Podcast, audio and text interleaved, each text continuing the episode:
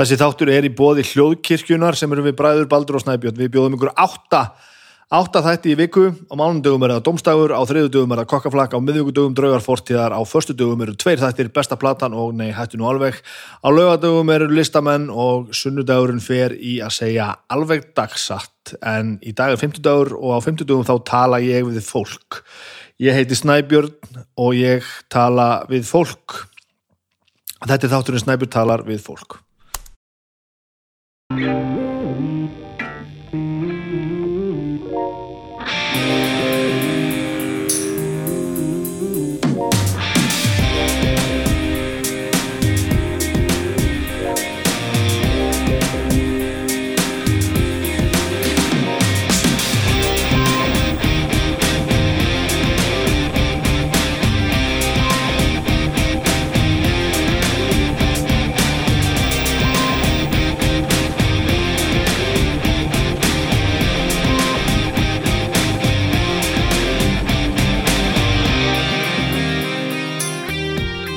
Komið sæl, velkomin í þáttu minn Snæbjörn tala við fólk. Þetta er nú svo leiðis.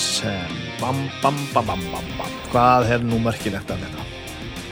Ég fór til Sálfræðings í þriðja tíman held ég loksins og það var bara úgeðslega gaman. Það er bara hildilega skemmtilegt. Um, ég er hættur, þetta er miklu meira verkefni en ég held. Ég held að þetta er eitthvað svona frekka krútlegt gælu verkefni að fara til Sálfræðings og reyna eitthvað að koma öllu, öllu á réttan stað en hérna þetta verður komið öll bless og sæl. Þið eru að hlusta snæpi tala við fólk ekki, ekki, hérna, ekki panika. Þetta er samt hann Baldur, bróður hann sem tala núna. Ég var sem sé að hlusta á, á, á þáttin og svona einhvers konar gæðastjórnun í gangi og ég vildi bara láta ykkur vita að í þessu introði sem er uh, aðeins byrjað og, og, og hérna þið, þið kláru nú eftir þá koma smá brestir í upptökunni hjá, hjá hann snæpirni að þetta hefur eitthvað hann hefur eitthvað eitthva klúrað þessu bínu en, en introð er hins vegar gott, hann er ákvæða að láta að standa. Ég vil bara láta ykkur vita. Og þá ætla ég bara að leipa snæpirinn eftir að með, með sín stóru og litlu vandamál. Gjör svo vel. Hann er búin að segja mér maðurinn að ég megi tala um allt sem þetta fer fram bæði snýra honum og, og, og mér og, og það allt saman.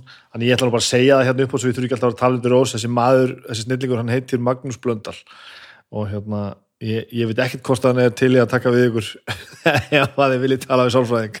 Þannig ekki hérna ekki taka það sem einhverja tryggingu. En maðurinn er auðvitað snillingur. Þetta sem snýra mér er, er hérna, orðið miklu meira mál, eða, meira mál ekki, ekki alvarlega mál, heldur stærra mál heldur en ég held og ég er búin að ákveða það ég, ég ætla bara að taka þetta aðeins lengra. Ég tek þetta mál bara aðeins lengra og ég hérna og, og svo ætla ég bara að fá hann í viðtal og ræða bara við hann um þetta mál og ræða bara við hann um mig held ég.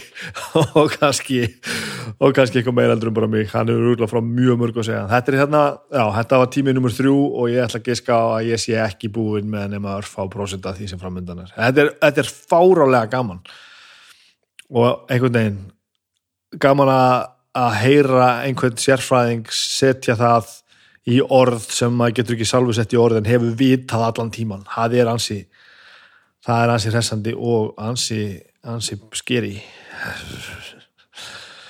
hvað er meira? Við, við ákveð gengum vel að spila D&D ég fór og við spilum D&D í vikunni og það munaði svo litlu að það færi allt til helvítis. Þetta er mest intense session sem að sem að ég hef átt held ég bara í roleplay bara frá upphafi þetta er svo góður hópur sem ég er að spila með að það er lígilegt. Ég veit að auðvitað þarf ég að segja þetta aftur. Þetta er, þetta er, þetta er fremstu upp í staðin í hópnum eru fremstu leikara þjóðarina þannig að auðvitað er þetta gott. En áhugin er líka svo svakalegur, það er svo gaman hefur okkur sko. það var aðeins hérna komið fyrirspurnir bæði beint til, til mín og, og inn á einhverja síður sem er hljókirkjana með hvort við viljum ekki gera hlaðvarp úr þessu þessu hérna úr þessum D&D sessjónum það er nú alveg þekkt fyrirbriði ef einhver ykkur úti hafið til og með hort á YouTube uh, rásina Critical Role það sem er bara uh, já, bara svona roleplay D&D sessjón bara í byrni ég held að þið spila alltaf í byrni þá, þá er þetta náttúrulega vel þekkt bæði sem hljóðvarp og sem, sem myndvarp. Og, og það ég get alveg sett að þetta kemur alveg til greina að skoða að gera gera hérna hlaðvarp úr þessu hvort sem það væri með mynd eða ekki með mynd ég veit bara ekki, ég gerir mér ekki alveg grein fyrir hver áhugin er. Þetta, var, þetta er heljarnan umstang held ég. Og við myndum ekki vilja gera þetta öðruvísi heldur en frábælega uh, þau eru þetta reynslunni ríkari. Þau eru nú hann að já, þau eru þrjú sem hafa verið að spila með okkur. Bjössi, Hjörstur og Blær. Blær er ekki búin að vera að virka með okkur núna í grúpinu svolítið lengi en þrjú, þessi þrjú uh, leku hérna í, í, í COVID-bylgjunni þann leika að á viðan borgarleikusins var eitthvað leikar að spila D&D og það voru þrjú sessjón sem Bjössi stjórnaði. Sem var mjög skemmtilegt, þið getur séð hann bara inn á YouTube. Ég held að heiti bara leikar að spila D&D er á YouTube rás borgarleikusins og það var svolítið svona snöggsóðið og allt í beinni og við myndum kannski læra af því og gera þetta kannski svona, þú veist, með það til hliðsjónar en, en laga þetta svolítið af því sem við erum að gera. En eins og ég segi, ég bara átta mikið alveg á því hvort það er einhver, hérna, einhver, einhver áhugi fyrir þessu. Og það var alveg gaman að heyra frá fólki sem að sem að eh, hefur skoðun á því. Þannig að ef að við sjáum fram á það að fólk bundi geta haft gaman að þessu þá, þá er alls ekki ólíklegt að við hrærum í framlegslu á því. Að því við höfum nú ekkert annað að gera ég er búin að gera helling og ég er búin að gleyma þið held í eiginlega öllu. Við horfum á eina bíóminn sem ég, ég ætla að fá að nefna samt, ég og Agnes, hún heiti Boss Level og er með Frank Grillo og Mel Gibson og Naomi Watts og einhvern, einhvern fleirum. Og hérna fyrir tölvuleika nörd er það mjög skemmtilegt. Ég ætla ekki að segja þetta meira. Heldur við um horta á hana húlu frekar en eitthvað annað. Það er fína dóma og e, já, ef þið hafið spilað tölvuleiki þá skulle við hérna þá skulle við horfa á Boss Level. Hún er mjög, þetta er mjög skemmtilegt mjög, mjög skemmtilegt. Hvað er þetta fleira maður, ég veit ekki. Það er kannski farið bara í að lesa post, ég er búin að tala um þetta held ég einhverja þætti hérna í rauða hérna. Ég ætla að lesa, lesa post það er best ég byrji hérna á já, ég fekk hérna gríðalegt bref frá hún þresti, Sæl Snæbjörn. Ég þekki þið nú ekki neitt en mér langar bara að senda þið línu smá línu til að þakka verið mig.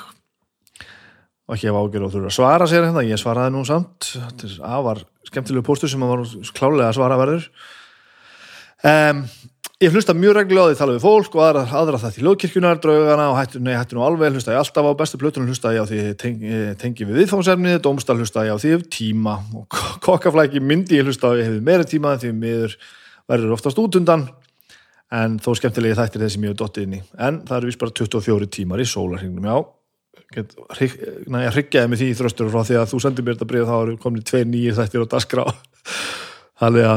að listamenn og, og alveg dagsatt taka þá, þá helgarna líka þannig að þú hefur þá bara einmitt bara ekki heldur tíma fyrir það.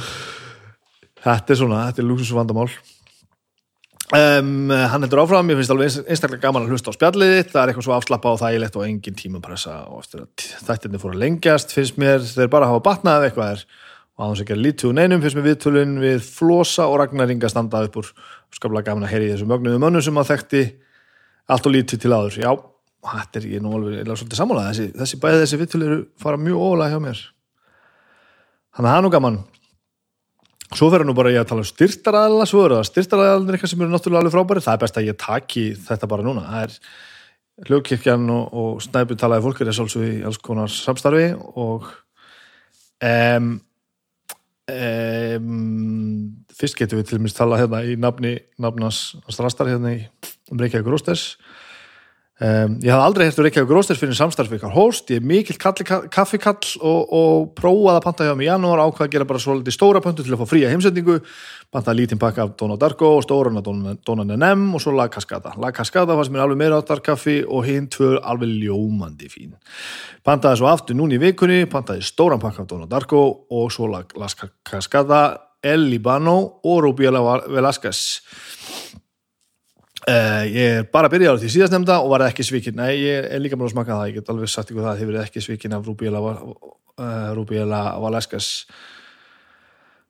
Velasquez heitir þetta, ég er nú ekki alveg sleipur þarna í þessum meðrarhafstungumálum alveg merka kaffi og mæli mig því í bæðiskiptin uh, hef ég látið fylgja, það fylgja mig í aðtöðasemd að ég frétti af staðunum í gegnum snæpu tala við fólk, en þú þurfti nú aðtöða með hvort þú getur ekki fengið að setja það var nú ekki til að vera með það væri ekki verra að vera með eitthvað smá afslátt en þá um leiðmyndur ekki eitthvað rost að sjá hvað er að fá mikið business hjá þér og allir geraða, já.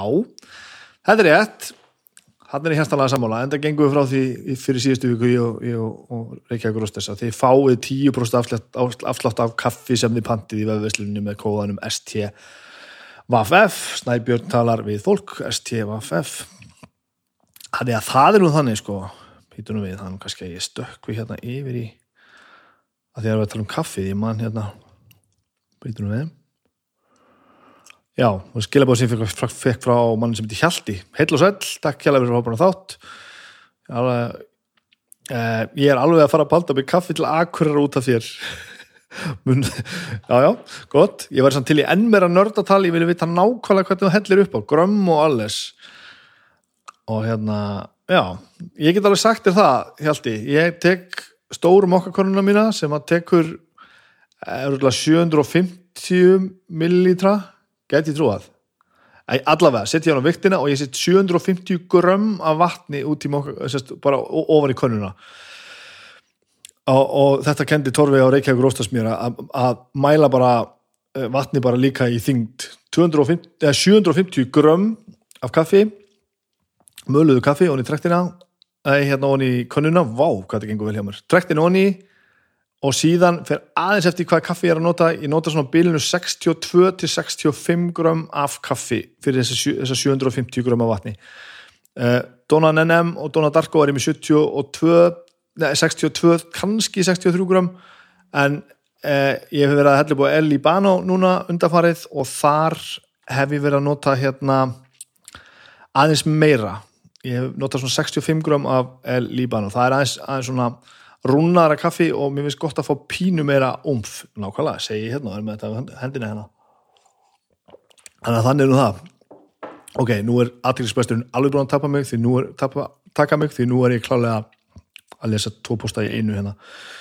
Ég ætla að klára postin frá mér halda áður ég fyrir aftur yfir í hérna það sem að það sem að þröstur var að senda mér. Hann segir já, þetta er með kaffið já svo segir hann hérna hitt, þú verður að fara að byrta mynda þessu útsinni sem við erum með. Það er ekki hægt að hlusta á þetta útsinnisrung og, og sjá þetta aldrei, svo segir hann takk aftur og áfram þú, ég svaraði honum hérna og ég get nú bara svo sem lesið hérna upp það sem ég saði saman um útsinnið ég skrifaði hérna til hans, ég held ég lát það að vera í bili að byrta myndir, ég átti mig á því að það er auðvöld að fletta upp hver í bí en ég er, al, ég er alveg til að láta aðeins hanga að vera ekki að auglýsa eitthvað sérstaklega þetta er kannski einhver glórulegs pæling hjá mér með að halda einhverju smá prífasíði sem er auðvitað alveg gali þegar maður ætlar samt að vera með hláðar þátt heima hjá sér og tala ógislega mikið um það. En þetta er basically þannig. Ég hérna ég já, ég hef ekki alveg geð í mig til þess að vera að byrta myndir mikið hérna. Ég voni virðið það við mig sko. Eða vil ég sjá útsinni sem ég hef þá bara takkiði hérna þá takkiði bara söðuströndina á, á nesinu og þegar þið sjáuð golvöllin og fjöruna hérna fyrir neðan þá, þá sjáuð það sem ég sé. Það er nú bara þannig. Heyriði mig, heyriði mig. Og fara aftur yfir í bústinn frá um dresti. Nú erum búin að tala um kaffi, kaffi, kaffi, kaffi. Fly over Iceland hef ég sjálfur prófað áður en ákvað að nýta kóðan frá ykkur og bjóða dættur mínum 8 og 16 ára um síðustu helgi. Kóðin er sem sagt hljóðkirkjan það er 20% afsláttur af, af, eh, af stökum ferðum semst ekki með öðrum tilbúðum og hann segir það var alveg dásanand að fylgjast með þeim dætrunum semst 8 og 16 ára. Svo yngri er mikill fjörkálfur og var alveg brosand út af eirum frá fyrstu sekundu og er sko farin að suða um að fara aftur. En svo eldri sem er á einhverju rófinu með væga þroskalöfun var hins vegar alveg skítrætt á meðan á fluginu stóð. En ég sá nú á henni eftir flugja hún að aft gaman að þessu. Svakalega gaman að sjá tvær svona ólíkar upplifunir í ferðalæðinu og báðar, nuttuða sín en álið svakalega ólíkan hátt. Já, þetta er svolítið hérna eins og ég fór með mína fimm ára sko, það var svona óttablandin óttablandin gleði að, hérna, hvernig það hvernig hún upplifði þetta, þetta er skemmtilegt. Þetta er frábært og bara ég, ég ætla að segja einu svona enn þessa gömlu tökku bara sem ég er búin að segja miljónsum, farið í flæði over Æsland þetta er já, ef þið er svona eins og ég og haldið þessi hérna, hafin yfir svona túrista skemmtanir þá er þetta bara svo miklu meira það. Þetta er, þetta er fáránlega gaman. Pantið ykkur með það á flyoverisland.is og notið eh, afsláttakóðan hljóðkirkjan. Og þá fáið þið 20% afslátt. Hann er ekki mikið að því. Hann heldur áfram þröstur, þetta er almennilegu póstur maður. Sóma vestlaði ég nú helst, helst við því að ég var þunnur og vildi fá sveita langlóku en það sem ég hætti að drekka fyrir rúmu ári síðan hefur svo þörf minkað ég ætla kannski að vera að skoða að setja pesto frá þeim sem þú ert alltaf að tala um, það er jalapeno pestoið sem ég er búin að, nei pestoið. Já ég er ennþá að tala um pestoið, þetta er svo gammalt póstur já auðvitað pestoið. Já ég borðaði það nú bara sérst í gær en ég hins vegar eh, borðaði jalapeno hummusin áðan. Það er hérna það, það er bara orðið svona fastur punktur að eiga það í ískapnum en hann segir það að skota pesto sem við alltaf að tala um. Og hvað segir hann svo, talað um að hætta að drekka þá er það kannski luta því að ég tengdi svona stertið þessi tvö spjöld við flosa og ræknaringa og hann heldur hérna áfram hitt og þetta og skemmtilegt og langu póstur og ég svara á hann hérna í lang, og hann enda með að segja, já, ég kalli þetta gott í bíli bestu þakki fyrir mig og áfram ljókirkjan kær hverja þröstur.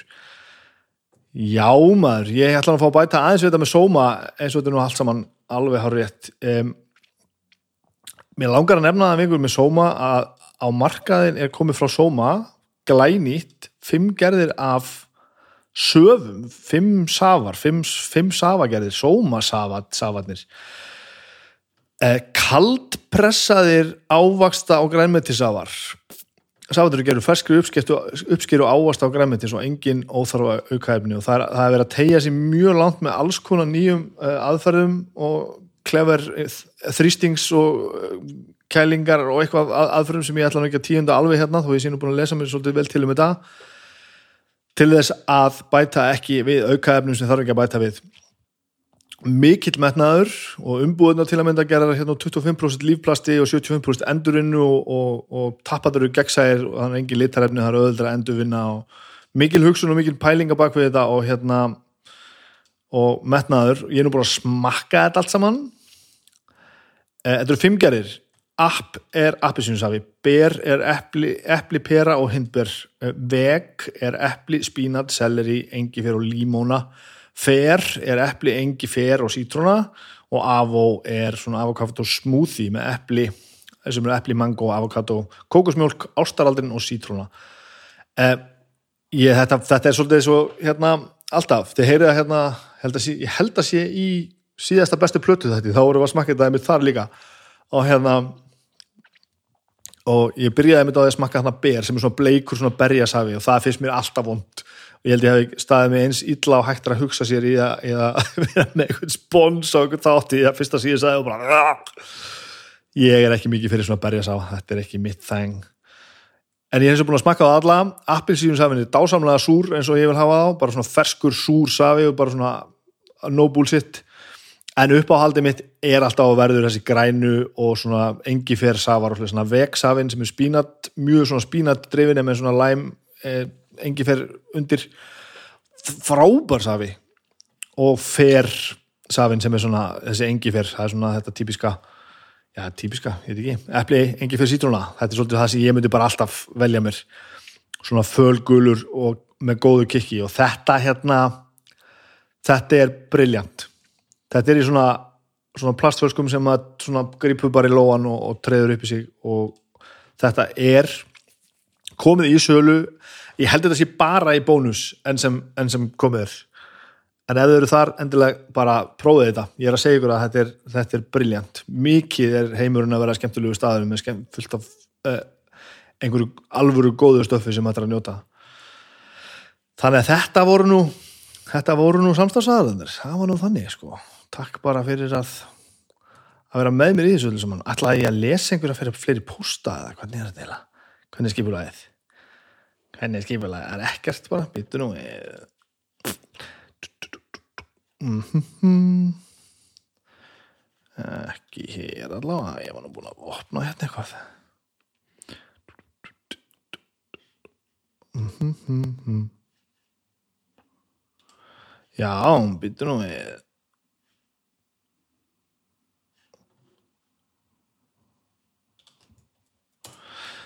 Býtu nú við um, Anni segir hérna elska, elska við til mjög stendur upp úr Flósi og Gísli Martin. Já, Flósi er þetta stöf með Flósa er nú þetta það er eitthvað sem gerist í því viðtali sem er alveg magnað sko. það var líka fyrsta viðtali sem var svona ógeðslega langt og ég einhvern veginn svona lærið að treysta því að það væri bara allt í lagi, það var löng.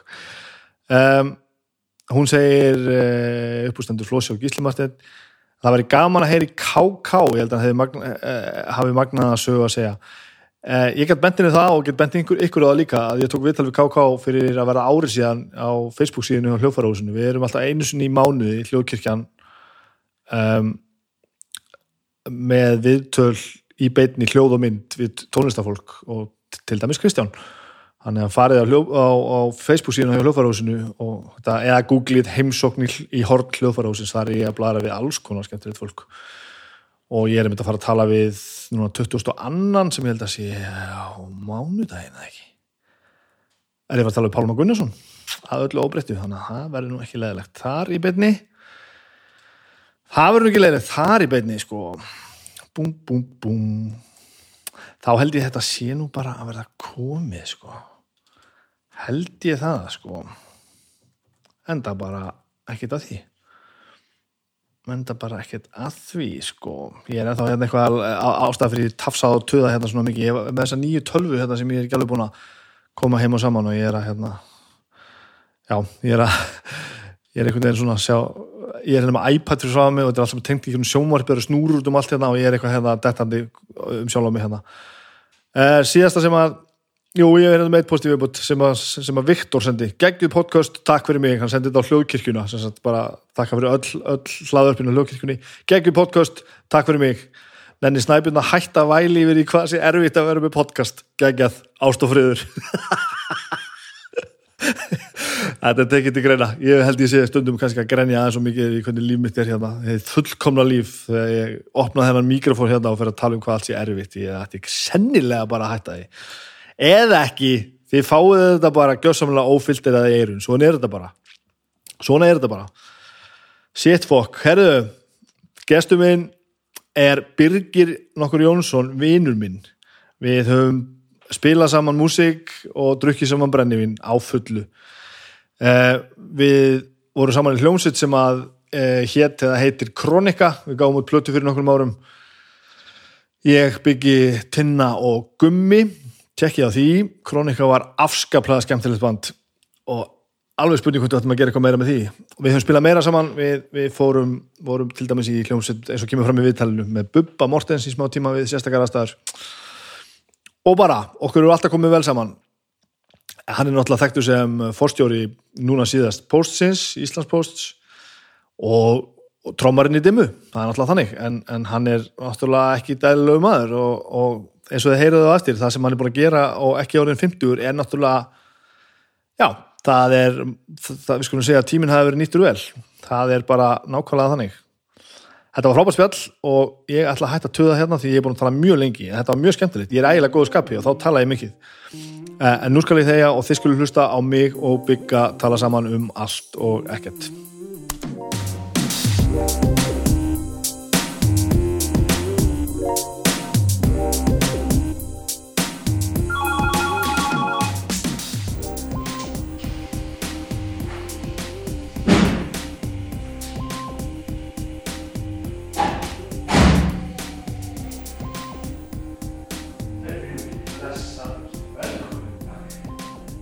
Ok, þetta er vatn, þetta er kaffi heitt vatn út í kaffi eða finnst kaffi og stert þetta er kalt vatn, þetta er mjölk út í kaffi eða þú vilt það Þetta er mjög flókið allt saman. Það má alveg taka fram að það er klukkan er 11 og sundarsmónni og þetta, er, þetta hefði ekki alltaf verið leiðbeiningarnar í okkar lífi. Á og eru það reyndar ekki Nei. heldur alltaf Á þessum tíma dags. hvað hérna, ég, ég bjóst þannig sviði bara þú veist, við erum saman, að tala saman fyrir tveimu vikum eitthvað svo sá ég bara hvernig frétti þar og svo sé ekki skil, sá ég skila bara og það er bara, ó, nú er komin líka vesinn Ég er alltaf einhver heldsvesinni sko. er, er þetta alltaf svona? Þetta leita mér dóldi uppi sko. Ég held, ég veit ekki. Ég, fólk, það er, ég veit ekki hvað ég að segja. Þetta er allavega mjög leiðilegt. Þetta er ekki sagt það. þetta, þetta er ástæðan fyrir að ég skilði þig ekki alltaf sko. nú þekkist þú alltaf býsta vel sko. og ég skil, ég skil alveg passjónu á þér sko. Það er ógeðslega gaman að tala við þig um þú veist, allt þetta sem þú gerir eitthvað. Þú veist, að, þú veist, og, þú veist að vinna hjá Advanja Úps, að hérna og við vorum að vinna hlið við hlið. Og ég hitti þið sko, ég skil ekkert akkur hefur, hefur svona gaman að þessu. En að tala við þið átt alltaf bara svona finnst, þið finnst þetta auðvitað ógeðslega gaman sko. Já. ég fæ alltaf svona tilfinninguna bara hvað með allt þetta leiðilega Sko, mér finnst bara rosalega gaman á fólki, sko. Ég er reyndar svona frekar félagsfælin og ég er svona feimin og mér finnst ekki gaman að umgangast fólk þannig séð, en ég hef rosalega mikið, mi- mikla veginn að vinna bara með fólki og, og í teimi og, verið góðum hljómsveitum sko. Og það er svona það sem reykum maður áfram sko. Þannig að alltaf, allt, allt sem ég er að gera er einhvern veginn alltaf þannig, ég er alltaf að fara inn í einhver svona einhverja stöður ofta lagi eitthvað, endurskepilegi eitthvað snú einhverju við og eitthvað, það, þú veist, það kallar ákveðin átök og ákveðin svona, já, eins og þú segir leiðilegt en það er svona tilgangurinn er göfugur sko, maður er að laga eitthvað sko. og, og hérna og hérna, þetta er svona pín eins og kannski stundum í lýsisu stundum eins og að vera sko læknir á bráðamáttökunni eitthvað sko, maður þarf að vera svona doldi ákveðin og, og, og, og nota stundum sög og hamar og svona sko, stoppa blæðinguna og gera alls konar uh -huh. en, en tilgangurinn er að bjarga lífi sjúklingsins sko, Já, skilju já, já. Ég, ég er passjón fyrir þessu sko Þannig að þú, þú farið ekkert út úr þessu vesinni sem sagt. nei, alls ekki sko Nei, nei. nei. Þegar maður sér það alveg sko og, og ég, ég skil alveg, þú veist mér er alveg þótt gaman að rífast um æfina sko á einhverjum ákveðum fórsendum sko Mm. en það er ekki þannig að þú veist að það finnst, gaman þegar einhver svona pikka í að þetta sé þú veist einhvern veginn svona ég verð að viðkynna, ég er svo, svo glóluðs ég veit ekki eins og hvað það snýst um. Nei og eiginlega bara ekki þess virða að að rifja þau Nei, sko. og það er ekki- nema, nema, nema hérna nema maður þarf bara stundum að standa á sínu sko. já, já, og það er mjög auðvelt þegar maður er með sannleikan með sér í liði já, já, þá er það ekki, þá er það ekki derfitt sko. en, en ég lærið það auðvitað líka bara á þessu starfið sem ég var hjá Íslandsposti sko. og ég var svo sem var að við jáinni fór inn sko, að hérna maður á að halda sér frá pólitík en maður er ekki í pólitík sjálfur það er, það já, er svoleiðis Já, það er bara þannig sko. þannig er maður að, er að koma inn ég var kannski svolítið barnalegur að, að, að, að halda að við værum í sömu liði uh, sama liðinu sko. Og, og það er sem sagt, raun og veru bara margir aðra hagsmunir sem að koma inn í svona Já, sem, að, sem að ég bara átta mikið alveg á. Eða rétt að sagt, held ég geti kannski teklað já, og þið, þið finnst þetta ekki gaman nei, mér veist ekki gaman, nei. Nei, nei. Ég, bara, ég er alltaf að átta mig á þig sko þegar þú, veist- þú veist ég, þekki, ég held- ég þekki ekki mjög marga sem eru svona ógeðslega tvískiptir sko. Að því þú veist alveg þú veist, ég með þú ert alveg businessmaður samt sko. Já, já, líður þér ekki þannig? Ég myndi ekki beint skilgrein með þannig sko en, en hérna, ég, jú, jú, ég veit að verið bara langstæstan hluta kannski á vinnuferlinu mínum, sístu 20 árin hef ég verið í, einhvers konar svona stjórnunar og, og, og er einu langstæstan hluta þess, þess ferils í einhvers konar svona fórstjóra framkvæmstjóra stöð þannig að hér, og, hér á landi og erlendist þannig að, þannig að en ég, ég vakna ekki að mótna að hugsa að ég sé einhver businessmaður sko, ég, ég líti Nei, meira nei, sem svona einhver stjórnanda eða, eða svona leiðtoga eða eitthvað svo leiðis en ekki- svona einhvern eins og fjárfesti eða eitthvað þannig nei, sko. nei, ég er ekki þannig sko. Nei. En þetta er allavega þetta, þú veist sem við sem erum hinum megin á, á, á skalanum einhvern veginn, sjáum bara sem eitthvað, svo- eitthvað, fólk í fórstjórastöðum sem að, þú veist bara gerir eitthvað svo leiðis, mætir jakkafötum í vinnuna og, og, og þú veist þetta er svona pínu fjarlægt frá okkur sko en svo ertu bara líka í mínu liði sko Já, nei, þetta er nefnilega sama liði sko. það er nefnilega ok. það sem að ég máli sko. hérna, sko, stæst og það sem ég er svona átt að má svona kannski aðeins eftir því sem að maður þroskast og tími líður og maður svona eh, lærir inn á sjálfan sig og lífi sko, ég er náttúrulega trómuleikari og þú ert bassalegari Já, þú ert margt annað en þú ert, þú ert svona kannski þekktastur sem bassalegari og hérna það er ákveðin típa af sko fólki sem að hefur ánægja því og tekur einhverja svona bæði listræna ánægju og bara líka professional ánægju út úr því að vinna svona í grunninum á hlutunum og, leifa öðrum að njóta sín mm. það eru trómuleikarar og það eru bassaleikarar ég meina hvað eru við ekki oft búin að standa svona aftalega á sviðinu reyndar ekki þú en, en svona almennt séð bassaleikarar þú veist, maður er svona tilbaka maður, maður hefur gaman að því að horfa á söngvarana og gítarleikarana í, í sko, veist, vera í framlínu og svona, maður veit samt að maður stýrir öllu. Já, og já, maður er já. samt að leggja sko grunnin á og svo getur maður farið í hljóðmennina og ljósamennina og, og leikstjórana og allt tækni fólki og svona. Alltaf staðrinda mjög margir hljóðmennur og bassaleikarar Já, það er, og það er ekki, nákvæmlega, kjaftaði, það er satt, einhver svona tendens, einhver svona fólk sem að er tilbúið að, að vera svona sko, spila algjörlega krúsjál rullur í því sem það er að gera. En, en það er kannski ekki endilega að vera aðal. Nei, og það er alltaf nálgun mín á bara líka í vinnunni sko, sem, sem stjórnandi skilju að ég þarf ekkit endilega að vera aðal kallinn sko. ég þarf alveg að kannski í raun og veru maður getur sagt ráða en ég þarf að hafa svona kannski loka orðið um hvernig hlutinni gerast. Þetta gerist allt í teimi -hmm. og það er það sem ég fæ svo bara sjúklega mikið út úr persónlega bara að, að búa til ég kalli þetta alltaf hljónsveitir sko. mm -hmm. þegar svo talaðum oft í viðskiptum eða fyrirtækjum sem tala um svona íþróstamál sko. ég Já, já. kann það Já, ekki, ég kann bara hljónsveitir sko.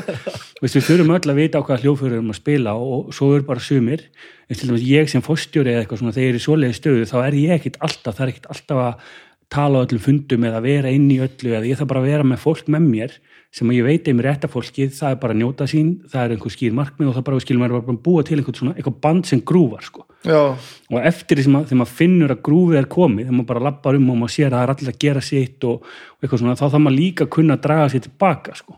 þá, þá þýr ekkert að vera með eitthvað trommusóló skilju, við ég meina þetta er alveg sömu, sö- sömu þig. sömu, sömu pælingar, en ég áttaði mig á þessu svona, það er ekkert mjög langt síðan að ég svona skildi bara að þetta er einhvern veginn svona sömu tendensarnir sko. En þið finnst alveg gaman, þú veist þú tekur póstinn skilur sem er búin að vera einhverju skít, eitthvað svona og þú labbar eitthvað inn og gerir fullt einhverju bara rót eitthvað stöfi meina, þið finnst alveg gaman að- að koma í viðtölun og segja að það gengur mjög vel. Ég meina, þú ert alveg popstjarn að því leitið, ekki? Jú, jú, jú, jú, ég meina ég er ekkert að segja sér eitthvað lítið límið sko og ég meina, mér leiðist ekkert aðteglin, ég er ekkert að, ég ætla ekkert að reyna að ljúa því sko Nei, en eins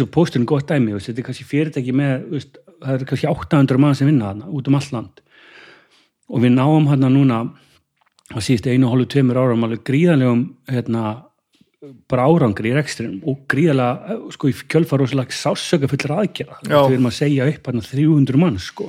300 góðu fólki, sko, þetta er ekkert eitthvað ónýtt fólk eða abakettir, þetta er bara gott fólk, það þurfti bara að gera þetta til þess að ná stjórna rekstrinum. Og sko stæsti hluti af þessum hugmyndum sem, var, sem, sem urðu til þess að náðum þessum árangri kom frá fólki sem var að vinna í fyrirtækinu þannig að þetta er, það er raun og það sem ég er að segja veist, að ég kom ekki þarna inn einn daginn og sagði bara, heyrðu, krakkar þið hafa nú ekki séð mig áður nema bak við trómusetti sko, þið vissi ekki hvað ég er úkst að klár sko. ég er með þetta allt hérna á hreinu sko. ég það snýst ekki um það sko. það snýst bara að fara og tala fólk og finna bara hver hefur passion fyrir því sem að gera veit hvað hann er að tala um og leifa því fólki svo að þeim hugmyndum bara fá brautagengi sko.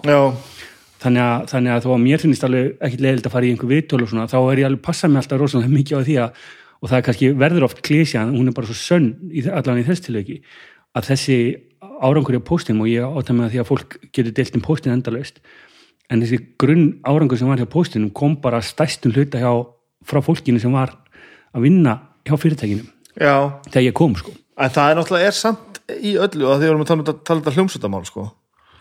að það þarf alltaf einhver að kóordunita þetta. Já, já, og það er mitt hlutverk og ekki bara það, heldur líka bara berjast fyrir því, skilur og, og það, Já, þá já. kemur kannski hinn hliðin, sko, stundu þarf maður að vera alveg með, sko, fallbissuna, sko, til þess að koma þeim hugmyndum í gang og ég get verið náttúrulega bara alveg granitarður á því, sko, en það, þá fer þetta í það að tilgangurinn er alltaf góður, sko, eða skilur, maður er alltaf búin að átta að sjá því út af hverju þetta er, sko, þannig að þannig að, hérna, þannig að finnst og það kemur trommarinn, sko, mér er svo gaman að, að hérna, að bara geta verið með fólk í hljómsveit sem ég lít svona upp til, sko. Eða, er svona ánæður að, bara djöfull þessi góður, veist, söngari eða eitthvað svona, skil að ég kannast þessa tilfinningu. Já, það er mjög gaman sko. genuinely stoltur að, að, veist, að, því maður, að því maður veit að maður er alveg að leggja sitt fram líka en, en bara, veist, við erum að gera þetta saman, sko. Já, ég skilji Það er alveg ástæða fyrir að All-Star-bönd ganga yfirlega ekki vel sko. já, já, já, já af því það er enginn fyrir að stjórna sko. Já, já. og líka bara ego almennt og maður átt að segja því að maður verður svona forn eins og maður er nú að verða sko, ego er bara slæmt sko. ekki, ekki, ekki hljómsdyn ego, hún er Nei, greiða nei, góð sko. er bara slæmt ok, það er svolítið ekki rétt það finnur- það finnur eftir hvað ego erst að tala um sko. Já, eða svona, ego er svona óörga Óörga hliðin á skilju, að þurfa að vera aðal og, og, og vera að stela heyrinum á fólki og, og, og, hérna, og passa sig á því að, að maður sé nú alltaf það viti nú allir að maður þurfa alltaf að eiga síðast á orðið eða, eða, eða eitthvað svona skilju. Mm. -hmm. maður þurfa alltaf að inserta sjálfan sig í allt sko. Já, já, ég hef alltaf litið á það sko og til dæmis að ég, að ég hef nú verið í mikið á svona tímaböndum svona átaksverkefnum. Maður líka passa sig sko að maður getur komið inn og gert góða hluti og maður er ekki búinn fyrir maður getur svona bara feitað út aftur sko. Þú veist að því er ekki að fara út og skella hurðum og dettur allt úr hillum sko. Já, já, skilur þannig, þannig að þú veist maður er að passa sig sko maður er að draga sig tilbaka og, og, og svo bara í raun og veru er dæmi um besta stjórnandan að maður getur bara horfið í mánuð og það breytist í raun og veru ekkert sko. Skilur ef maður, ef maður er svona kongulóin í öllu sem er bara í miðinu og veit allt og þarf að ákveða þetta og heyrðu það, maður að heyra hvað byggja, byggja finnst þú þetta eitthvað svona sko, Já, já, já. það er ekki gott sem vera ómissandi. Já, það er ekki gott, og það er egoið sko, bara, já, já, ég skilji þannig að stundum er maður bara, þú veist, í vinnunni og maður er kannski stýr einhverju fyrirtæki, svo bara til dæmis postin með öðrum fyrirtæki sem er bara þokkilega stór fyrirtæki. Og það, það er samt ekkert mikið að gera hjá mér sko, þú veist, veist, það að ég er ekkert eitthvað bókar allan daginn en svona sko það er líka pílu gött til þess að viðurkenna þetta sko. að því að þú veist ég veit ekki hvað þetta er allstæðar í heiminum en, en, en, en sko það er einhver dygð að það sé alltaf brjálega að gera Já, sko. sem er bara full nýta tíman einhvern veginn og sért já við erum með þannan og hann græjar þetta allt já, sko. það er eitthvað svona þegar fólk upplifir sér bara ég er bara laus í dag sko. já, já, ma, veist, maður getur sagt þetta þegar fyrirtækinu er orðin x stærð sko, auðvitað, auðvitað bara eftir sem fyrirtækinu er minna og, þú ert komin í svona bara líkuð svona mjög lítni rekstur þá þetta sjálfur, sjálfsög kvílir þetta allt á eigandanum slags fórstjóranum sko já, en svona í svona stó, stórum fyrirtækjum einhver x hundru starfsmanna þá náttúrulega þá snýst þetta um teimi sko. þá þarf þetta að vera með þetta skipulagt í einhvers konar teimi og, og, og svona þá, þá, þá er þetta bara orðið of stórt fyrir einhvern einn eða tvo eða þrjá til þess að stýra sko. En þetta ásamt við um öll samhengi. Bara fjölskylduna þeina sko. Þú veist, maður vil alltaf vera að geða duglur eitthvað eiga börn og gera alltaf allt á fullu og það þarf alltaf að vera hreint og fínt og allir þurfa að hafa föt til að fara í og mat til að borða á eitthvað. En þegar komið alveg dagpartara sem maður svona, þú veist, maður er búin að bara vera öflugur, skipulega þetta vel svo fattar maður alltaf að við erum fjögurinn heima ekkert sem þarf að gera sko það er ekki alltaf að rembast við að gera eitthvað.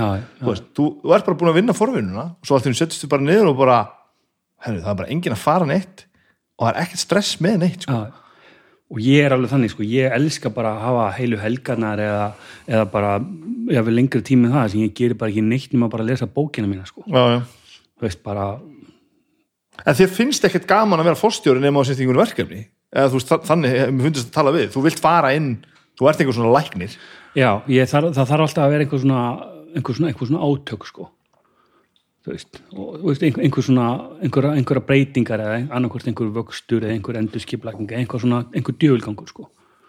Ég er bara einhvern veginn þannig típa ég er líka kannski bara svo latur sko ég, það, það þarf að vera eitthvað svona sem er aðkallandi sko. Já, já, skilur, það, nú, það þarf að gera þetta núna sko. Þú er bara að gera plötu. Já, það þarf bara að gera plötu.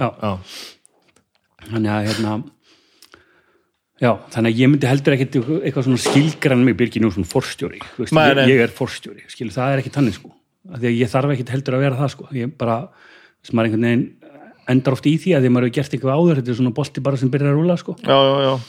En hérna, En þú lítur að þurfa að gera fullt af fórstjóra sitt í einhverju, menn þú lítur að fara okkur að fokking fundi Jú, og eitthvað, þú veist, með einhverju fólki sem Já, er ægilegir já, fórstjóra já, já, já. og mér finnst þið það bara drull eða, Nei, nei, sjálfsög ekki en, en, en, en æ, þú veist, þetta er bara svona uh, ég, sjálfsmyndi mín er einhvern veginn miklu ég er miklu meiri, ég hef alltaf bara verið trómuleikari sko, það er sjálfsmyndi þú ert það fyrst. Já. já, já. og í- til dæmis Lísa, kona mín hefur alltaf, þú veist hún, hún til dæmis, hún var að hlæja því sko þegar ég, hérna, þegar við byggum út í austur örbu sem við byggum og ég var fórstur í frekar stóri fyrirtæki þar, veist, í starfs sem í þremur löndum og einhverja, veist á annað þúsund starfsmenn og, og svona reisastórt dæmi sko.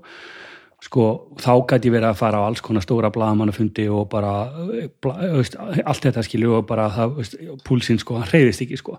En svo þegar ég kom heim sko og, og þá voru, ég var að fara að spila tónleikum á, fyrir 40 vini mín á göknum sko þá var ég bara í sko læstir hliðalegu sko bara í marga daga undan sko, þá skilju, þarna var hjartað sko, þarna var allir metnaðurinn og, og hérna passjónið sko fyndið en ég þú hefur samt alveg metnað fyrir því Já, ég, ég er ekki að segja það, ég er bara svona að segja að það er svona klínískara sko. já, já, það, er, það er vinnan sko. Það er ekki Já, ég svona, þig. ég er ekki sjálf, sjálfsmyndin mín er ekki þar sko. Mhm. þú veist, en samt fyndið að heyra hvernig þú nálgast þetta eins, að þetta er alveg þetta er alveg hressandi lýsing sko að því maður sér alltaf bara jakkafutt og peninga sko, þegar maður er ekki sjálfur í þessu maður, og, og ég held segja að, að, að sko maður dettur svolítið í það að halda bara að allir séu bara eins.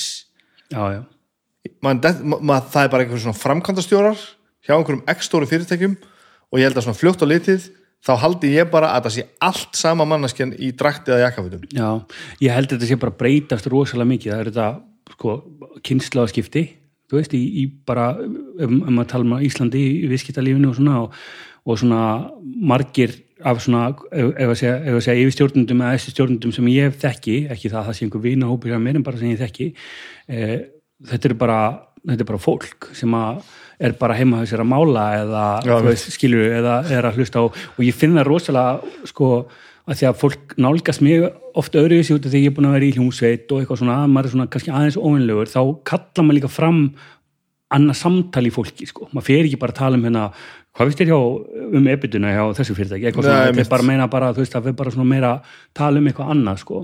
Arthi og átt svona human front Já, sem er já. að gera eitthvað svona Já. skapandi og mannlegt. Og þá opnast ofta á bara veist, við erum bara öll að reyna að gera okkar besta og við erum öll að díla við sama impostor syndrómi veist, og, veist, maður er alltaf, ég fór í gegnum langan, langan tíma sérstaklega þegar ég var svona aðeins yngri og var svona kannski í svona hlutværslega stærri störfum en maður hefði átt að vera í þegar maður, þegar maður var á þeim aldri, kannski rétt rúmlega þrítur eða eitthvað út um þess að ég var mikið að vinna í Asi og svona, maður fór kannski maður, veist, maður kannski komin í einhvað fyrirtæki og maður var að fara að fund og maður, maður var bent inn í eitthvað svona stórt fundarherbyggi og það var eitthvað sem maður hugsaði að byrju heppilegt að það er enginn að nota fundarherbyggi núna.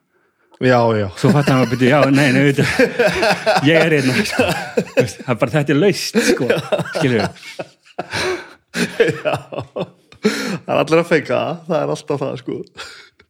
Þannig að en við sjá, já, ég held að við maður sjáum mjög oft bara, veist að, að fólk sé bara ekki að hugsa sjálfstætt eða kreatíft, maður sér fyrir sér mannesku sem mætri vinnuna sem er náttúrulega, þú veist, auðvitað hanga alltaf einhver svona launatölur við þetta, sko. Og það er einhver sem þrýfur ekki heima á sér. Hann að, þú veist, reyði ekki sjálfur hvað eldursporið átt að vera, þú veist, bara, bara fólk í þessu. Og áhugamálin eru bara skíði og golf og, og ferðast til útlanda til þess að gera þetta já, og þú veist auðvitað er þetta ekkert satt sko.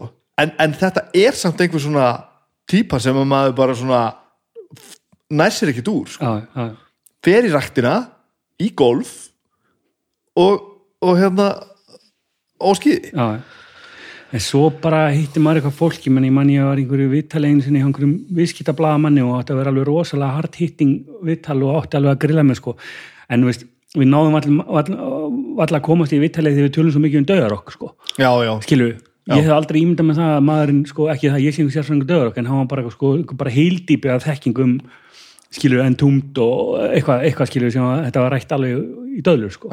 Skilur hann að við erum all fólk, við erum all bara einhvern veginn, sko. En er það samt ekki líka að þú veist hvað voru þið að nota, lagast. Þú veist, það er ekkert langt síðan að þú veist, fólk fór bara og var, var á fyllir í til tvítugs lærði þá það sem það ætlaði að læra það ætlaði að læra að vera rafvirki já, já, og svo var það bara rafvirki þá til að dó. Og, og átti sama makan Já, já. af því að það var bannað að gera eitthvað og, og svo varstu kannski bara óhaf mikið saminu bara fuck it og bara grænda þetta. Og þá varstu bara þessi típa sko. Og rafvirkin hann hafði ekkert áhuga á óperum. Það var bara ekki þannig. Nei, nei, hann var bara típan sem var rafvirki og hlustaði bara á, á bubba sko. Það, það heldur sér máli sko, ég meina við sér- sérstaklega eins og við talum með sko, starfsferli á fólki, ég meina þetta er alltaf að fara að snúast meira um bara svona einhverja hæfni til þess að aðlaða þig. Og þú veist, það er nú svona böss orðið í þessu svona tilfinningagreind skilur og svona, þú veist, þannig að þú þú veist, ég er alveg 100% ekki sami maður en ég var þegar ég var 20 og þú væntanlega ekki sko. Þú veist, þannig að, þannig að sko, ég lærði, ég er bara innan maður, sko, veist, þú veist ég, bara, ég er ekki eins með stúdinspróf, sko. Ekki heldur. Nei, þú sér, sér þú veist, en svo bara svo, svo, svo gerist bara eitthvað í lífinu og maður menta sig eitthvað annað og gerir eitthvað og, og sko, hann að, við, við erum alltaf bara einstaklingar, sko, og ég, ég er ekki ég ætla ekki að segja að ég sé einhver eitthvað jókagúru, skilu, en ég, ég trúi bara á eitthvað svona, það er eitthvað svona, þetta er spurning um bara hver raunur við erum og raunur hver við viljum vera, því það, sérstaklega í Íslandi við höfum öll tækifæri í heiminum, sko. Já, þú veist, að, að hérna að, tækifæra mentun og bara öllu sem við, sem við viljum gera sko. það er kannski svolítið áberðið og vinnur á auðlýsingastofu sko. en if maður finnur það á pipar sko, að það er beinn hagur í því að vera með fólk sem að kemur á annar átt Já. menta þessi sem sálfræðingur eða menta þessi sem sko, þessuna sem bara eitthvað allt annað sko. að því það, það kemur alltaf eitthvað upp að þetta skilsett varpar einhverju ljósi á hlutina sem er ekki alveg á basic og helst. Já, og það er vonandi að samfélagi líka að gera þetta. Minna, hversu dýrmætt er það að það sé einhver viðskipta brjálaðingur sem hlustar á þú veist, það er bara þessi suðupottur bara hlýtur að gera eitthvað gott. Þá hugsa maður bara það er von. Það er von, Það já nákvæmlega. Það er bara þannig, það er bara og bara og samfélagshópandi séu að snertast eitthvað meira sko. Já, já. það er ekkert mörg ár síðan ég held ég myndi aldrei geta átt vin sem var í fórstjöru á einhverju fyrirtæki, ekki þú veist að ég, ég sá bara ekki hvað ættum að geta átt, átt Nei, nei. ég held bara að samfélagi sérstaklega í Íslandi sem betur fyrir sé ekki svona lagskipt sko. Við bara þetta er bara, við erum öll að við erum öll einhvern veginn að gera eitthvað besta sko að og þetta snýst bara ég meina, ef maður hittir eitthvað fólk sem er rekið áfram að einhverjum peninga áhuga eða græðki sko veist, það er eitthvað svona fólk sem maður hefur ekki áhuga umgangast. Og nú er ég ekki að tala um mig eitthvað sérstaklega heldur bara ég, ég held að bara svoleiðis fólk almennt sé ná í raun og er ekki hérna komur að segja árangri. Þú veist það er alveg, jú þau kannski geta krasa til sín einhverjum peningum sko. En svona félagslega og, og bara virðingu vina sinna og virðingu bara samferðamanna sinna ég þekki ekki marga til dæmis, ég þekki alveg fylgta fólki sem á fylgta peningum en það er ekki margir af þeim sem að hafa haft það bara sem eitthvað leiðaljós í lífin að búa á til sko. Það er bara fólk sem hefur verið duglegt eða heppið eða eitthvað hefur gerst eða auðvitað, ég er ekki að segja að það er bara einn daginn vakna bara, hefur ég á fylgta peningum en, en það er ekki verið bara nú alltaf að vera ógeðslega ríkur sko, það er ekki það er bara grunnt fólk. En það lítur nú samt alveg að vera einhvers konar dræf að eignast peninga ég var alveg til að eiga bara meiri peninga en ég á sko. Og ég stefni mér að segja að því að eiga meiri peninga en ég á. Já, ég held að, ég held að, ég held að sé nú algjör, algjör hæstni að segja að fólk gerir það ekki sko, en ég held að sko þessi meira kannski í spurningum að fólk hefur bara eitthvað svona geðugan metna hérna árangri sko og mæli hvar þinn er of peninga já, já, já, þú veist, skilur, þú veist, ef þú ert búin að byggja upp fyrirtæki og, og þú veist, og, og sagan er oft bara um einhver þyrnum stráð þú veist, ég menna maður er að hlusta á hennan mann hérna um, hérna sem var að selja þetta fyrirtæki sér til Twitter hérna um daginn, þú veist, ég menna þetta er, þetta er ekki búið eitthvað veist, þannig ég efast um um að hann hafi bara vaknað í daginn og hugsa bara ég ætla að gera þetta og ég ætla að vera sjúklega ríkur já, ég skil þú veist, það er ekki máli en það bara snýra sig við og bara hjálpa samfélaginu sko. þannig að skilu, það er ekki dræverinn hans dræverinn er röglega miklu meira bara að verða bestur í því sem hann er að gera og hann geti alveg verið bestur í bara besti ennskukennarinn í heimi eða í la- á landinu eða eitthvað skilu þetta er bara, þetta er bara sumir hafa þetta keppniskap sko. ég hef alveg þetta kemniskap sko. Ég, ég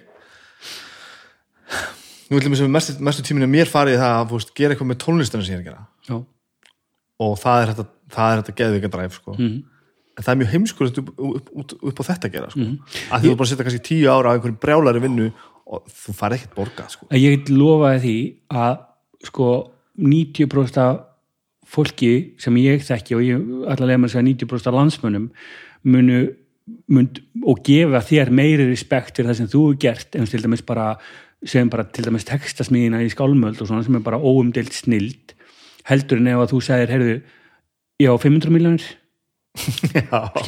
já. það er öllum slétt saman það sko Já, það, já, algjörlega sko. ekki mér samt Nei, Þú veist, ég, var til, ég var til í bæði í fullkomun heimi og er þetta alltaf bæði sko, ef, þú- ef þú byggir ekki á Íslandi þá væri það, já, það er bara þannig sko. það en, en að því sögðu held ég geti sagt alveg hræstni laust sko, ég myndi ekki vilja skipta sko. ég myndi ekki bara vilja eiga peninga sko. Nei, ég held líka sko, að maður átt að segja því að þetta er eitthvað svona, það er eitthvað svona human condition að maður er, við erum öll og ég ætla ekki að tala með eins og ég sé einhver miljardar með eitthvað því ég er það ekki. En veist, ég held að það sé bara mannlegt ástand að við þurfum að hafa peninga ágjur mm -hmm. þú veist, ef þú átt bara 100 áskall þá hefur þú ágjur en þú hugsaður bara rosalega verið gaman eftir 500 úst já, skilur, ef ég væri með 500 úst á mánuði þá er þetta, eða miljóna mánuði veist, þá er lífið fullkomið. Mhm. veist, ég held þetta sé bara veist, ef þú átt einhver x 100 miljóna þá vaknar þú líka og hugsa bara ef ég ætti 2 miljara þá er pottið, þá get ég hægt að vinna skilur þetta, þetta er bara mannlegt eðli sko. og heldur þetta séu sömu Ég að Til- tilfinningar? ég held að sé bara tilfinningar ég held að þetta tengist ekki upp að hann sko. en auðvitað er alltaf peninga áhyggjur ógeslegar raunverulegar áhyggjur þegar þú veist ekki hvort að börnin fá það sem þau þurfa já, já, já, já, ég ætla ekki að gera lítið úr því sko. Ég er ekki að meina það, ég er að meina bara svona í stóru mynd þú komin svona Já, já. þú, þegar átt það sem þarft Nei, ég er alls ekki að segja það þú bara, veist, veist ekki hvaðan máltíðin kemur Nei. og bara þú sér bara nátt, ég, ég, ég bara ber virðingu fyrir því og ég hef alveg verið á þeim stað sjálfur skilur, Mhm. og þá er ég ekkit endilega að tala um þegar ég var tvítugur skilur, ég, meni, ég hef alveg farið gegnum svoleiðis tímabili mín lífi bara á fullorins árum sko, það sem að ég bara þú veist, er bara ekki með nú mikið laust fér sko, til þess að geta hérna, skilur, þannig að ég held að það sé bara eðlilegt sko, Þa, það er bara hluti af hérna, lífinu sko, það fara allir gegnum það sko þetta komum við líka því að, allt samfélagið snýst um peninga sko. það er ekkert í samfélaginu sem snertir ekki einhvern veginn á peningum Nei, nei. þannig að þetta er náttúrulega algjörlega imprentað í manna þetta, þetta, og auðvitað skiptir þetta okkur í einhverja hópa, það er þannig Já. það er alveg sama hvernig þú lítur á það sko. já, já, og það er rosa auðvelt að vera, verða bara öfundsjúkur sko. Mhm, mm af því að sumin bara verðist ekkert eiga aðgang á þessum peningum Já, ég, ég, ég veit ekki sko, ég, hérna, ég, að ég, ég bjó nú í, held ég, sex ári í Englandi, London, þar sem að, þar sem að maður sér svona alvöru stjættaskipt samfélag, sko. Og, og ég bara hugsaði núna, sko, við sitjum hérna á seltjarnisinu. Það sem að, það er örglega hérna í, sko, 200 metrar radjus, fólk sem að býr hérna, við sömu gott og þú, og á miljarda, já, já, já, já. sko. Þannig að, þannig að, þannig að börnin þín, sko, bara svona venjulegan, svona millist þetta fjölskyldi hérna eins og þú ert, sko, þú veist, gengur í sama skólan og mun eiga vini sem að koma frá svoleiðis hérna, eh, heimilum, bakgrunni sko. þannig að ef, ef þú byggir í Englandi, í London þá er þetta óhugsandi sko. Já, ég mitt þannig að við erum þó hér þú veist, við erum þó með miklu meiri jöfnuð og miklu meiri svona hvað maður að segja, samfélagslega gerð að, að hérna, við erum ekki að fara að lenda í því held ég á svona einhverjum skala að, að hérna, að börnin þín hérna, alist upp og hugsa bara peningar eru vondir, eða fólk sem á peningar er allt vond nei, og ég mitt að því að ég var að horfa á viðtalið hennan Halla hérna hjá, hjá hérna, ég man nú ekki hvað fyrirtæki heitir hérna, Twitter, Twitter, Twitter Halla hérna, að hérna hann var um að segja það, hann ólst upp í, í sko, eins og hann kallaði sjálfur einhver verkamanna fjölskyldu í Reykjavík og bara ólst upp við það að ríkt fólk væri vond.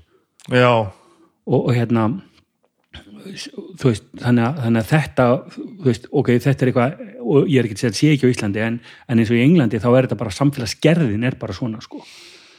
En það er þetta líka kannski kosturinn, ef maður getur talað um það þó að ég sé alls ekki fylgjandi því en kosturinn við það að þá er heldur ekki þessi sjúklega pressa á þig.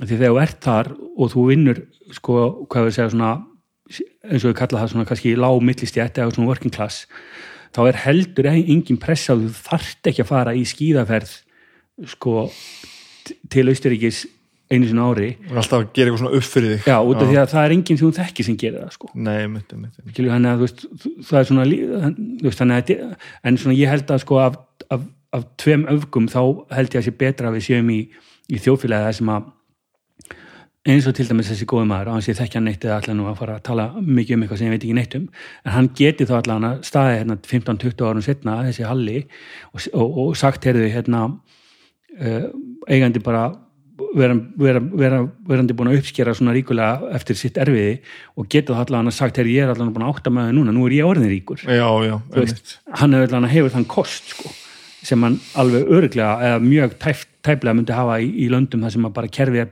basically sett upp til þess að halda það niðri sko. Þú kemst ekki rétt að skólan og ert ekki rétt að skólan, það fært ekki rétt í vinnuna skilu allt þetta sko. já, þú meira að hann komst frá því að vera í, í, í lánuna stöðunni yfir það að eiga peningmennur já, Já, einmitt. Og bara, ef ég tala bara um þetta fólk sem ég þekki og, og ég er alls ekki að segja að ég sé eitthvað í þeirra hópi en bara vinnu mín og félaga sem eiga og ég hef kynns sem eiga mikið af peningum svona íslenskum standard þá er þetta í fæstum tilfellum fólk sem hefur fæðist inn í þessa peninga. Já, þú veist, þetta er bara fólk á, á okkar aldrei skilur sem hefur bara á einhverjum ástæðum bara efnast sko. Mhm. Þú veist, og, og, og, og, og af, af því fólki þekki ég ekki marga sem að það hefur verið einhver svona markmið? Nei, en það, veist, hvað er þá eftir? Ef þú ert bara kannski ekki orðin 50 og þú átt þannig peninga að þú getur bara hægt að vinna veist, og ég er ekki að tala um einhverja 20 miljardar skilju, heldur bara góða summu sko. hvað áttu þá að gera í lífinu og hver ertu sko? ertu þá bara búin að þú veist, hver já. er tilgangur með þessu? Já, já. Já. Ég er ekki vissum að það séu allir sem að sjá þetta svona sko. heldur það sé ekki fínt að eiga bara fullt af pening og svo bara svona hvað á ég að gera í dag? Hvað er þessu margir sem myndi bara drepa fyrir nákvæmlega það? Já, hvað myndir þú gera? ég myndi byggja með stúdíu og, og stopna ennina hljómsýttina Og skapa en, ennþá meiri list. Já, Já, en ef að fólk sem að Já, hefur bara þig. haft þetta af markmiði er nú áttu peningin, þá er þetta bara að horfast í augu við tómið, það er já. ekkert að frétta já, ég var ekki búin að koma með þetta allavega skilu, já, þú meina það, já þið lítið það að vera erfitt. Þá er þetta einhvern veginn búinn. Já, allan að þú þarft allan að horfast í augu við það sko, og þá ertu líka að horfast í augu við það sko, að það eru svo ótrúlega margir í heiminum sem eiga meiri peninga. Já, þannig að þú ætlar að fara að skilgara út frá þessu sko en það er ekki ótrúlega margir í heiminum sem hafa gert snildina sem þú ert búin að gera í skálmöld sko. nei, nei, einmitt.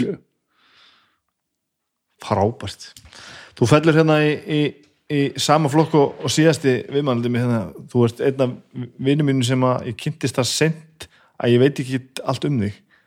Erum bara komast að þessu þetta tekið sér viðtöl.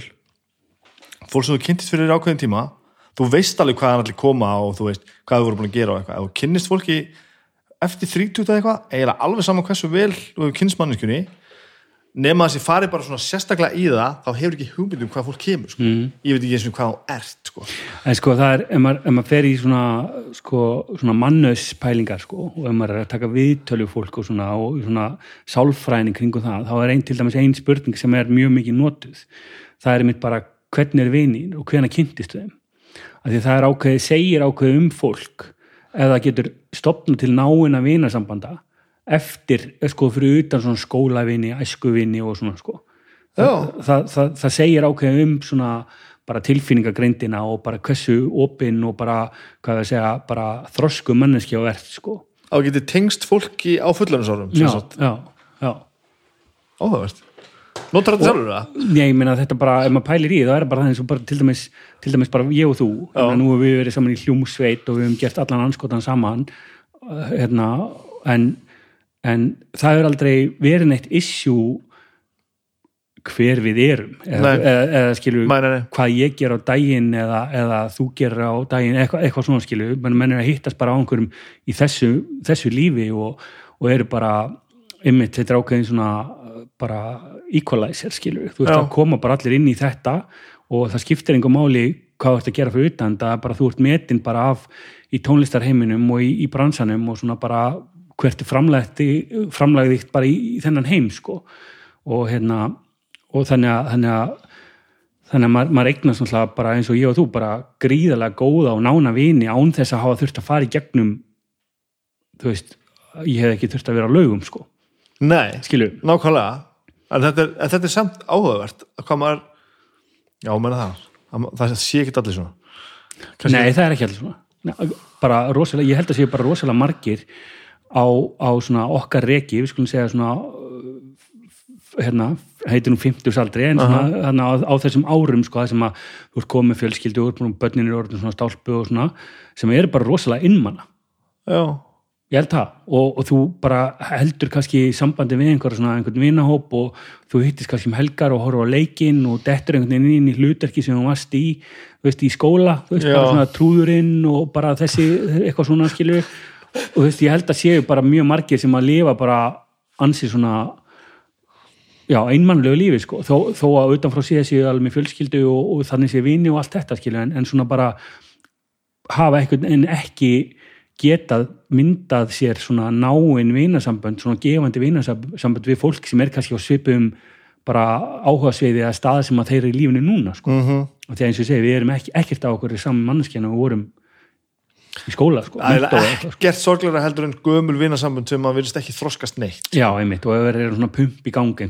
það er ægilega erfitt ég er mjög þakkláttu fyrir það að sko, gömlu drikkjufélagandi mínir sem ég drakk mig í mörg, mörg, mörg ár og ger ég jafnvel enn annarslægi sko, að ég hitti þetta, þetta fólk oftar núna með börnin okkar að gera pönnukökur sko. Já, það er ekki að þegar ég sé svona gamall og hallarislegur bara bjórin er svolítið búinn sko. við erum ef, ef, ég, ég ætla ekki að gera það í 60 ár nei, sko. nei, og það að geta tekið þau sambund einhvern veginn og haldið sko, ég er ekki að segja þess ekki gaman svo að gera allt sem, sem maður gerði alltaf en, en fyllirið er búið sko. og ekki bara fyllirið, heldur bara þessi aðgerð sko. við erum ekki, ég vil ekki vera í, í, sama sambandun að gera sem ég var að gera þegar ég var 20 nei, nei, nei. en það breytið ekki að þessi nýju sambönd þau einhvern veginn byrja bara á okkur núlpunti sko. ég man ekki eins og hvernig við kynntum sko. Nei, það var auðvitað ég ætla ekki að segja að við verið alls gáðir sko. Manstu hvernig við hittum sést? Nei, ég get ekki sagt það. Það er auðvitað Jú, jú, ég man það reyndar. Ég skal segja það, ok, ég skal segja það, held ég alveg örgulega það var þannig er sko. Já, það var þannig. Það var þannig að ég sem sagt hérna, var semst í hérna, hljómsinn 13 mm og við vorum hérna í einhverju kompaki 2000 og ég man ekki 9 eða 10 eða eitthvað svona. Og vorum að spila á gauknum með sólstöðum. Hérna, og svona á þeim tíma kannski íslenska þungararsenn ekki kannski þessu uppseflu sem hún var í hérna nokkrum árum eftir þetta. En þetta var svona frekar high profile gig. Og svo bættist þarna einhver, einhver hljónsettur á, á listan og, og svona og þetta var svona frekar mikið láti með þetta. Sérstaklega þess að endur komu þessara 13 hljónsettar og hérna og þá var einhver sem sagði það að það væri einhver ný hljónsett sem, sem að vildi endilega fá að spila með. Og, og hérna og henni var bætt á listan og, og var ákveðið að hún kæmi bara eftir. Hún var bara svona eftir svona þegar að sól, sólstæðir voru búinir að spila þá myndi þetta band svona koma að spila sko. Og, og hérna og, svo, og þetta var hljómsið skálmöld. Og það var gögnum og ég held að þegar að fara á sviklun hálf fjögur ég á sko. alveg rétt, þetta er fyrst skipti sem ekki ég, ég held það sko. Það getur vel verið, já, svona um það bil sko. Fyndið ég man vel eftir því gigi sko. þetta er örgulega bara, þetta er bara annað gigi sem við spilum eða eitthvað Já. svo þetta er mjög snemma sko. já, já, þetta er hann að plaggatið það er eitthvað hrútshaus eða eitthvað að plaggatið já, ekki rétt, já, já, hann fór einhver heila stöðgang sem við ekki nota lengi. já, alveg rétt, og þetta dróst og dróst og dróst og dróst, ég man þessu gigi já, og ég man þetta 13 að spila sko. þannig að hérna, þannig að, þannig að hérna, það var, það var held ég fyrst skipti sko. Áhugavert. Og svo þetta bara í gegnum bransan ég menna skálmöld og, og dimma og allt þetta, við bara eistna flugu og svo held ég líka bara að fólk svona, eins og ég er að segja, ég held að fólk bara drægis bara svona kort að öðru, skilu ég held að, ég held að maður bara, maður hittir einhvern og maður bara hugsa að þetta er, þetta er áhörun á engi veist. Og hérna, en það er engin þörf veist, snertum aftur á ég var að tala um áðan sko. það er einhvern veginn, ég finn ekki þessa þörf og ég, ég, nú, ég er að setja fingurinn á þetta núna ég er, að tala við fólk sko, sem ég kannski til dæmis nýbúin að kynnast og stutt, stittar síðan heldur þú stundum sko, að það er engin þörf að vita allt um fólk og ég finna að þú veist eins og við sem erum bara þó nokkuð mikið góði vinnir er ekki byggt á því að ég viti nákvæmlega hver þú ert sko. nei, nei, nei, á meðan að gömlu vinni mínu sko, ég, ég veit allt um þá sko. Já. allt já, já, þannig að þú bara, eh, þess vegna segir það þú, uh, ég veit ekki hvort ég geti tekið viðtöl við gömlu vinni mína sko. Nei. að ég veit ekki hvert að hvaðan kemur þú, þú veist, ég veit alveg allt, ég veit allt um þig, sko. ég veit ekkert hvað þú kemur sko. nei. Hey, ég, sést, ég, ég, er, ég er á kópóinum sko. Eins og hérna, hérna, hérna snælandskverfinu kópóin og hérna er bara hef, bjóð þar í raun og veru bara, bara, bara alin upp þar. Og, hérna komin, komin á svona frumbyggjum í kópói þannig að hérna og hérna en, native power já, já, en það er, það er að ég, ég elst þarna upp sko með hérna, þú veist í, í, í mínum, hvað var að segja mínum, á, þegar ég var að fara í gegn Snælandsskóla, þá var sko Arna Geir Ómarsson trómar í ham í, í hérna, hann er tveim árum heldur en ég. Ari í stríðaskónum er held ég ári yngri en ég sko. Og hérna og, og fleiri, fleiri góðir, þú veist, trommarar. Það er rosa mikið, mikið af svona rock trommleikurum sem kom að kópa í á þessu, þessu reki sko, Sigtryggur Baldur svo náttúrulega, hérna auðvitað eldri en við sko en, en þarna eins og auðvitað eins og Guð þarna yfir, yfir hverfinu sko. Birgir Baldursson og, fleiri góðir kallar hann sko. Þannig að hérna, þannig að maður er svona datt, ég datt bara eiginlega strax inn í svona gríðarlega svona hljómsveita menningu sko, rosa mikil gróska í hljómsveit náttúrulega. Ég veit að það er erfitt fyrir því að kingja þessum kópúður er náttúrulega vakka punksins á Íslandi. Það er náttúrulega aðkjæftæði við getum reyfist lengi um það.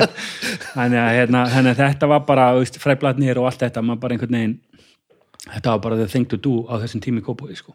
að stopna hljómsveit og semja músík og já spila og bara rock og roll sko, ekkert eitthvað kjæftæði sko, bara það var allir í því sko og gátt, fenguðu húsnaði og allt svo Já, það var, það var bæ- bæði í skólunum og í félagsmyndstöðum og svona, það var, ég man ekki eftir að það hefur verið vandamál, sko. já. og eitthvað svona skipulag samsatt það er eitthvað, Nei, ekki þegar við vorum bara að æfa í einhverjum drullukompum sko. Já, já, jú, jú, þetta var það eitthvað líka, sko, en svona, ég man bara eftir, nei bæði ég var í hljómsveit í mentaskóla sem heitir Sinni Rasputins, það var æfðið mér, NK nei, það var einhver, einhver félagsmyndstöð þarna sem æfði mér þegar yngri þá, svona, var, ég veit ekki manni hvert það var eitthvað svo skiplegt starfi, en það var allavega skilning, svona sveigjanleik og skilningur á þessu sko.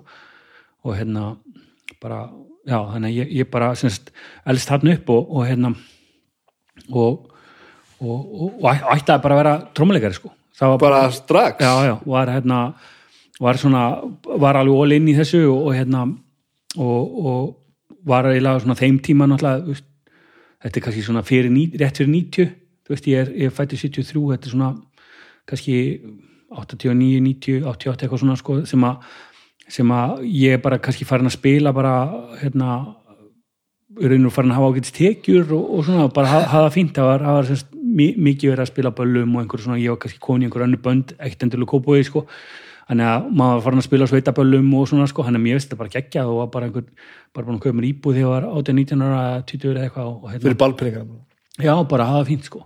Og fannst þetta bara að vera fullkomlega bara flottur ferill og ég ætlaði bara að gera þetta sko. Já, og einhver músík heima frá eða Mm, er það bara mikill tónlistar áhugi ok, gríðarlega mikil stöðningur fóldur mínum og enn þann dag í dag sko, ég held að en, en nei, nei, ekki tannig en bara svona bara mjög gott bakland en, en bara aðalega bara, ég fann bara eitthvað svona sjúklegan áhuga á á ja, tónlist.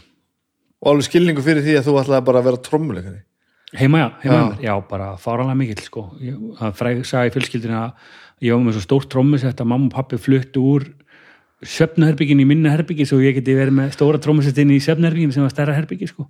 Þannig að já, já, alveg bara og, og ég held að það hefur verið fáir svona stórir til dæmis tónleika með dimmu sem mamma og pappi hafa ekki komið á sko, þau eru alveg Já. bara já, og alltaf bara þvílíkt þvílíkt backup sko, það það er frábært sko og ekki, og ég, maður átti að alltaf meira og meira því að það er sko ekki tekið upp á göttunni sko og ekki, nei, nei, nei. og maður þarf að passa sig sjálfur að, að gleyma ekki sko. já, ymmit hvað eru munur á að veist, börnum mínu 35 ára sko, og maður er strax fann að fatta bara maður verður að taka skrefið sko. það er ekki nú að vera bara rosa til í þetta maður verður bara í alveg að fylgja því bara já, nú gerum við þetta, Já. Ég þarf að gera þetta bara með þér sko. já, já, því ég á þig já, maður, já, já. já þannig að, þannig að, svo áttæði mér nú því þegar var hérna og, það, og sem betur fyrir nú hérna var skilningur en samt svona smá skynsemi þannig að ég var nú flosnaði veginn upp úr mentaskóla hann í öðrum bekk það var svona hálfpartin svona bent á það af námsvækja skólans og fleiri ráðamönnum að ég væri nú kannski ekki alveg réttir hillu í náminu sko bara út af því að mér var svo gaman að hljómsveit að hérna fannst ekki gaman að vera í skólanum að hérna þá, þá var ég nú kvartur til þess með aðeins ákveðnum hætti hjá fóldri mínum og föðu mínum að, að læra nú eitthvað, maður þurfi nú að hafa eitthvað svona til að, hérna, sem plan B. Mm -hmm. maður, en maður myndi nú ekki kannski vera vera hérna frægur tónlistamöður sem ég ætla endilega, ekki- ekkit endilega að vera einhver fræg post þarna, menn ég sá alveg fyrir mér að ég myndi bara geta verið, maður vildi vera svona session trómleikari, ég sá það alltaf sko mér langaði ekki að vera eitthvað rosa frægur sko, ég sá bara fyrir mér að bara, veist, veist, bara vera bara í bransan með einhvern veginn sko. Þannig að ég fór að læra, læra að vera prentari og sem svona fjölskylda mín tengist aðeins inn í sko. Þannig ég semst er með sveinspróf í offset prentun eins og heitir. Og þegar ég var að klára það það var rétt rúmlega 20, 21, 22 þá var ég kannski aðeins búin að þroskast sko og sjá svona kannski að þetta verður kannski ekki mögulega ekki svona eins frábær ferill og ég var búin að sjá fyrir mér þannig að ég var aðeins yngri sko. Að vera að trommuleikari vera trómuleikari sko. og, og, hérna, og þá fór ég eitthvað að skoða hvað ég ætlaði að gera og þá sagt, fann ég ákveði nám í London.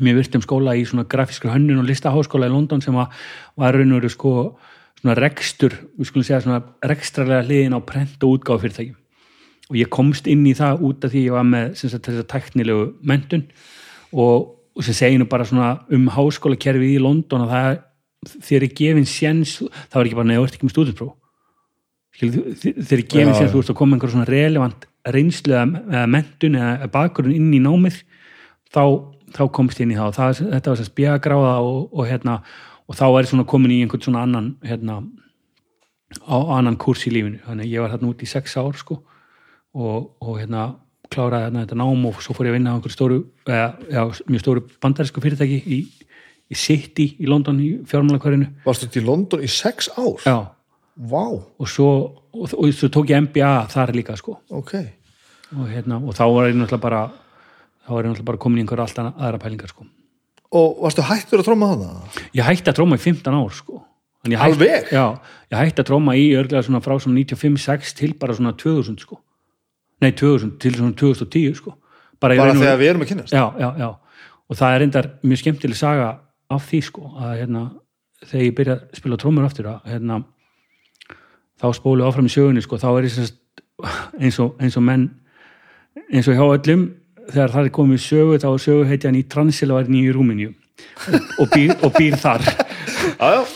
Þar sem hann er, hann er að reka hérna, fyrirtæki og, hérna, og fyrirtæki ákveður að, að það er hérna, eins og ég sá hann einhverjir, hérna, man ekki 13-1500 starfsmenn hérna, og það er ákveðið að halda svona starfsmannadag, svona ákveðin ásáttíð og að því að það eru ný, svona íslenski fjárfæstar sem eiga þetta á íslensku fórstjóri og svona það er spurning hvort það sé ekki hægt að fá íslenska hljónsveit og, og það var ég gæti nú sé lausna því og talaði við mína gömlu vinni hérna í hljónsveitin Soldögg og hérna hvort það var, var ekki til að koma hérna, til, til transjálæðinni og spila, spila eitt, eitt sveitavall og það án lítmál þannig að þetta var eitthvað marsi, apríli eða eitthvað svona og svo bara er þetta niður nelt og, og það er farið að menn, það, það er farið að retta græjum og þetta er náttúrulega þetta er svona stórt svið og mikið látið með þetta allt saman og það, þeir sendi út einhvern græjulista og það er til dæmis einhvern einn ákveðin bassamagnari, ambek einhvern magnari og það kom, komast að eru tveir svolítið til í Rúmeníu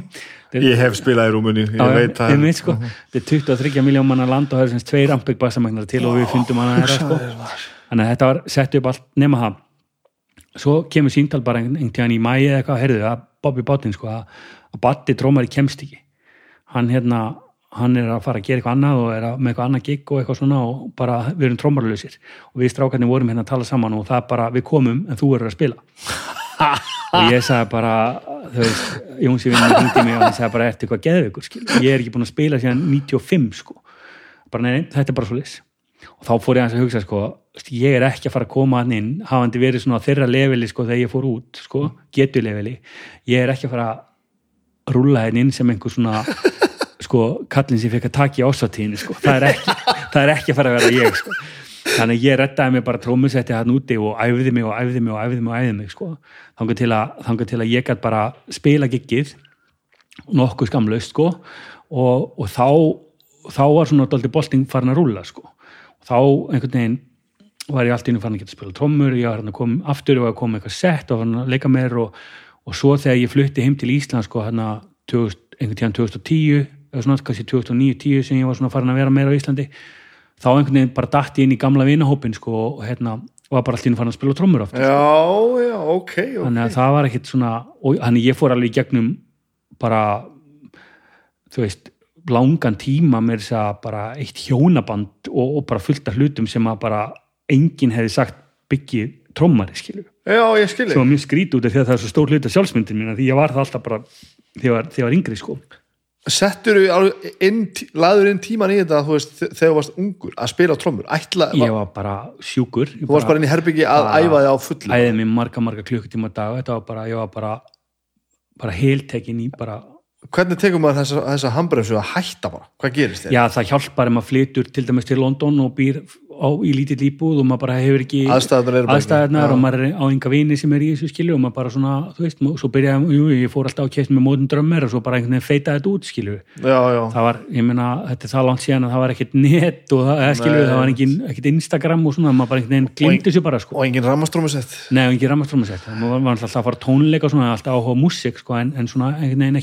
en, en var bara svona eitthvað sem að maður bara í öðrum pælingum, sko vá, hvað þurfti mikið til að ég hætt, myndi að hætta að spila ég held að það hef aldrei kvarlað að mér sko. Nei, en trommur er náttúrulega rosalega Já, antisocial hljóðfæri sko. og svo fyrir utan það, þá hef ég aldrei verið, beint verið svona gæinn sem að situr einn og er að æfa mig ég er, ég er alltaf hljómsveitakall sko. já, ég hef alltaf verið og ég hef alltaf, alltaf til dæmis átt erfitt með að svona í soundtestum og svona, það bara, já, ok, trommur og ég bara, hvað er ég að spila? já, hvaða laga á ég spila, skilu ég er ekkert eitthvað svona, ég er ekkert eitthvað með einhver svona beat eitthvað svona, ég er alltaf með hausnum, skilu ég er bara svona, ég er bara að spila alltaf með einhverjum, sko.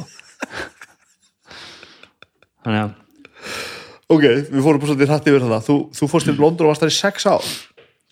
Já, og varstu þá, þú veist vi- vissur eitthvað hvert þú varst að stefna? Eða varstu, Já, nei, nei, hvernig veit maður það sko? Ég var bara einhverju svona Sumir virðast mitt við það Nei, ekki, ég, líf mitt er bara, inn, bara ég er bara svona svo fjastir í bíl sko, ég keiri bara einhvern vegg og svo bara finn ég einhvern svona, svona skri, hérna, hvað heitir svona reiksjóróbot sko.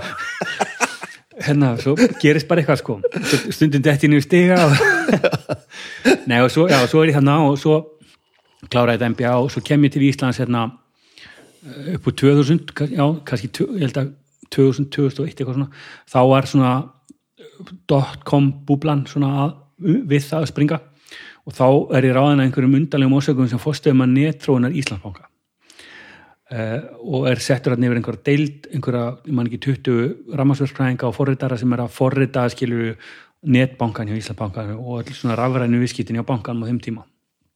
Og það var gríðarlega áhugavert en svona frekar leiðilegt fannst mér. Mm -hmm. að ég var bara, þú veist, hérna 27 ára skilur og, og hérna þetta voru mikið að fundum og maður svona einhver þurfti að vera jakkafötum með bindi og svona þetta átti ekki við mig sko. Þannig ég, hérna, svona einhverjum tíma setna ég man ekki hvort það er eitt, eitt og halvt ára eða eitthvað svona þá bauðs mér að hérna fara að vinna á Össuri.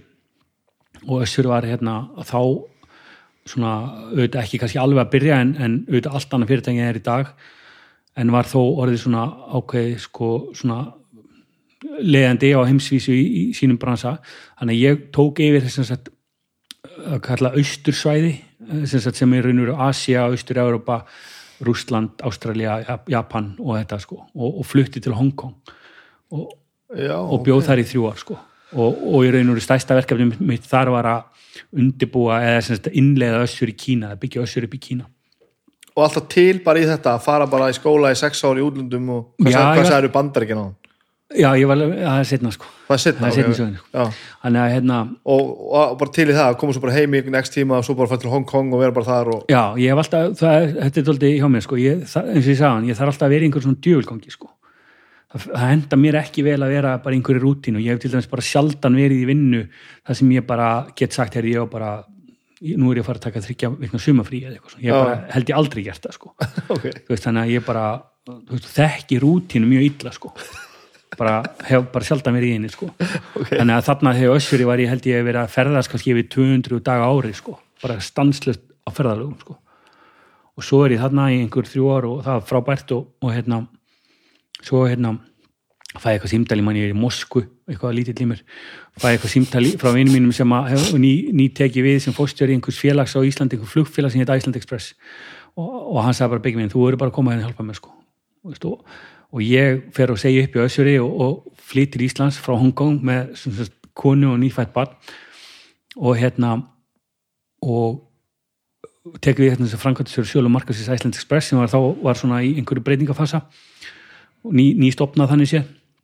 Og svona nokkru mánuðin setna, tvein, þreim mánuðin setna tekið við sem fórstjóri þar. Þannig ég er semst fórstjóri Iceland Express í ár og, og hérna sem var bara gríðlega skemmtilegt og, og gaman. Og, og hérna og, eftir það fer ég hann til Rúmeníu sko, til Transylvania og hérna þetta þessa, þess en þetta er aldrei klikað sko, þegar maður segir þetta svona sko. tala um ko- konu og barn og eitt hjónaband sem, sem kláraðist. Hvernig, hvernig er hægt að hvernig gerir maður það? rústa hjónabandinu sinni Já, þú mátt segja mér það líka en aðalega hvernig þú veist er, gerir maður þetta? Ertu bara hingað og þangað og út um allt og ertu bara einhvern veginn að búa til eitthvað líf Já, þetta er náttúrulega bara einhver svona lífstíl og ef maður er eins og til þess að maður bjóð í Hongkong þá, þá er maður kannski umgengst fólk sem er bara í sama lífstíl og, og það er bara búið að parkara fjölskyldunni á einhverja, einhverja svona, einhverja svona öruga eigu sko. Veist, og, og hérna svo eru bara svo er, svo er fólk bara stanslist á ferðalögum sko. Og hérna svo kemur heim einhverja nokkra daga og þá, þá er allt hérna, bara næs og svo er bara, veist, að þetta er bara svona þessi expat lífstíl sko sem að sem að verður til og þá, þá er þetta bara sjálfsögur fyrst maður ég var þrítur sko. Og þetta er bara geggjað, bara fljúandi um allt allan heim og ég er bara í Ástralja í daginn og Moskvu hundaginn og svo fer ég til Peking og svo, eitthvað svona sko, þetta er náttúrulega bara geggjað sko. Þetta er þetta er ekkit mjög fjölskyldu vænt eða, Nei, nei. eða eru ekkit vænt fyrir neitt annað heldur en bara þetta sem þú ert að gera? Nei, nei, nei. Já, já, og nei, alls ekki langt á því og auðvitað bara, en maður, en maður átti að segja kannski ekki beint á því þegar maður er þrítur sko, nei, þá, þá, telur maður sér trúum það auðvitað, var þetta ógislega gaman en maður telur sér bara trúum það að maður sé að byggja eitthvað upp og, og, og, og gera eitthvað sko, sem maður, auðvitað, maður er að gera Mhm.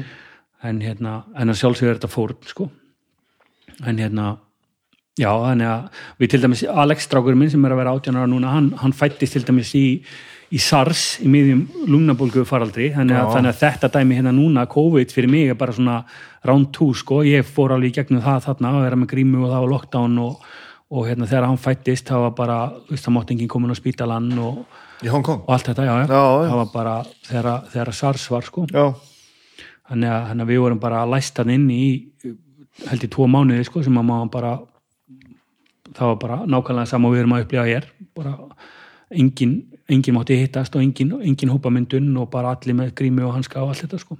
En þú alveg til í alltaf veist að vera bara svona einhvers vegar burtu frá frá, frá heima högunum einhvern veginn bara taka því sem, sem kemur. Og langar þið ekkert bara heim?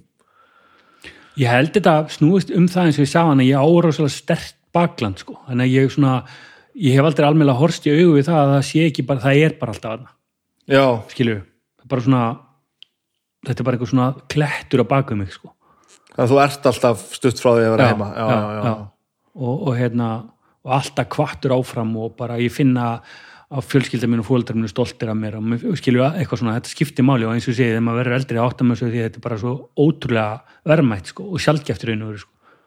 Því miður sko, já. skiptir mjög miklu máli sko. Þetta byrju, nú er ég að þetta er rosalega margi viðburði maður. Þetta er alltaf algjör trugl sko. Hva? Ok, reykjum myndur aðeins? Þú er búin að vera í námi í, í sex ári í London kemur heim ert heima í hva, já, kannski tvö ár. Tvö ár, sem erum í Express fluginu. nei, Express. Já, hvar voru komin? nei, ég er bara komið hérna frá London sko. Já. Já, já, það í já, já, það fór í eila, já, kannski eitt ár. Já, og svo, ár, svo til Hong Kong? Já, og þar varstu? Þrjú. Og svo, svo kemur þið heim? Í tvö í Express. Og svo ertu fann Rúmuni já. Já.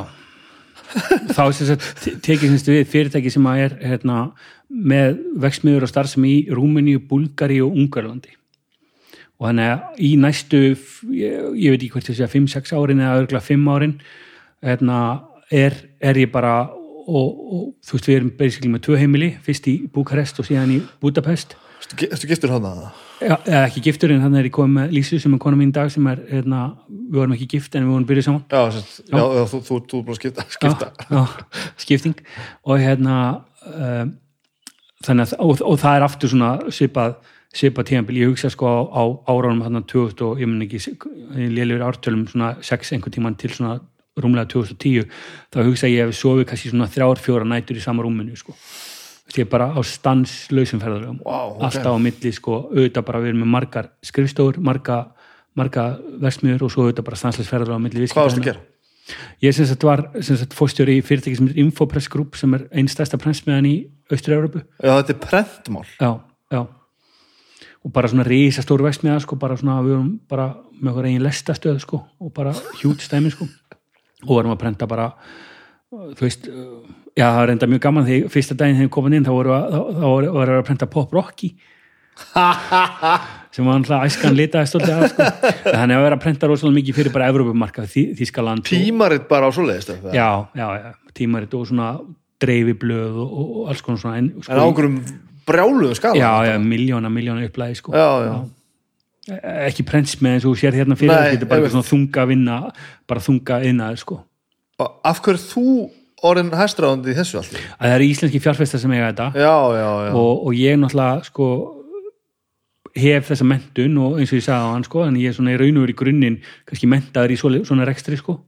En auðvitað er þetta ekkit öðru sem er reyka bara hvert annað fyrirtæki sko, ég var ekkit að prenta sjálfur sko en þetta er náttúrulega bara fyrirtæki sem á þeim tíma var að velta einhverjum 20 miljardum íslenskum sko, þannig að þetta er bara doldi stórt sko, þannig.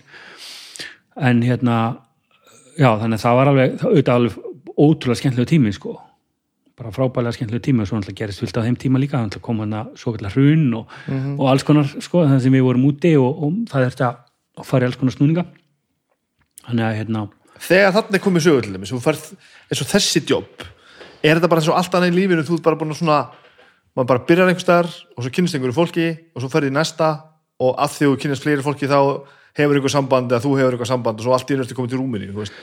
Já, þetta er náttúrulega bara spurningum bara sérstaklega í Íslandi, þetta er lítill, lítill bær sko, Reykjavík og maður, fólk þekki mann og maður hefur eitthvað orðspor og, Já, þetta er það. Já, já, allt, alltaf það, já, alltaf það sko. Já. Maður að sjá þetta betur og betur sko. Það er alltaf þetta bara Og en upp á þess maður minn, sorry, ég grýp fram fyrir þér um Marsi sem hefur verið hljóðmaður hjá Skálmöld að sjóft fikk hann mynd djóp hjá Sigur og sig gegnum, gegnum Skálmöld og eitthvað. Besti maður sem ég bara, bara kynst hann er með rosalega einfald að sína á lífið. Alveg saman hvað þetta gera gerðu það eins og vel og getur. Já, og bara og ekki vera fáti sko. Og það bara. Og, og um leið og maður fyrir eitthvað hann eða segja eitthvað við hann eða svona fitta þessa pælinga hans að bara, nei. Eina sem þetta gera er að koma og gera allt eins vel og getur. Og þetta er ekki eitthvað svona jógapæling sko, Nei, nei, nei. heldur bara það er einhverðar sem tekur eftir því. Já, já. Og þá farir næsta djóp Það sem maður átt að sjá sko að heimurinn er mjög lítill sko. Hann er byggður upp af mörgum svona klíkum sko. Eða skilur brönsum. Já, þannig að alveg saman í hverju ert að ég er nú verið í mjög mörgum svona hvað maður að segja, yðnöðum eða, eða svona starfsgreinum þá er, er fólk alltaf að fara á sömu síningarnar og hittast og það er alveg saman hvort maður er í flugi eða, eða eins og í össur í þessum svona lækningabransa eða, eða hverju sem er sko. Þetta er bara svona, og því talingjum núna þegar komið LinkedIn og allt þetta sko. Þetta, þú ert ekki þú ert ekki eitthvað einn í skugganum sko. Það, þú ert í einhverju svona starfi sem að, sem að hérna, er svona, hefur einhvers konar svona public profile sko það er alltaf, og þetta snýst alltaf um það. Alltaf þegar ég er að koma inn í einhver ný störf og svona, þá er maður alltaf að hugsa hvern, hvern get ég tekið með mér sko já, veist, hvern þekk ég sko? Þú veist, og þá er ekki að meina vin minn sko heldur bara hvern í mínu ferli, hvaða fagmenn sérfræðinga hef ég þekkt sem að geta leist þetta verkefni fyrir mig og ég tristi, tristi viðkomandi og get bara komið inn hérna með, með all guns blazing in sko. Þetta á svo við á- í öllum skilningi Já, alltaf sko. og eins og þú segir þetta ekki vera fáviti sko. það er þetta þegar þú ert að stofna hljómsýtina ef þú ert með tvo trómara sko, og annar er betri en hann er fáviti. Já, og hinn er aðeins slækari hann er ógeðslega næs manniska já. það er aldrei spurning hvert þú ferð sko. Nei, það er bara meina, þetta er líka bara það er bara leiðilegt að umgangast leiðilegt fólk sko, og rókafullt fólk eða eitthvað svona, já bara það er meira heldur en leðilegt af því það líka drepu vinnuna Já. sko. það er alveg sama þó að trommuleikanu sé opaslega góður afköstin verða slakari vegna þess að kemistjarinn slæm já, að þú verður svolítið automatist betri trommari ef þú ert bara decent manniska sko. Eins og þetta hljómaður mjög, yfirskilvillegt en Nei, enga síður, sko. það kemur meira út úr því sem átt að gera sko. og það er, það er svo skrítið með tónlist og ég veit ekki, ég ætla nú kannski ekki að segja þetta sé í, í svona business en í tónlist er þetta svo skrítið, maður kannski þekkir fólk lítið, maður spilar með því kannski eina æfingu eða eitt gig eða eitthvað, eitthvað, eitthvað verkefni sem maður kannski er ekkert að tala mikið við viðkomandi en svona, veist, bara svona tjatta og svo spila, það er alltaf eitthvað bond sem myndast, já, við, við gerðum þetta saman sko, já, já, já, já. þetta er næstuði sko, þetta er næstuði eins og við höfum farið heim saman sko já. skilur við eigum alltaf eitthvað svona saman sem að bara, þú veist, veist ég er ekkert að fara að bjóða þér endilega alltaf í ammali mitt en alltaf því ég hitti þá bara svona ég og þú erum aðeins hérna Að, þetta er bara hárrétt sko. það er, og þessi klísja með þetta, þetta bond, sko, þetta, þetta tungumál sko. já, það er einhver rosaleg bending í þetta og, og að spila músík með einhverjum sem að þú tengir við tónlistalega er náttúrulega bara ekkert eðlileg tilfinning nei, sko. þetta er svo náið sko já. og þú fer einhvern veginn að mann líður sem að sjá henni í framtíðina sko. já, já, kannastu við það, Já, þegar, já. þú, þegar þú veist bara nákvæmlega hvað hinn er að fara að gera já. og það er ekki svona eitthvað svona já, að því hann gerir þetta líka síðast Nei, nei. þetta er bara einhver svona einhver svona telepatik linkur sem bara það sem, að, sem allir vita hvað gerist já, þetta er sko þetta er, og alltaf að tala um núvitund og eitthvað svona, þegar maður er að spila tónlist í einhverju góðu dæmi sem að maður finnur grúfi og maður finnur fílingin, þá er maður svo í núinu að það er ekkert annan til í heiminum sko. Og maður horfi bara í augun á veist, þeim, þeim sem maður er að spila með á litlu augnatillitinn og svona þetta er svo þetta er svo, þetta er svo yfirnáttúrulegt sko. það er bara þetta er alveg, þetta er svona þetta er bara svo gott kynlíf Já, þetta, þetta, er bara, er þetta er bara þannig sko. Þetta er það, bara og svo að þetta- sjúklega nánd sko. og ég held að spili á sömu heilastöðuna líka Já. þetta er dæmis hreinsar pallettun einhvern veginn já, og ferð inn á hljómsveitaræfingu eða spila, spila gig eða eitthvað tilfinningarnar og hugsanarnar sem varst með fyrir Já. það eru yfirleitt hornar og eitthvað annað komið í staðin eða breyttar til eins betra yfirleitt sko. og þess vegna einmitt sko þegar ég hætti að vera svona mikið á hljómsveitaræfingum sem að léttir hellinga á álæðin á heimilinu því ég er meira heima sko. En það er alveg tvíbent sko. já, já, bara fyrir ekki að koma hljómsundræðing svo komur aðeins skári heim sko. svínið. Nei, það er bara þannig og, og hérna, enda, enda er þetta ekki tilvílin að til dæmis þungar okkar eru náttúrulega bara ljúasta fólk sem þú heitir sko. bara, menn eru bara svo slagir og einhvern veginn góðir menn já, það er þannig og bara ég veit, já, og veist og ekki, ekki þar, það er ekki þar með að popparti séu vondir sko. Nei, ég, ég meina ekki svona, ég, ég er nú að meina sko, að það er í öfum hlutvellin við sko, aggressjónuna agr aggressjónuna í tónlistinni sko. já, já. já, ég held að það sé ég veit ekki, er eitthvað, eitthvað samingi á milli þess, hvernig músikin er og hvernig ert, kannski, ég held ekki ekki, ég, kannski fólk, ég, fólk heldur ekki bara kannski þú veist. ég man bara til dæmis þegar ég byrjaði hérna, já það var reynda bara þegar ég byrjaði í 13 sko, að þá var ég búin að vera sem í poppljónustum þar á undan sko, og var alltaf þungar okkar inn í mér sko. og svo byrjaði ég hérna í 13 sem náttúrulega svona legendary band og Hallur og Ham og eitthvað svona. Og, og hérna uh, og þá man ég að við vorum með útgáðu tónleika í gamla tjarn, eða ekki gamla tjarn, bara tjarnabíói sem að núna er og var. Og þá man ég að Steinar Berg hérna útgefandi var að gefa út bandið og kom til Halls og spurði það bara hvar fannst Steili sem trommara? Veist, var hann út, að, út á götu að brjótast inn í bíla skilur þá fannst honum ég vera svo kraftmikill og aggressífur sko. Að bara hann bara dólgur. ekki öðru en ég væri bara með hamarinn að bara, veist, það þurfti bara að beila mút úr steininum skilur á hverjum degi fyrir æfingar sko. En þetta er mjög áhugavert þú veist, að því að auðvitað, auðvitað setur við skulum ekki ljúga það sjálfum okkur að við séum passífir menn.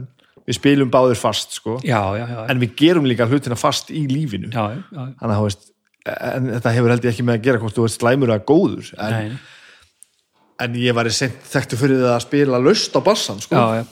ég er einhvern veginn þannig sko, það er kannski, ég bara hugsa um þetta núna sko, þú ert að segja sko, já, gerum þetta bara, flytjum maður bara til Rúmini og eitthvað svona, ég er, ég er bara svo ég er bara með svo hjartað í öllu sem ég geri sko, já, sem þýðir það að ég er líka rosalega lélegur að feika það sko veist, ég get illa gert hluti sem ég hef ekki bara brennandi passjón fyrir sko. já, já, já. sem að bara stundum kona mín og aðri finnst bara stundum hundleðilegt sko, því ég bara svona ég verði einhvern veginn að vera all in sko. og líka bara aðstæðum sem bara setjum til borðs með fólki og allt svoleiðis nei, nei, nei, kannski ég er ekki að meina það en, sko, en bara svona í lífinu skilju, skilju, ég myndi aldrei geta tekið að mig vinnu eða verkefni eða eitthvað svona sem ég myndi ekki bara finna einhver svona bara, bara sko fyrild í maðan sko. bara ég verð að gera þetta sko mm.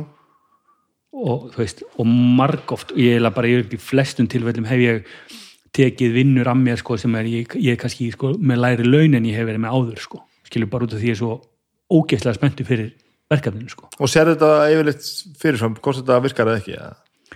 ég hugsa bara að þú veist ég, ég er ekkit samfærður um að ég geti gert þetta en ég er aftur á móti samfærður um það að það er engin sérstaklega betri sko. út af hverju ekki ég skilur, það er ekki það bara ég kem bara inn og reddi þessu sko Nei, heldur bara að meina að þú veist, akkur get ég ekki ég get ekki bara svo allir aðri sko. Já, en ég er kannski meina, sér, sérðu fyrir að þetta verði ekki gaman, eða þú veist, nógu gaman? Já, já, það er oft búið að bjóða með einhverja vinnur eins og núna eftir ég hætti á postinu fullt af flottum vinnum sko, góð laun og alls konar sem bara kveikir ekkert í mér sko. Já, ok. Og, og, þa- og þá kanntu bara segja nei. Það er ekkert sem næri þér inn í þessa vinnu. Þú veist, ég skal viðkynna það ef ég beinlings þyrfti það, þá myndi ég kannski neyðast til að gera það sko, Aha. þú veist, en, en, en hérna, en með ég hef luxusinn í einhvern next tíma að, geta leift mér að, þróa einhver verkefni sem ég hef passjón fyrir, þá, þá ætla ég lega mér að gera það sko. Já, Þannig ég heldur sem í rúminu. Já, og þú ert forstjóri veist hvað eru margir að vinna það, hvað sagði hann, 13 til Já, ég 15 man ekki alveg nákvæmlega, það var allavega 1300, 13, 1400, þetta eru semst þrjú fyrirtæki í raun og veru, eitt í Búlgari, eitt í Rúmeni, eitt í Ungarlandi. og hvað er, þú veist, komum við nú að einu?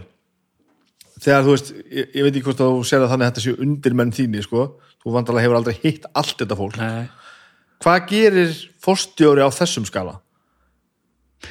sko, ef hann vinnur ekki með fólki, þá gerir hann ekki neitt, sko, í þessu tilfelli, þá vill fyrirtæki mig ekki. Þú veist, ég er aðskotadýr frá einhverjum útlendum fjárfestum og þau vilja bara mjög gjarnan fá að halda áfram með sitt líf á þess að ég sé að trubla sko. -hmm. þannig að ef að ég væri ekki, ef að minn styrklegi væri ekki þetta sem á mín nálgunni sem ég sagði hann væri ekki að mynda sambönd og vinna með fólki og að valdefla fólk og bara svona búa til teimi þá hefði ekki ná árangri sko þá hefði bara verið parker á einhverja flotta skrifstof í Búkarest skilju og bara gemdur þar sko Og hvað værir þá að gera?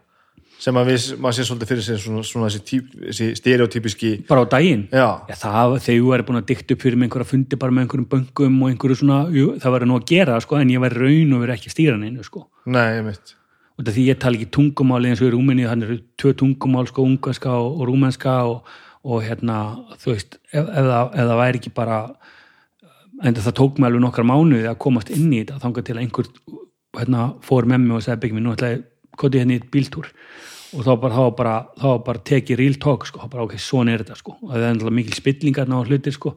Og þá var bara svona hulunni svift af þessu fyrir mig sko.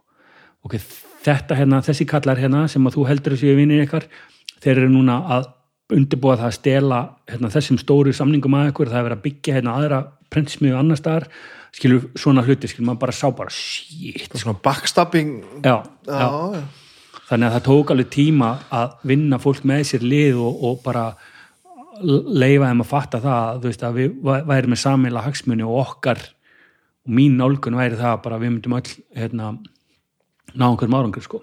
En erst þú einhvern tíman í einhvern verkefni sem snúa að þú veist, í dag prentum við þetta, þú veist, Nei, ekkert svoleiðis. ekki svolítið nei. nei, bara, þú veist, eins og segi maður er bara endalist að tala við auðvitað bara, það er auðvitað framkvæmta stjórn sem stýrir öllu nei, ég meina, nei Og jobbið þetta er þá hvað? Bara hugsa um bara auðvitað reksturinn hugsa um bara tölurnar hugsa um að rétta fólki sé að gera réttu hlutina við séum að ná einhverjum markmiðum það er Já, einhver stefna skiluru uh, bara mjög mikið bara þetta snýst mjög mikið um fólk og við séum með rétta fólkið að stýra hlutunum sko.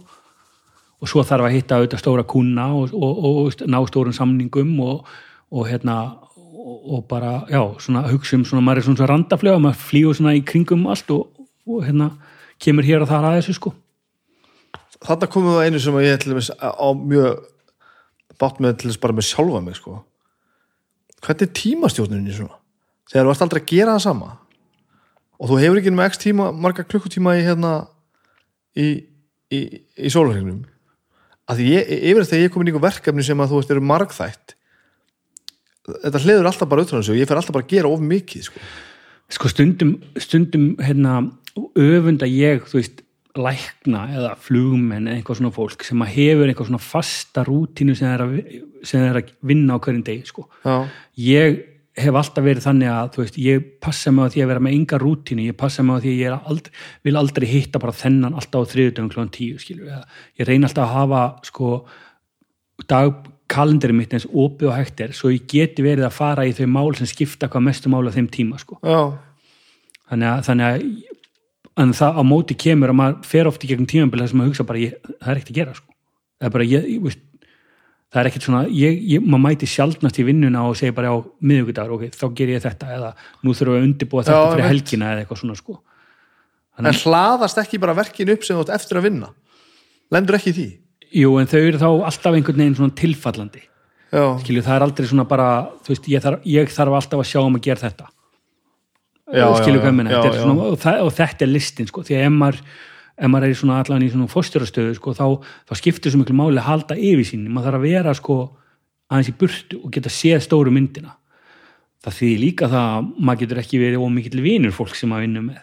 Vist, maður er, ekki dútin sem er alltaf að drekka bjór með fólki skilur, eða, skilur maður þarf að halda þessari fjallægð sko, sem er líka dóltið erfitt sko, að því að maður kann kannski vel við fólk sem maður er að vinna með sko og ert, ert svo fjallað bara til þess að tengjast ekki á mikið tilfinningarlega Nei, ekki þannig heldur, halda bara- einhverju svona stöðu eða, Nei, bara geta séð þetta bara úr fjallag sko, bara, þú veist, já, því bara halda sjónarhóttinu já hver, þú veist, til dæmis bara þetta þú veist, hver er uh, ég meina þú veist, ég til dæmis var að tala við félagið minn um daginn sem að er hérna fræg, hérna, frægur tónlistamæður á Íslandi ætla nú ekki að nafngrina hann en hann er, hann er mikið í því að skipta út hljómsveitum og hljóðfærileikum sem hann er að spila með. Bara, þú veist, eftir, eftir hvað, hvað honum finnst að tónlistin sem hann er að semja í það og það skiptið kallar eftir. -hmm. þannig ef að hann væri bara þetta væri bara bestu vinir hans sem hann var að spila með já, þá myndi hann veigra sig við því. Og þá er hann að, þá er hann að sko, þá er hann að gefa afslátt af sinni sín á listina já, og þá er þetta ekki það sem hann ætlaði að gera sko. þá er hann að gera málamiðlun sko. þannig ef maður ætlar að ná einhverjum árangri í einhverju, veist ég er að tala um tónlist núna áalveg ja, við, við rekstri maður það líka geta hort á fólki sem er að vinna með og sagt ok, þessi tiltekni stjórnandi eða starfsmæður er mjög góður í þessu en við þurfum kannski einhvern sem að getur þetta sko. og þá gengur ekki að maður sé tengdur það miklum böndum og maður get Skilu, þetta, þetta er svona, þetta er svona þetta hljómar brútal en þetta er samt jobbið sko. Þegar þú ert að, þú ert að reka fyrirtækið til þess að ná einhverjum markmiðum og ef maður fer að gera svona litla hérna, málamiðlanir og afslætti hér og þar þá far allir aðra að gera það í fyrirtækinu líka sko. Já, já. þá bara ekstra þangar til að þetta er orðið eitthvað miðjumóð sko. Er þetta leiðin, er það að finna réttu manneskuna á rétta staðin? Já, Af því að ég held að tilhengin hjá okkur sé alltaf að reyna að breyta manneskunu sem er það nú þegar Eh, sem er bara frábært ef að það er hægt og ég meina að maður er komin á þennan punkt þegar maður er búin að reyna það sko og ég held að skiptir rosa miklu máli að vera bara alltaf heðalegur og auðmjúkur og segja bara, veist, við þurfum að gera þetta og við viljum að reyna að breyta okkur saman hérna sko, en ef það gengur ekki þá á einhvern tímapunkti þarf það að segja, heyrðu, þú sér að þetta er ekki að virka sko. Er maður þá ekki að segja fólki að það sé ómögulegt? Það er náttúrulega eftir í hvernig þú segir það en, en það verður að eiga sér stað einhver svona ferill upp að þessu sko, maður kemur ekki bara eitt daginn sem hefur út drekin sko. Skilur en maður þarf samt að geta gert það sko. Og það er ógeðslega leðilegt sko. Eins og til dæmis núna, ég er ekkert stoltur að segja það er við sögum upp 300 manns í postin þetta gefur mér ekki gleði að segja það sko. Ég ger mig grein fyrir þegar 300 manns að núti sem að bara upplifu þvílíka höfnun og þvílíka bara niðurlægingu og þvílíkt bara skipur í lífinu sko. Það gleðum ekki sko. En vegur það eitthvað á móti þú veist ef það hefði verið einhver, ég veit ekkert hvernig þetta fer fram. Ef það hefði mögulega verið einhver önnur leið fær heldur en að þú veist fækka fólki ve vegur þetta þá eitthvað upp á móti bara eh, tilfýlingar þessar fólks? Eða, eða tekur bara betri leiðina? Besta leiðin er bara fuck it, við þurfum að segja upp þessu fólki og svo höldum við áfram og þá er komin, komin betri business. Ég held að allir sem að hvort þú ætla að segja upp einum eða einhverjum tögum eða hundruðum það, það fer engin eðlilega manneskja fer í það með einhverjum, um einhverja gleði hjarta skilju. þetta er alltaf í fulla nefana sko, bara örþrjára á sko. já, það, já, það er bara, það veist, og, og, og svo er margir sem dætt í það og segja, herru, í þessu samtali þetta er jafn slæmt fyrir mig og þig sem augljóslega er ekki, sko, það er þú sem ert að missa vinnuna, sko, en, en þetta er bara, þú veist, þú veist þetta er alveg umulegt, sko. Já, og það skiptir svo miklu máli að geta bara raukstitt þetta, útskýrt þetta fólk átt að sjá og þá þá maður líka bara að vera búin að rópa með stöðuna áður þannig að fólk gerir sér grein fyrir því að þetta er óumflýjanlegt sko. og það er, það er bara þetta, þetta, þetta er ekkit eitthvað sem gerir á ein, einhverjum einn degi, þetta er bara prósess sko. en alveg ömulegu sko.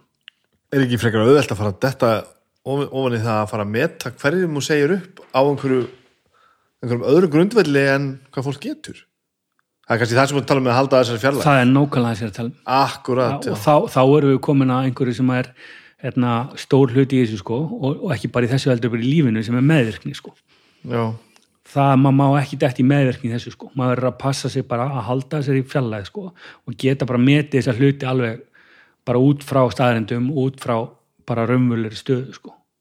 Þú veist, það má ekki skilur, það má ekki ráða einhvern að því að þetta er vinuðin bara þenni vinu, neða það má ekki segja einhverjum upp að þenni leiðilegur, eða eitthvað svona skilur þetta verður að vera bara algjörlega fact-based sko og, og maður þarf að geta bara útskýrt þetta enda, enda sko, ég hef því miður þurft að gera þetta ansi ofta á mínu ferdi sko. það er ekki margir sem að ég hef farið í gegnum þennan prósess með og ég hef sagt upp sem ég get ekki bara hitt í kringlunum og myndi ekki bara fa- faðma sko. næ, því ég held að fólk hafi almennt ekki upplifað þetta sem einhverja illginni sko. Alveg eins og ég segi oft þú veist, þegar maður talar um frá össurtímanum sko, þegar maður læknir sem sker sko, fótinn af aflimar sjúklingin er ekki að skemma hann er að, að reyna að bjarga sjúklingum sko. Já, já. ég held að fólk alveg átt að sjá því sko. en ég ger ekki lítið úr því að, að svona aðgerir eru náttúrulega bara algjört sko, algjört skipbrot fyrir þá sem verður því sko. það lítur að vera svolítið erfitt að vera í þeirri stöðu að vera sagt upp og, og, og sko vera full vissum það að ástæðan sé ekki það að þú hafur ekki staðið nú vel Já, þetta er, þetta eru tveir fasar, þetta er annars vegar eins og til dæmis hérna, eins og var hjá postinum að þá fyrst þegar ég kom þá var átti fyrirtæki ekki, fyrir launum sko. sem er svolítið styrlað, svona stórt fyrirtæki ríkisegu, það var bara ekkit kass Vá. þannig að þá var svo, og allir vissu það, þá var svo auðvelt að segja herðu, við verðum bara að fækka fólki út af því við eigum ekki pening sko. Bara getum ekki borgað allum launin og þá, þá er samtalið öðruvísi við fólk, sko, bara, veist, það skilja það allir, já, veist, það- við eigum ekki pening þetta bara, snýst ekkert um þig Já. í raun og veru já, já. svo svo fara að koma fréttir heyrðu, pósturinn að bara hagnaðara hóknu- svona, samt erum við að segja fólki sko. þá er samtalið annað sko. Þá er það, heyrðu, við erum að veist, eh, snýst ekki kannski ennþá um þig en það er svona, nú erum við að breyta starfseminni við erum að leggja þetta niður, það er aðra breytingar þá koma þess meir tilfinningar inn í þetta sko.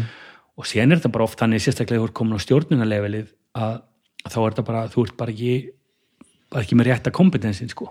eða, eða bara passar ekki passar ekki nú vel inn í liðið eða, eða, eða eitthvað svo leiði sko.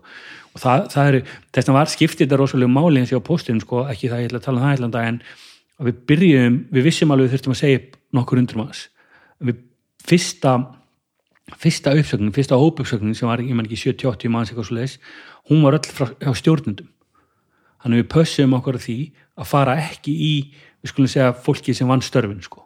Nei.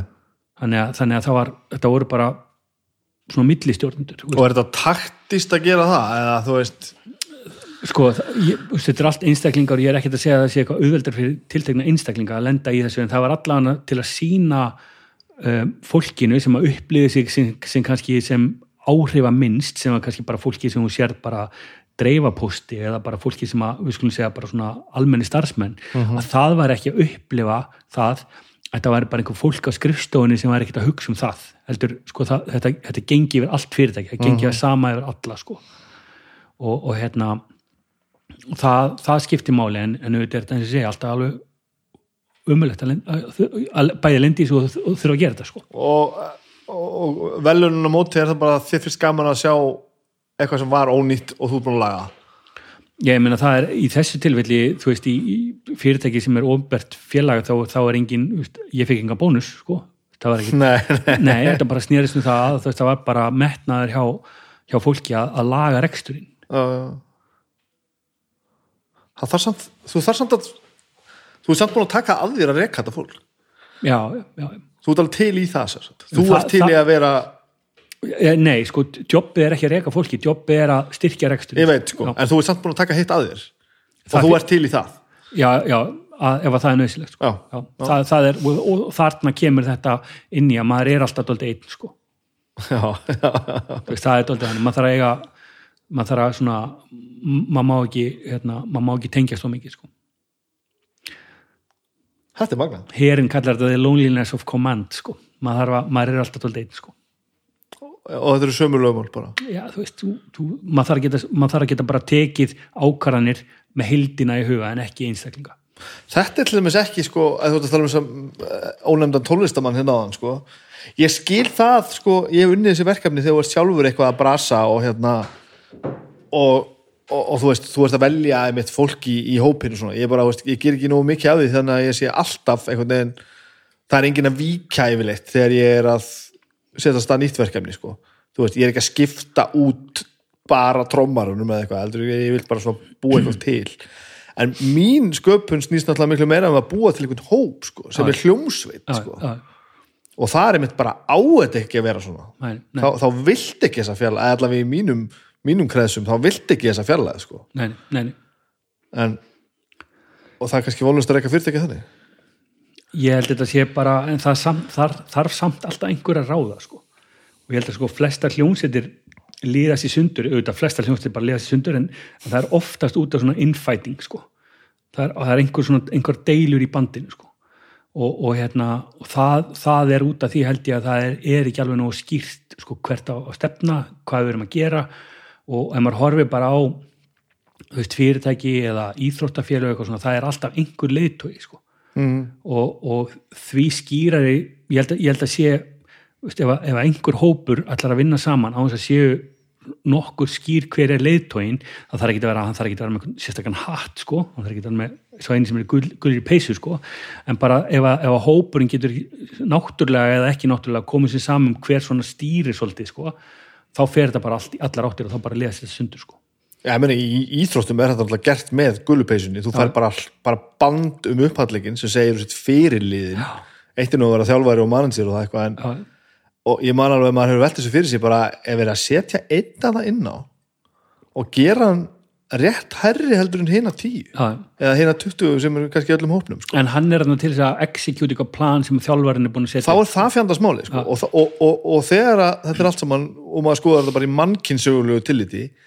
ef það er ekki eitthvað svona hýrakía þá virkar þetta ekki. Það er málið sko. Og það er, þetta er mjög magnað sko.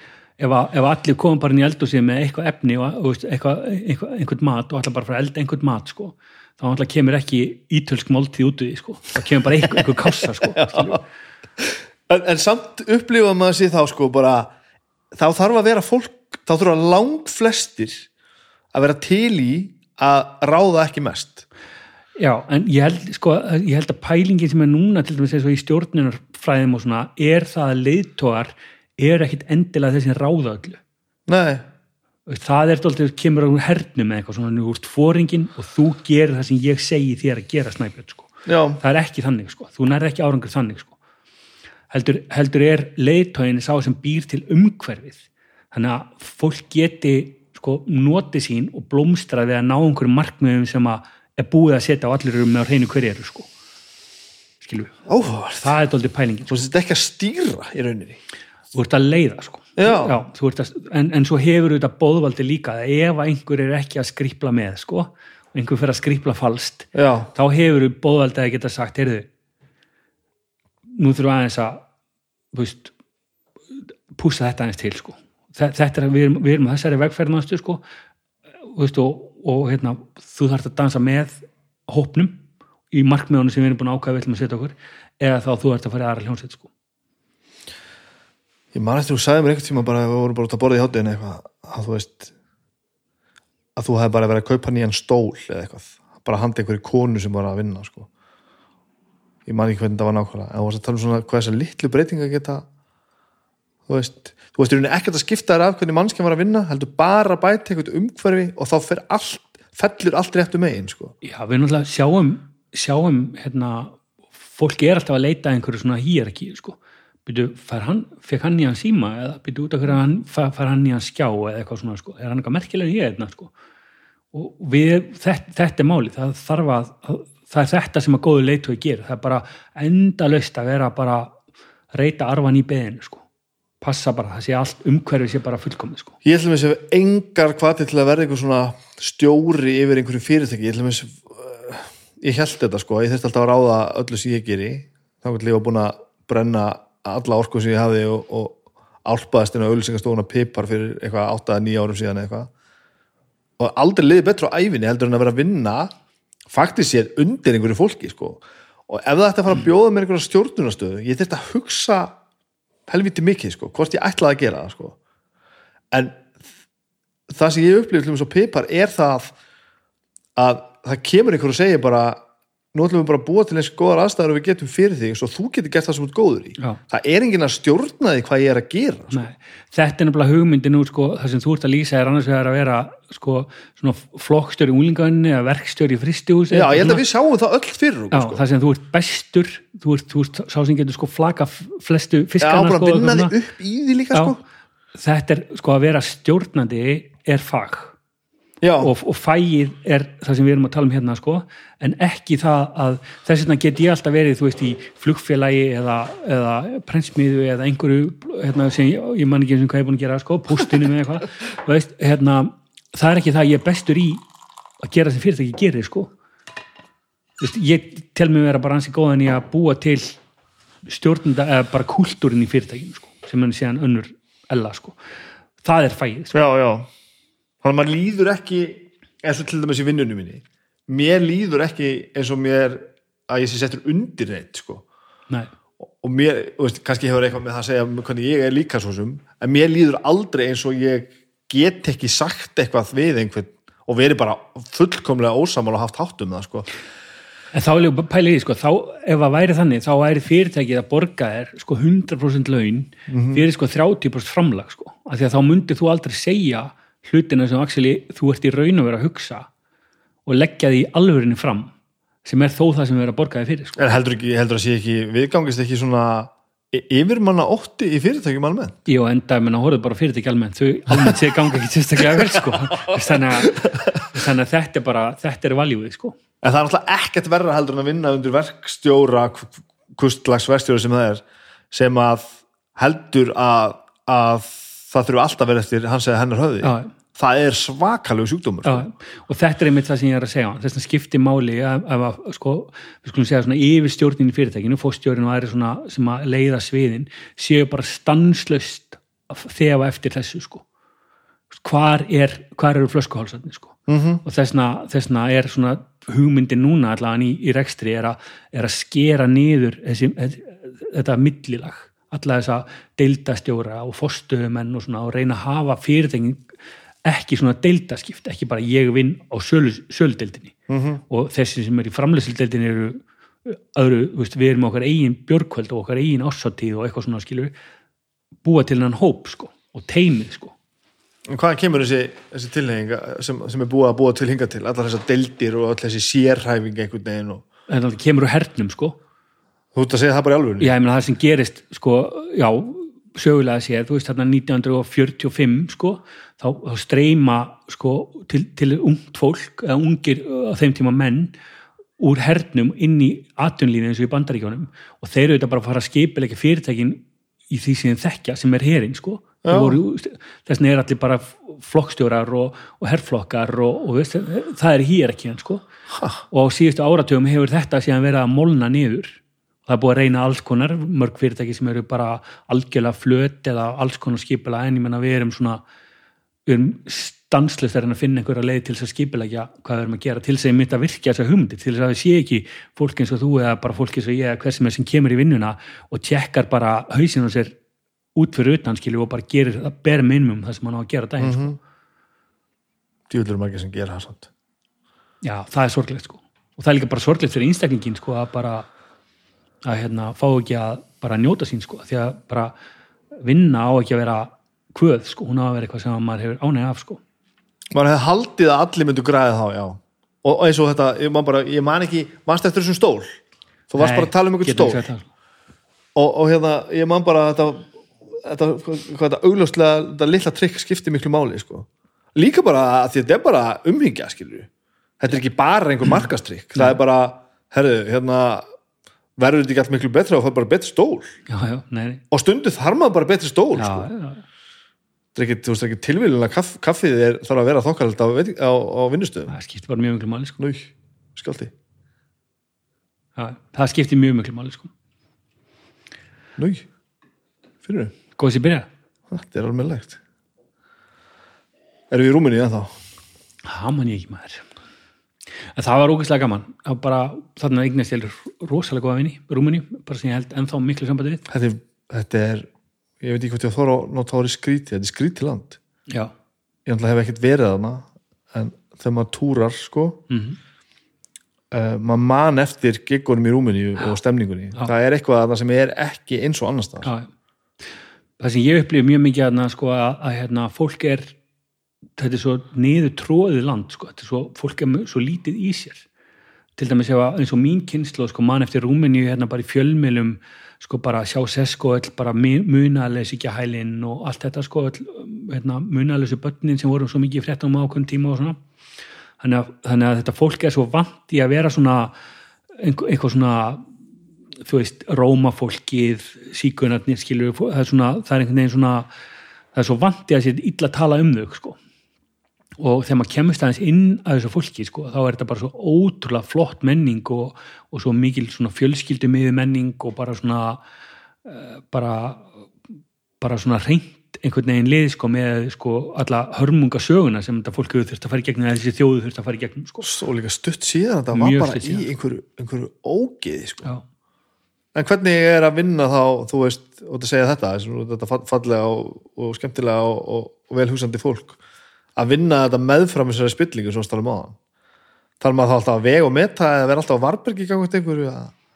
Sko ég held að spillingin, allan að vini mín í Rúminni sko hlóu, hlóu sér máttlu segna 2008-2009 þegar við vorum að fara í gegn hrunið sko, þegar að þeir voru að horfðu upp á það að Íslendinga voru að horfast í augu það að það væri kannski ekki allt með feldi á Íslandi sko, að við höfum verið það barnaleg sko. já, ég held að sko spillingin í, í Rúmeníu sé ekkert sérstaklega miklu meira en á Íslandi en Nei, einst ég- staðar annars fólk er bara fólk og það er allir ef þú ert hann innréttaður þá ertu alltaf einhvern veginn að reyna bara að óta þín tóta og reyna bara ef, ef að það er þannig sem þú vilt rúli í lífinu skilur já. en hérna en, en ímyndin af þessum löndum er einhvern veginn svolítið svona sko. Og, og, og hérna og þetta bara svona svo kemur til dæmis í Búlgari sem er miklu svona slafineskar, svona rús, rústneskari kultúr Já. sko, þá er menn vopnaðir sko. Það er miklu meira það hostar er miklu allt annað sko og maður bara svona, var, mér var ekkit sama þegar ég var að, þegar ég tók að því að bílstjóri mér var með byssu og svona skilu, það var svona endur það er land sem að er sjaldan spilað í sko. það er novelty að fara þar inn Já, fyrsta lagi bara vesen að komast þangað inn Já, sko, já, og útáttur og, en þar, það, það er einmitt land sem, ólíkt Rúmeníu sem að finnur bara Já. að fólk er bara ekkit vinir sko. bara default staðan er ekki vinnvitt og svo á ég sko bara frábælega góða vini frá Búlgaríu og ég, ég var hérna eitti mjög miklum tíma hérna í borg sem heitir Plovdiv sem er önnurstæsta borgin eh, rétt fyrir utan Sofíu. Og hérna og þetta er kannski æðislegt fólk að vinna með og bara búið að bjóða mér í brúðkaup og bara rosa gaman sko.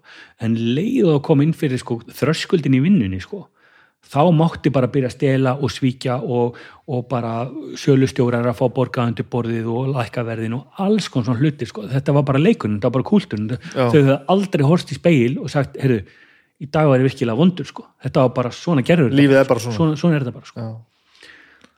ah, hvað þetta er erfitt maður lífið er strempið Já. og það er að spila þessa leiki já, já, það er ótrúlegt maður en innviðir í, í Rúmeníu er og það er ég að segja eitthvað sem þú þekkir þrjú þúsund sinni betur en ég. Ég meina gatnakerfi er fókt upp sko. byggingarna sem maður hefur komið inn í eru bara hættulegar sko. og þú veist, þau eru á eftir með ansi margt, manni finnst, þú veist auðvitað að tala um þessar reykingar sko en veist, það er svona svolítið monumental einhvern veginn. Það lyktar allt af sígaretureyk sko. Sko þetta er samt, ég kem hann fyrst kannski 2006 og ég er hann núna ennþá, veist, ég, ég á mikla vinni hann ennþá og bara hef verið mjög mikið hann á síðust árum líka sko.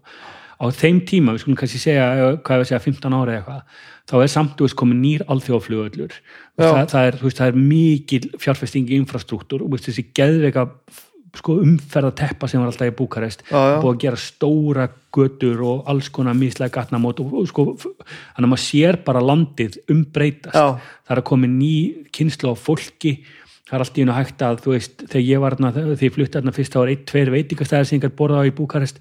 Núna er bara gúrmei um allt gúrmei kaffi og, og allt þetta skilur, þannig að það er ekki það er, ekki, það er líka geggja að sjá svona stórt land bara umbreytast sko, það er alveg verðmætt sko. Og svona hratt maður. Rætt sko, sérstaklega í svona innviðum sko. Það sé ekki ægilega vakstaverki með því þá Nei, ég menna við erum að rífast hérna um eins og ég gæri einhverja ferju á breiðafyrði skilju, ég menna þarna er bara, bara búið dundra niður á nýjum flugvelli skilju og bara nákvæmlega. Svakalegt sko.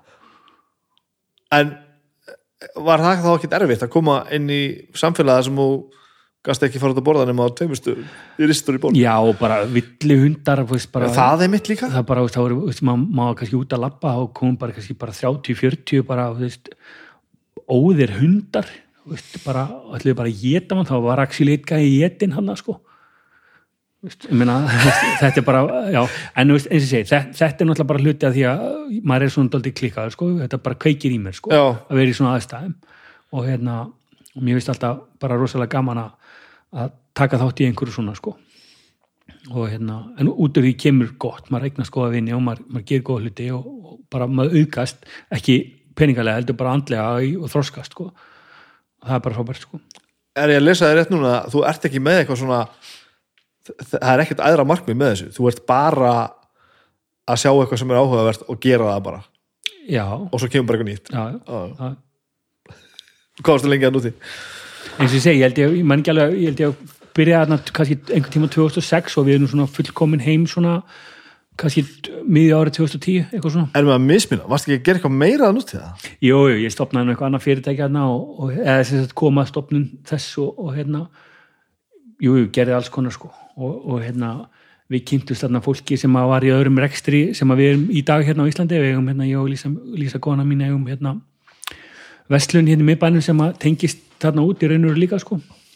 Eða þess að vinur okkar þarna úti sem að, sem að stopnuðu búið sem að mér fannst og okkur fannst gríðal áhugaverð með svona ylvötn og, og hérna svona high-end og svona handgerð handgerða snirtjör sem er stofnuð úti nei sem er, við kynntust þessi úti, úti í Rúmeníu sko. Sem stofnuð þannig búið úti. Það, er fyrirmyndi þar? já, ok. Já.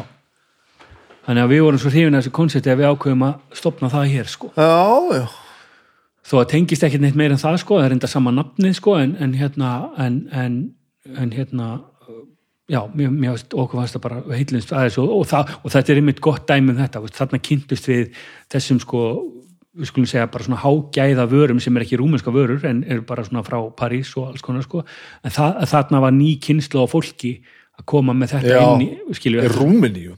high-end. Þannig að það er sérst Madison í Rúmeníu? Já, já, Madsson í Rúmeni og, og, og í Budapest í Ungarlandi líka, tvær búðir. Og tengist ekki nema að við erum bara vinnir tengist, og, og við náttúrulega þurftum að við vorum að nýta þeirra viðskiptarsambönd þessum sama nafni og svona já, já, já, já. erfitt að fá þessi, fá þessi vörumerki og, og hérna og svo leys, þannig að hérna já, þetta, þetta kom út úr því og hvað, hvað veldur þið komið heim? já, það var bara við seldum fyrirtæki að núti og, og hérna veist, það er svona, kannski ekkit við að vera þarna eftir það sko Varstu þá hættur í brennstöfinu til að gera hitt? nei, það bara, við seldum eigendurni seldu það bara Já, seldu brennstöfið, já, Já, já, skilji, skilji, skilji. þannig að hérna, við komum bara heim og vorum að velta og fyrir okkur hvað ættum að gera og það var hérna árin eftir hrun og kannski ekkit mikið að frétta og, og þannig að ein hugmyndi var að opna svona búð sem við gerum Og þetta, hefur þið áhuga á því sem er inn í búðinni eða hefur þið áhuga á rekstrinum? Já, ég hef rosalega mikið áhuga á og þetta var endar sko mín hugmynd til þess að gera, ég hefði svo mikið áhuga á konseptinu baka vörna sko. Ég hefði svo mikið áhuga á þessu svona anti-marketing dæmi sem var í þessu sko. Það, var til dæmis við, þetta eru svona vörur sem að eru svona móti þessu massmarket, þú veist við erum að selja ylvöld sem eru ekki það sem þú færði í fríöfninni skilur, það er ekki verið að selja þér þú færð ekki okkipið sundbolta með eða, eða snirtitösku heldur, veist, og við megum ekki auglýsa það, ég mætti, við mættum ekki vera með hilsi auglýsingu í frettablaðin skilur, það bara, við, búðin mætti ekki vera í kringlunni Já, skilur, þetta, er svona, þetta þarf að vera svona net word of mouth sumi kalla þetta snopp, sko. Nei, þetta er ekki snopp, þetta er, þetta er gæði sko. þú veist, þú er átt að því að veist, þetta er svona bara þetta er ekki eitt öðru sem bara kraftbjór eða gott kaffi veist, þetta þarf ekki að þetta kostar ekki miljón sko, heldur bara þú átt að því þú ert að borga fyrir handverk og gæði sko. Og sjálfstæða hugsun, sko. Já, Það finnst mér oft mest heillandi þegar er að, að þú varst að tala um kaffið og, og nú erum við að drekka kaffi frá, sko, frá fólki sem að er að gera þetta að eigin hugsun og af einhverju ástríðu. Það skiptir mig oft jafnvel jafnmiklu máli og það sem þú færið, sko. Stemningin á bakfið þetta, sko. Það var ekki bara einhver vesmið eða einhver stöða sem framleiti bara rosa mikið og, og þú veist, það er enginn að hugsa þetta er bara sæmilegt, þetta er bara fínt og jafnvel mjög gott Já. en, en, og kannski eftir því sem árin færast yfir sko, maður svona, maður fær svo mikið út úr því að maður svona gæjast inn í einhvern heim hjá einhverjum öðrum bara. Já, þetta var bara gert af einhverjum fullum heilindum á löngum tíma og það er einhver sem vil hafa þetta nákvæmlega svona og ekki öðruvísi. Já, já. Ég meina, ég var í hérna, núna bara í síðustu viku var ég hérna á Siglufyrði, hérna, fór uh, bjórkynningu, hérna, segull Já. 67 held ég heiti og ég er nú ekki sérstakar á að maður bjórnum og bara með skaman að drekka bjórin en hérna, og ég veit svo sem ekki um þann bjór en hann er bara góður. En það er ótrúlega gaman að hitta fólk sem er svona með mikið passion fyrir svona sko. fjölskylda og ég mun alltaf því ég sé þennan bjór, þá man ég- mun ég alltaf muna eftir þessum manni og mamma sér að hjálpa honum að setja í dósirnar og eitthvað svona maður. mér langar að, langar að setja peningi minn í þetta Já. og mér veist alveg gott að drekka hænikan líka skilur en ég menna, þú veist hvað ég menna ég vil, ég vil stiða þetta fólk sko. Þetta er að sama sko og þetta er náttúrulega, Agnes er náttúrulega að vinna í Madison já, og, og ég hafði engan áhuga á, á ilmvötnum sko. fyrsta lagi fannst mér þetta líka bara ekki vera ég sko. eitthvað að sprauta á mig einhverjum, einhverjum, einhverjum snirtifurum sko. Ég notaði svitra þetta eði af því að annars kom vond líkt að mér sko. en, en, en, en svo fyrsta lagi, ég var alltaf að byrja að fylgjast aðeins með snirti vörum yfir höfuð í gegnum hana sko. Og, og þetta er svolítið bara eins og áhugamálum mann sko, sem maður hefur sjálfur allt um sér maður bara, ok, það er að gera þetta vel og það er að gera þetta illa sko. og það eru til gítastrengi sem kostar sko, þrjúðu skall og svo til gítakasteki sem kostar 400 kall sko. og það er einhver ástæði fyrir því sko. Og svo fyrir ég bara að sjá hana að tala um einhverja snirtifur og þetta er svona og þetta er hins egin sko. og ég að datt mjög fljótlega inn að ég bara á þriða, fjórða bjór einhver staðar í einhverju borg þegar ég var að túra þá fór ég inn í einhverja snirtifur og veistlega og keifti eitthvað til að gefi því sko. Veist, að því mér fór bara að finnast þetta skemmtilegt Já. og svo fór hún að vinna í Madsson og þá fer, maður að sko aðeins að skegnast inn í þetta og þetta þarf maður að færa sig eftir því, maður má ekki sitja bara í sófanum með einhver snúð og svo fyrir hún að koma heim með einhverja pröfur og ég fyrir einhver að finna líkt að þessu og bara allt og mikið og ægilega stort og eitthvað. Og svo allt í nú kemur hún með eitthvað sem ég bara svona hefði, þetta, þetta er frábært já, já, og þá er það náttúrulega, núna nokkrum árum setna finn ég það, að það var náttúrulega eitthvað svona gateway sko, það var eitthvað svona, eitthvað svona frekar einfaldur ilmur sko, sem í dag mér finnst bara, já já hann er bara rosa fýtt sko.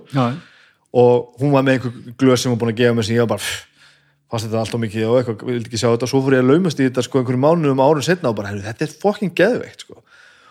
Og þessi kultúr er bara svo skemmtileg sko. Og þarna kemur þessu sem þú ert að segja að ég myndi ekki nenna þessu ef þetta væri bara eitthvað adidasglas nei, nei, nei. Sko, ég meina við erum hann með, þetta er auðvitað mjög allt í mik, mik, litlum upplögum og þetta er mjög lítil fyrirtæki sem er að, við erum að selja frá og svona, en þetta er fólk sem er kannski senda fólk hérna einu svona ári sko, til að skoða, til að þjá- þjálfa fólki á okkar og segja frá nýju nýjungum. Og svo eru þau að sjá sko hvar þau eru í búðinni þeim, veist, samt eru að kannski selja 50 glös frá þeim ári sko, Já. en bara passjónið sko, Já, bara, já, veist, bara það er eitthvað sín sko. Skiptir svo það er svo, það er svo smitandi að vera þetta er bara svo vera talaði tónlistamenn bara, bara með algjörlega með hjarta í þessu. Það er ekki verið að hugsa um hvað getur þú kipt mörg glös þú mátt fá umbóðið og selur 500 sko. Það er bara, veist, skilur hvað við erum að gera. Já, já, veist, bara ertu veist, ertu innið nóg hérna sko. Og, og það er einmitt svo gaman að sjá og, og það er það sem ég hefði áhuga að reynda að koma í ljós að lýsa einhver, einhver undrabarn í þessu sem betur verið en svo reynda mörg öðru sem hún gerir. En hérna sko sjá bara sko þverskurinn af fólkinu sem kemur inn í þess að búð sko, þetta er ekkit eitthvað þetta er ekkit eitthvað bara einhverjar snopp píur og garðabæ sko. Þetta er bara alls konar fólk sko sem að bara átt að sjá því að þetta er bara eitthvað það er bara áhuga á þessu, þetta gerir eitthvað fyrir þau. Og, og, og maður er að gera þetta svo mikið fyrir sjálf, sjálfan sig sko, ég til dæmis klætti mig einhver föt í morgun, ég sé ekki núna í hvaða fötum ég er núna því ég er að horfa á þig en ég finn lyktina mér sko. Já, já, skilur, og, og þú veist, svo er til dæmis þegar ég var að spila, maður kannski spila með dimmu eða eitthvað, þá vildi ég vera með á, ákveðin Já, inn sko, ég er að fara að tekja með þetta líka. sem er, ég vildi vera, veist, ég vissi ég myndi hitta fólk og ég var að taka mörg faðmlög og hitta alls, þá vildi ég að fólk fyndi aðeins fyrir mér, þá er eitthvað svona sterkan svona út svona með austurlandska svona kryttaðan skilju, bara svona allt sem væri alltof sterkur ef ég væri að fara í vinnuna sko. Ég stóð sjálfan að með, með að ég að segja við Agnes um daginn, hún var að spyrja að einhver vinkona hennar var að tala um einhvern ilm sem var til í búðinni sem ég hefði verið að nota og Agnes spurði mig sko, hvernig finnst þér þessi ilmur? Og ég sagði á þess að hugsa þetta er ilmur sem ég myndi ekki fara með í vinnuna ef ég væri að fara á stóran fund með kuna sem ég þekki lítið. Já, já. Og þetta var svona setning sem kom algjörlega hérna, fluent og allir var ég búin að setja eitthvað í orð sem ég vissi ekki alveg sko og þá fattaði ég sko, ég stendur hérna fyrir á speilin á mótnana og veit hvernig dagurinn er að fara, fara að verða cirka, ég fann að pikka ilmin eftir. Já, því, alveg óavitandi sko. ég hef oft lendið því að ég er farin út heima og mér og fara að gera eitthvað og ég sný við og að ég glemt að setja mig ilmvat sko. þetta, er, þetta er stór furðulegt sko. djúvill held ég að margir haldið við sem já, og við erum það bara en, en sko, so what sko og, og þetta, er bara, þetta, er, þetta er bara í fullri alvöru bara mjög áþreifanlegt þeng sko. á ilmur sem var ekki búin að til sem er upp á ilmurum minn sko, býsta lengi sko. Svo kom hann loksins bara núna í síðustu viku sko. Og svo kom ég heiminn til daginn og bara hvernig var dagurinn og ég sagði að hann var frábær. Og ég var ekkert búin að tengja þetta. Og þetta var í alvörunni þegar ég fattaði bara þetta er helvítis volcano ilvatni Já, og það er líka út af því sko að, að, að þetta eru svo lítil fyrirtæki. Þetta er, svona, ný- þetta er kallað nísperfjúm sko, þetta er svona bara svona að hérna, þetta er ekkit fyrirtæki sem hún getur bara panta hjá, ég ætla bara að fá einn kassa sko, bara þetta er til, þetta er til. Þannig að veist, fullt af kunnum sem kom inn í búðinu og segja ég ætla að kaupa ylvatni mitt, það er bara ekki til sko, hvernig kemur aftur, ég veit ekki Nei. bara vonandi sem fyrst sko. Og, sem, og það besta er sko, núna er nokkur mánuðu setna þegar ég fekk ilvatni loksins aftur það er ekki alveg eins. Batsið er ekki alveg Já, eins. svo getur það verið sko. það var alveg magnað sko. Já, þetta er bara, og maður er farið út og farið og hitt svona fólk þetta er bara svona nef, þetta er bara svona crazy scientist, þetta er bara svona ylfarskerðar mistarar sko, eins og þetta var í gamla daga. Já, auðvitað. Svo er bara búið að massmarketi búið að taka þetta og, og bara hérna, gera allt rosa hagkvæmt og auka marginn og allt þetta skiljum en þetta er bara ráefnið í þessu stöffi er bara alvöru sko. En þetta komum við að því sem ég held að sé svo, svo sem ég finnst svo áhugavert og skemmtilegt og ég held að ég sé ekkert að ímynda mér þetta að allt þetta massmarketing stöð við erum á einhverju seflu tilbaka sko. Já, potið sko. Það eru svona 20-30 ár síðan að voru sko sérveslanir og, og kaupmaðurinn á hotninu og það var bara drepið bara með einhverjum hagkvæm, hagkvæmum lausnum í reisastórum vestlunum að sem hún fegst allt.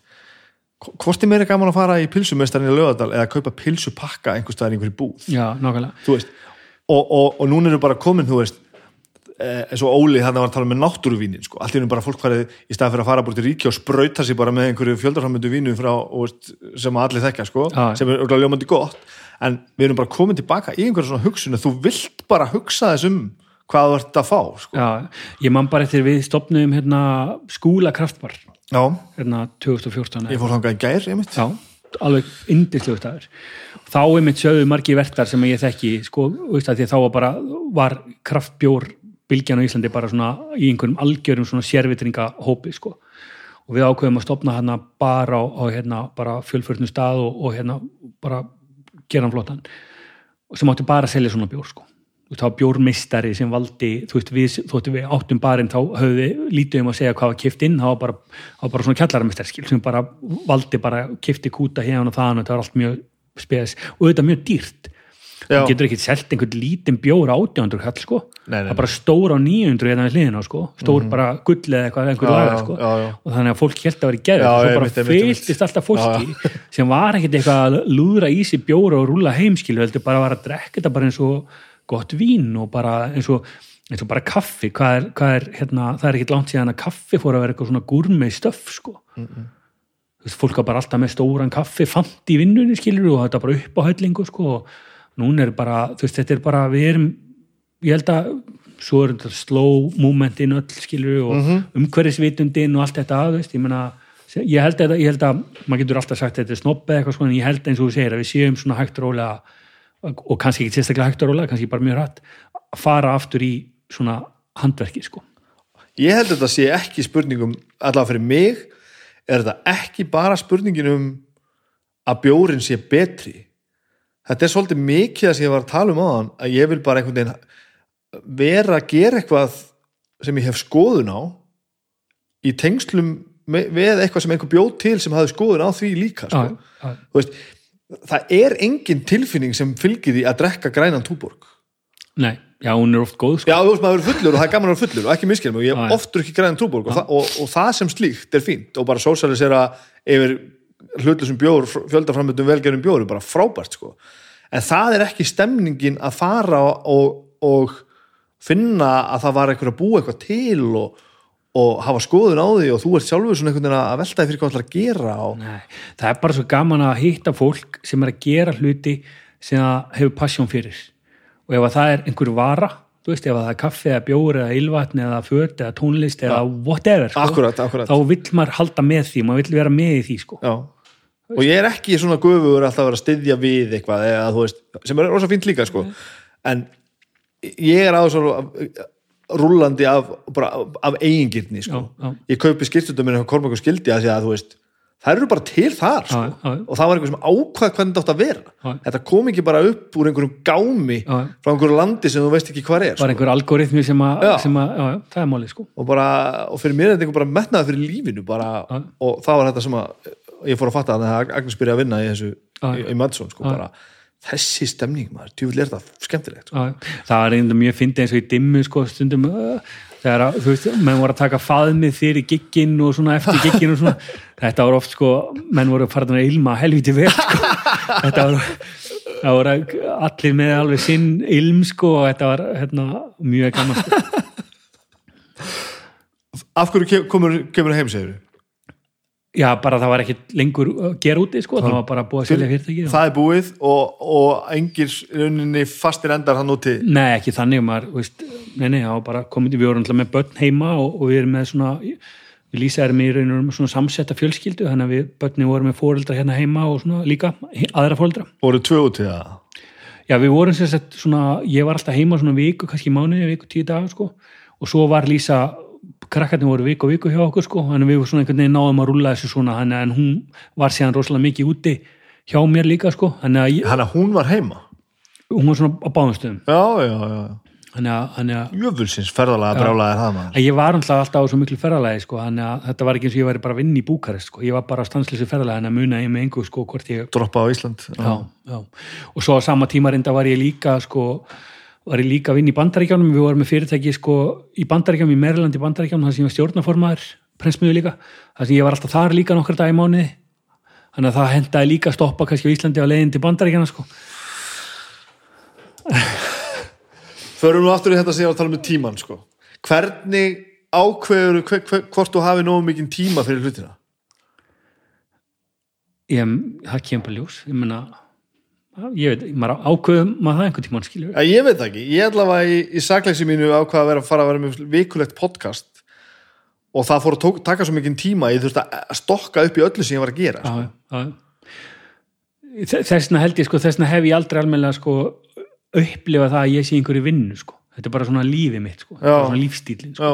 Þessna get ég ekki verið leiðilegri vinnu sko ég þarf að vera í einhverju svona sem ég bara alveg 100% í og alltaf þegar ég til dæmis það kemur eitthvað nýtt upp með eitthvað nýtt tækifæri eitthvað svona, þá er alltaf bara samtal milli mín og lífsu skilju, vilji við gera þetta sko, Já, það er, ekki, það er ekkit eitthvað svona byggir að fara að vinna nýjum stað sko, því að við vitum alveg að þetta er að fara að vera svona allt um líkandi Já.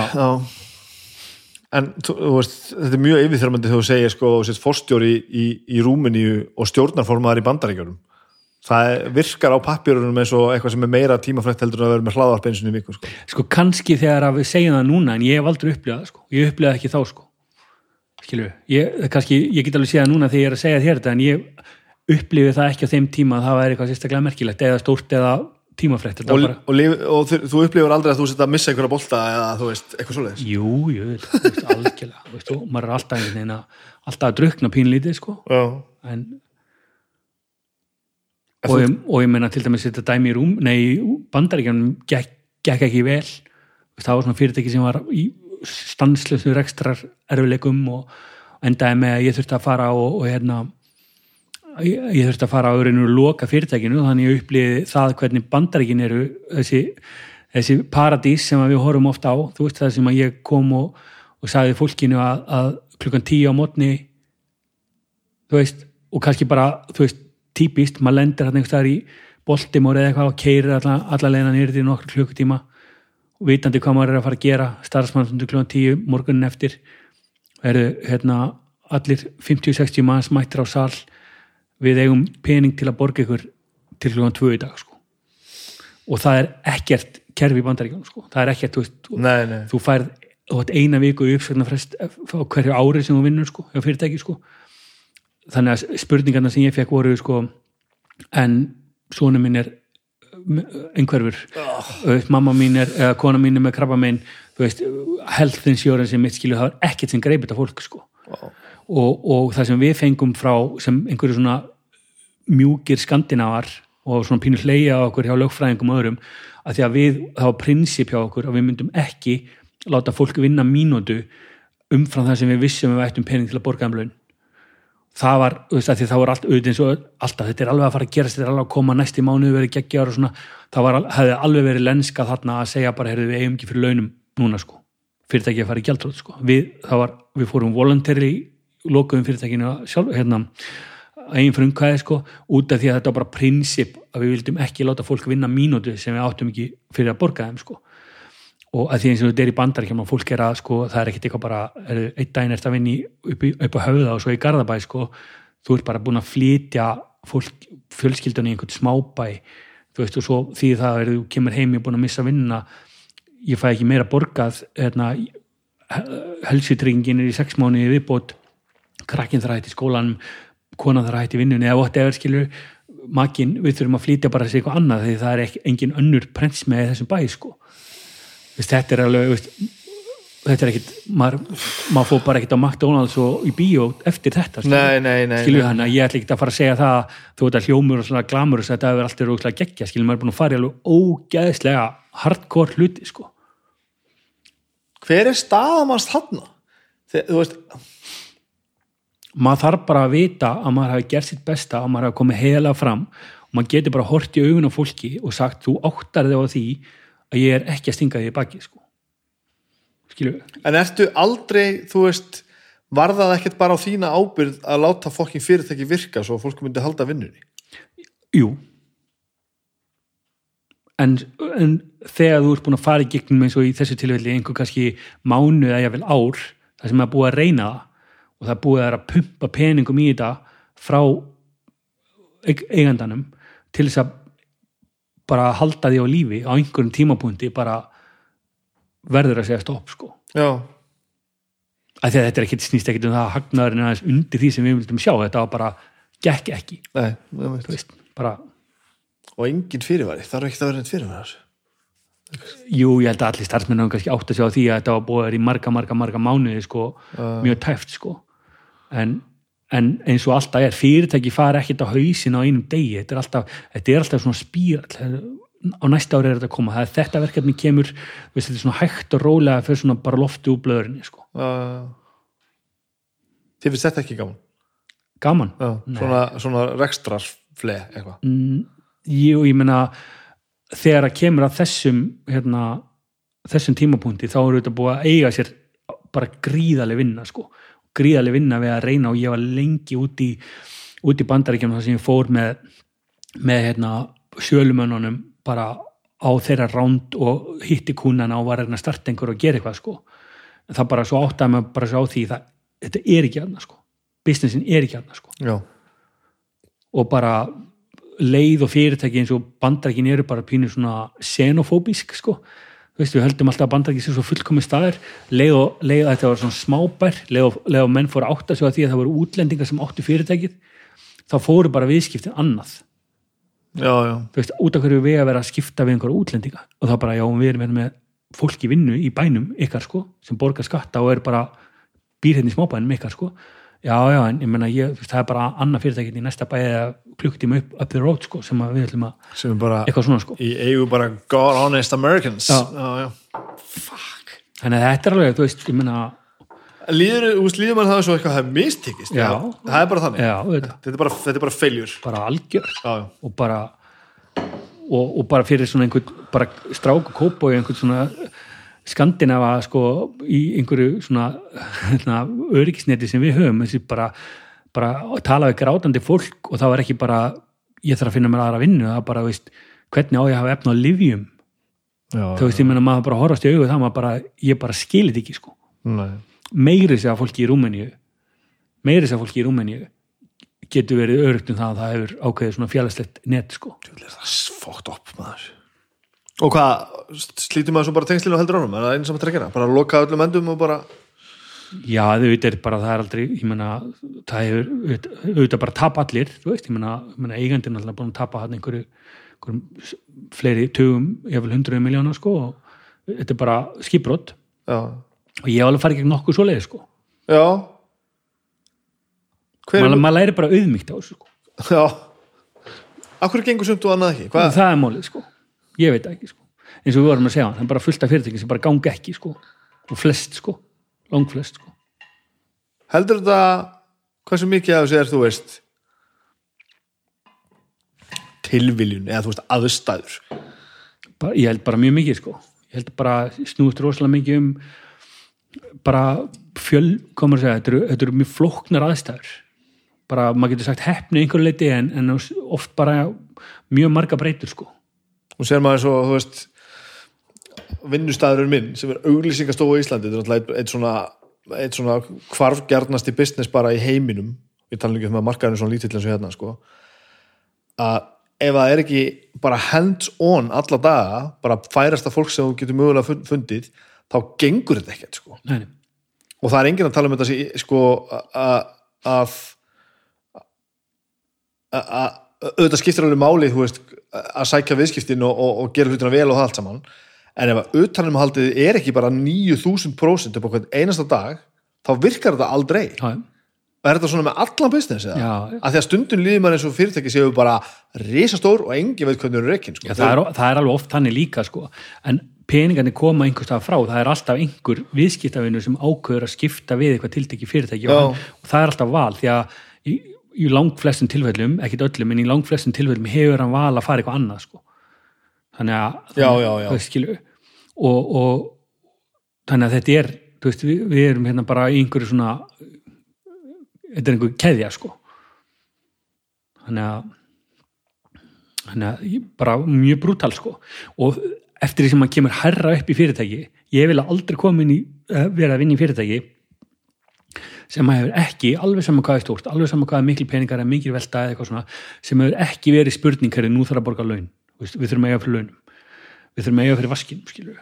þetta er bara nákvæmlega sama og, og hérna bara lítil fyrirtæki er að fara í gegnum sko.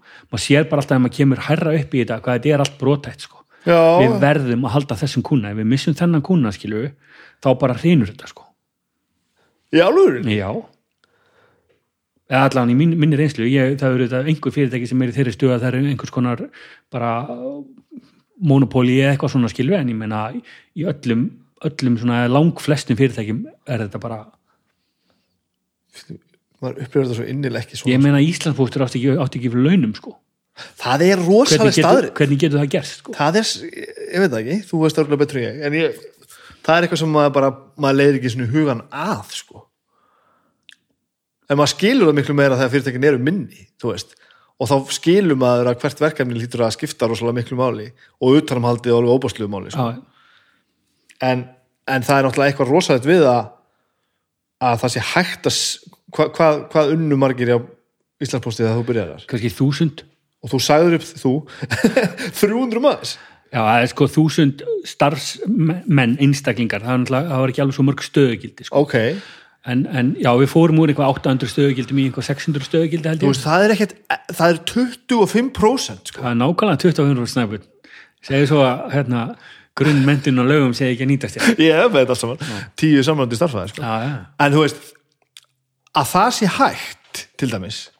Já, það er magna að, það, það lítur að segja manni það að það er að fara helviti langt overbord í einhverju vitt, vittlesu skilur, Já, kannski já, var þetta bara eitthvað annað skipla og eitthvað sem ég hef ekki skinnbrað á en þú veist, það er að fara með fyrirtæki að sé langt í einhverja átt sem virkar ekki já, ég, ég get nú ekki svara fyrir það en það er allavega var staðan sko. það er, það, þetta, það, hérna. þetta til dæmis sko. þetta gerir bara þetta er eitthvað sem maður bara skilur ekkert sko. og ef maður er ekki svona svona þengjandi yfir höfu sko. en svo, en eins og ég sagði, svo ótrúlega margir hérna innan búðar áttuðu sig á því að þetta var ekki eðlilegt sko.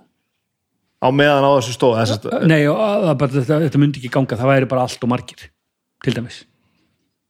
Þannig að starfsmenn sko. Þannig að maður þurfti ekki að eiga samtal við fólk Nei. sem áttaði sig bara hvað sér eru á mörg sko, það, bara, það skildu það allir sko. Það voru allir búin að sjá það sko. Hvað hva,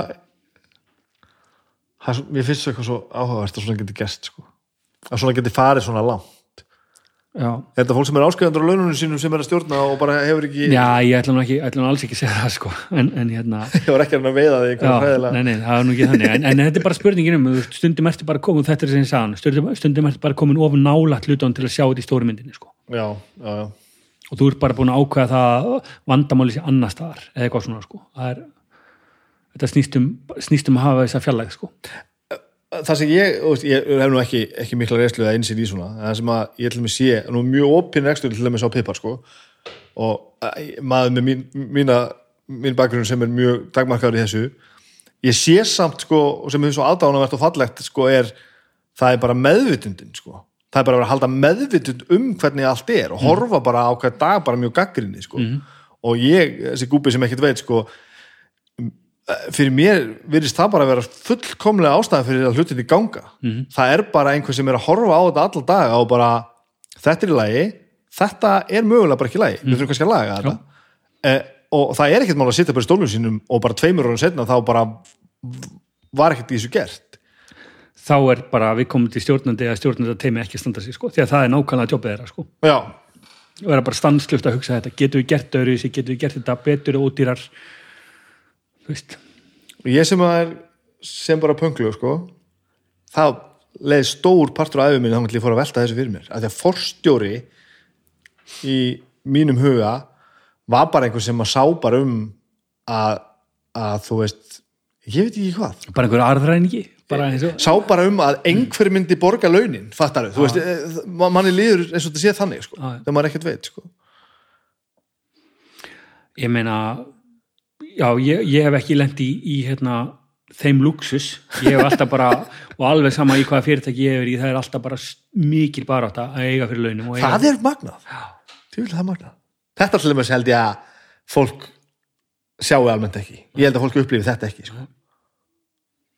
en það því þá að allir mánuðir endalust eru strögg já, bara á mjög margi mánuði sem þú ert í bullandi tappi, svo veistu að það, það kemur einhver kannski fyrir jólin eða eitthvað sem þú getur unnið upp, sko en er kerfið ekki eitthvað, eitthvað bygglað ef að þetta þarf, þurfa allir að vera að ströggla við allt?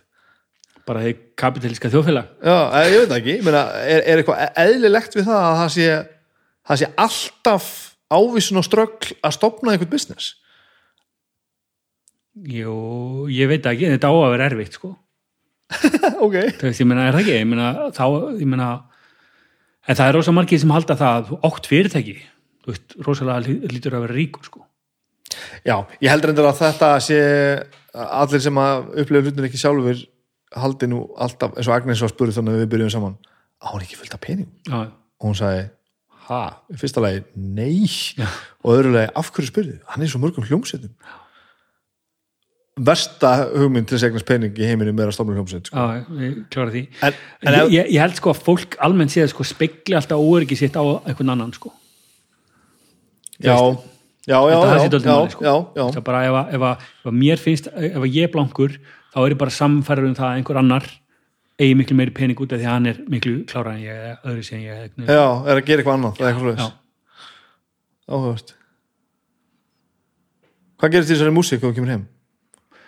já, þá einhvern veginn bara svona detti inn í bara svona gamla vinahóp, sko Er þetta 13 gig, er það fyrsta sem þú byrjar að gera? Já, við, við, við, já, við fórum, fórum svona veist, fórum að taka einhver svona einhver svona hérna hérna svona reunion gig og, og svona en, en við vissum það er ekkert eitthvað meira en það sko en þá er ég náttúrulega bara komin í, í hérna gýrin og, og hérna og, og geri, er hann í einhverjum böndum fer í einhver, einhver tónleikaferðar með einhverjum bandi sem stafar Hákon sem var frábært og Evrópu og eitthvað og síðan er ég raun og veru hérna bara hafa gamli félagar samband og ég fer hann í hljómsveitin dimmu sko.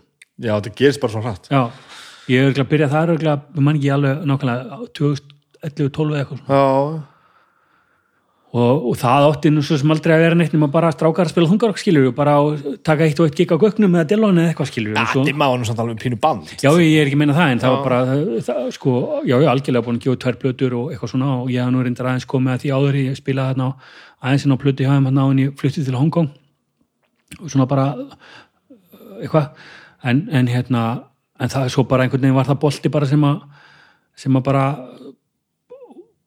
skoppaði svona hressilega stað. Það var eiginlega bara líf mitt næstu árin þar á eftir sko. Og og það er vel að þér að kenna sko. Var það mér að kenna? Já, ég meina, skálmöld náttúrulega meikaði það svo svakalega. Það var allt í einu svona svaðaleg hérna, eftirspurn eftir íslensku þungarokki og, og það fylgdu svona uh, það bara fylgdu hann einhver bönd á eftir sko og við vorum svona bara tilbúinir næstir röðinni vorum, vorum akkurat að gefa út hérna plötu og íslensku sem var svona frekar alltingi aðgengileg og, og allt í einu var bara var bara í lægi að fara á þungarokkstónleika og, og bara stækka einhvern veginn því stækkuðu marköpum svo svakalega sko. Já, og hérna þannig að, þannig að við sildum svona í kjölfarið á ykkur sko. Já algjörlega ólíka hljómsveitir Já, ólíka- ég er ekki alveg vissum að þetta sé alveg svona einfalt en, en ég held að þetta haldist allt í hendur sko. já, það var til dæmis í lægi sko, segja, það var svona það var ekki það var í lægi að kaupa sér miða á 5.000 kall að fara á þungarstónleiki hörpu sko, sem hafði ekki verið áður sko. nei en, en, sko, en með fullri vinningu fyrir öllu sem á undan hafi komið sko. Sá til dæmis frábært dæmi um bara svo mínus og brainpolis og öll þessi snildalegu bönd sem komið hana sko. Það var einhvern veginn ekki í vatninu að fara og bjóða sig öllum sko. nei, nei, ég veit ekki hvað, þú vilt kalla hvort þú vilt kalla hordóm eða, eða businessvit eða Já. bara heiðarleika hvað það var, Já. eða frekju bara. En það sem við gerum var náttúrulega bara að við vorum einhver hljómsett sem við gerum bara eftir okkar höfði sem ég sá svo að gerist nákvæmlega sama hjá ykkur. Já, en það var farið að stað bara hérna ei, sjáðu hvað við erum að gera, þetta gengur ógeðslega vel. Og, og veist, ég ætla að bjóða öllum að hlusta á þetta sem vilja og það, í, í mínum huga var það nákvæmlega sama sem dim, já dimma gerði og ég meina dimma er ekkit sett á staði eða tónlistin eða eitthvað svona gaggert til þess að vera vinsæl sko. Þetta, þetta er bara genuinely músikin sem að menn fíluðu sko. já, já. og, og hérna hefur bara mjög sterkar rætur í bara smekk og, og reynslu þeim, þeirra sem voru í bandinu sko. en, en hérna en ég minna leið og við fórum að leið og fóru að koma fleiri en hundra á gigg hjá okkur skilur við, þá vorum við strax orðin sellátt í senunni já, skilur við það er alltaf þannig. Það byrjaði þannig sko og hérna þannig að, þannig að þetta fór mjög hratt út í það að vera bara miklu almennari svona hljómsveit sko heldur en, heldur en svona einhver hardcore þungarspand sko. En mömmu minni var til dæmis aldrei bóðið upp á að hlusta á mínu sko. Nei, skilur við hvað ég á við? Nei. það var eitthvað svona nálgun í því sem bara kannski er að tegja mig oflant sko. en fólk er ofta að tala um þetta með þetta skálmaldamál sko. ég er eiginlega vissu það fyrir utan alla, alla vinnuna sem er sett í þetta bara fyrir utan tónlistina bara vinnuna að búa þetta til svona að, að segja frá og þetta en ég held að stóra máli hafi verið að í öllu sem var gert og aftur sem ég upplifði hjá dimmu sko, að það, við vorum til sínis fyrir alla sko. Ef þú vilt hlusta á kondu endilega sko. Já, já, en ekki einhvern veginn svona að þrengja radarinn, já við erum nú bara svona band þannig að þú veist við spilum fyrir þessa og... nei, nei en svo er þetta líka spurning um tímasetningu sko, því að, því að sko á þessum tímapunkti bara í alheim sögunni, þá er hann að kynslu sem að hefur upp við Metallica og Slayer og þetta svona Já, þungar já. sem er þarna orðið sko, mengi er orðið miklu stærra sko. algjörlega og, og líka fólk sem að hefur kannski alist upp við Sabbath og Zeppelin og svona þannig að, þannig að fólk sem að kann að meta þungt rock er kannski bara orðið á 60 og 70 aldrei sko. og í, til viðbótar, samfélagið þess að við talum aðan er orðið þannig að forstjórnir eru fattar að hlusta á döður og það er í lægi Já, sko. já. það geta einhvern veginn allir verið með sem vilja sko. þannig, þannig að sko maður upplýði það svo fljótt og þarna aftur voru þið hérna frumkvölar eða, eða allan að síndu þetta þarna sko að hérna fólk er að koma og hugsa bara ég, ég hérna, litli, litli hérna strákurinn minn hann er alveg brjálaður hérna þungar okkar ég brjálaður til með maður og eitthvað svona.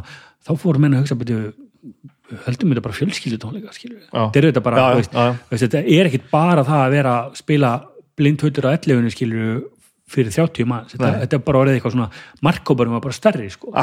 Og, og að því að, að, því að held, ég, held ég að við vorum heldur ekki sjálfur tvítuðir skilur í einhverju uppreist þá áttu við okkur alveg á því að þetta var, það var hægt að gera eitthvað sko. Já, og, og því meira komur að segja, commercial success sem var svona, því stærra gáttu við gert þetta, því fleiri sprengjur gáttu við kæft á tónleikana þannig að þetta var alltaf svona bara, þetta var bara svona lúpa sem að skapaðist sko. En þið, gerð, þið, þið gerðu þetta rosalega ve- vel. Þið unnuð alla vinnuna. Maður fann það alltaf sko Já, þetta er auðvitað bara, ef maður tala um svona teimi og svona, þetta er auðvitað bara svona hann, góðu tímabili, nokkur ára tímabili dimmur, þetta er bara svona veist, nánasta, nánasta teimi sem ég hef unnið í, sko Já. að því að allir voru svo gjörsanlega hel teknir af þessu, sko já, já, það þarf náttúrulega til þess að það virki sko. þeir til dæmis spiluðu mjög ve- vel á styrkleikana ég meina, þú veist, það sem Skálmöld hafði ekki og hefur aldrei, sko, þið eru með rockstjörnu sko. já, já, þú veist, þið eru bara með mann sem stendur fremst og er rockstjörn já, ekki bara það, hann er bara einhver rockvuð, Já. hann er bara og bara, og bara að holdi og blóði og líf og sál Já, sko. stekkur bara hann fullskapaður hann upp úr mývatni sko og Já. bara alveg magnaður og bara, ég segi ofta Stefán Jakobsson er bara einhver bara besti þungarsöngari bara, Já, já. bara í, ekki á Íslandi sko heldur bara Ja, þótt ansi miklu við að vera leita hjartalega sammála því sko. og líka, ég er nú ekki, ég hef því mér unni frekar lítið með honum sko. En þessi skipti sem að vinna með honum, þá fattar maður líka bara já, hann er svona góður. Ógeðslega góður. Þetta er ekkert feik, sko. þetta er bara aldrei vesen og þetta frábæð strákurinn sko öll þessi gig sem ég hef spilað með hann aldrei falskur, aldrei þannig, þetta er bara einhver vél sko. Ég man, man impacti sem ég fekk hana þegar við tókum ég, þú, hann og þráinn gerðum hana hver er draumurinn? Já, já, þegar hann að syngja hæg stúdíun ég bara, já, fokk, hann er svona helvit góður maður. Og svo voruðum við Já, já. sem einhver svona gamli svona legendary hundar tveir þarna. Og þetta, þetta virkaði allt saman og þetta var líka bara vörkað sem slíkt sko. á meðan að Skálmöld var einhver svona krútlegu saumaklúpur sem að spilaði þungarokk sko. ég, ég held að menn sko eins og í dimmu sko einmitt bræðirnir og svona sem er náttúrulega hafa verið í þessu bara alla sína hunds og katta tíð sko bara veist, þeir, þegar menn komast í þetta færi þá voru þið svo undibúni sko menn vissu nákvæmlega hvað átt að gera sko. já, já, þetta var bara, þetta var bara svona svo hérna, veist, þetta bara þurfti bara svona kveikja á kaninni skilju, þá bara byrjar allt sko en þetta er byluð vinna maður. Já, og rosa mikið vinna. Og við sko þetta bara, þetta átti ekkert að vera svona, allavega frá mínum bæðaturum sé átti þetta ekkert að vera svona svakalega mikið. En svo gerði við annað, við fórum að vinna með Bubba Mortens. Þannig að við vorum í raun og veru með tvö bönd í gangi sko. þannig að þegar að til dæmis náttúrulega væri séð að tíma myndi ekki úr plötu og svo myndum við spila einhverja nok nokkar mánu út um alltaf fylgjan eftir og svo kemur einhver svona dántími þar sem við værum að vinna næstu plötu þá kveikna alltaf á bubbotimu sko. þannig að við vorum hann að það komi einhver svona ég veit ekki, einhver nokkur ár, 5-6 ár eða 4-5 ár eða eitthvað, eitthvað svona það sem þetta var bara stanslaus vinna sko. Og, og, og til dæmis sko og fólk átta sér bara ekkit á því stundum hvað þetta er mikið sko. Nei, það sé rétt. Ég man bara þegar við byrjum að spila með Bubba og við varum búin að ákvæða við byrjum einhvern veginn í nógumber eða eitthvað og við ætlum, vorum búin að setja tónleika í Marsi í Hörpu, Eldborg og við æfðum að hverjum einasta degi sko, mm -hmm. hverjum einasta degi klukkan 5 og lögatum alltaf klukkan 10 sko. Þú veist. Já, það er svona sem þetta gerist. Það var ekkert eitthvað bara ástíminu ekki að kikið ten, til tenni skilur Nei, þetta er ekki þannig. Það er bara ekki þannig sko. Og ég held að, ég held að séu margir sem að mér líður svona eins og maður getur slaka aðeins á æfingunum eftir tíu ár sko þú veist, vélinn er orðin það smurð að þú, þú það er aðeins sem maður getur treyst á sko jú, jú. en ég held að það var stórpartur af, af, hérna, að því hvernig gekk á skál, skálmöldu var átt að segja á því að það er ekki solkottar sko þú verður bara að spila alla nóturnar Já. og gera það aftur Já. og svo aftur og svo aftur og svo þarf þetta að skrifa alla fréttatilkynningarnar og svo þarf þetta að hafa samband við alla þessa og þú þarf þetta að gera þetta allt þannig að þetta með sko að slengja þessu öllu að hæfileika á hefni þetta er 90% grænt. Bara eins og allt í lífinu sko. bara vinna vinnuna með höndunum sko. já, já, já, kannski bara eins og allt í lífinu. Já, en það er, mér finnst þetta alltaf alltaf pínu downgrading þegar fólk er eitthvað að tala um sko bara, já þið eru svo góðið maður, hlusta allir á okkur. Það er ekki, það er ekki aðal ástæðan fyrir því að, að koma, fólk kemur á tónleika nei, nei, nei. Og það er það sem er sama ég upplifið með dimmu sko, að vinnan var einhvern veginn alveg menn voru bara algjörlega all in og eru ennþá, þeir eru ennþá alveg all in sko, en, en hérna en þetta var bara ógíslega gaman og ég bara áttaði mig á því þegar þetta var, þegar ég var í bandinu og, og allir sé ekki hvað tvö ára eitthvað svona rúm sín í hætti núna að hérna líka bara eftir því sem frá líður þá áttaði mig bara því að ég mun aldrei losna við þetta og ég vil ekki losna við þetta skilur en ég er ekki að meina það en ég bara áttaði mig á því ég verð alltaf byggja í dimmu sko. Veist, ég, ég fer ekki gegnum einn dag núna í vinnunni sko, eða í lífinu sko nema að það komi einhver referens upp við þetta skilur nei það er það frábært, er bara geggja, ég er ógíslega stoltur það er ógæðslega gaman að hafa eitthvað svona identity sko. ótrúlega gaman sko. Og ég, ég alltaf pínu sorry fyrir fólk sem að vill einhvern veginn snúa baki við. Ég veit ekki hvort það heldur að sé bara að fara að þroskast upp úr einhvern sem það var að gera. Eða þú veist, en, en það get ekki þú veist, bara notið sko. Já, og þetta er líka bara, ef maður setur þetta í samingi mitt líf, sko, þetta var alltaf það sem ég ætlaði að gera, þannig að ég, ég get bara sagt núna, að ég er búin að ná eh, sko, draumnum sem ég ætlaði mér að gera, sko.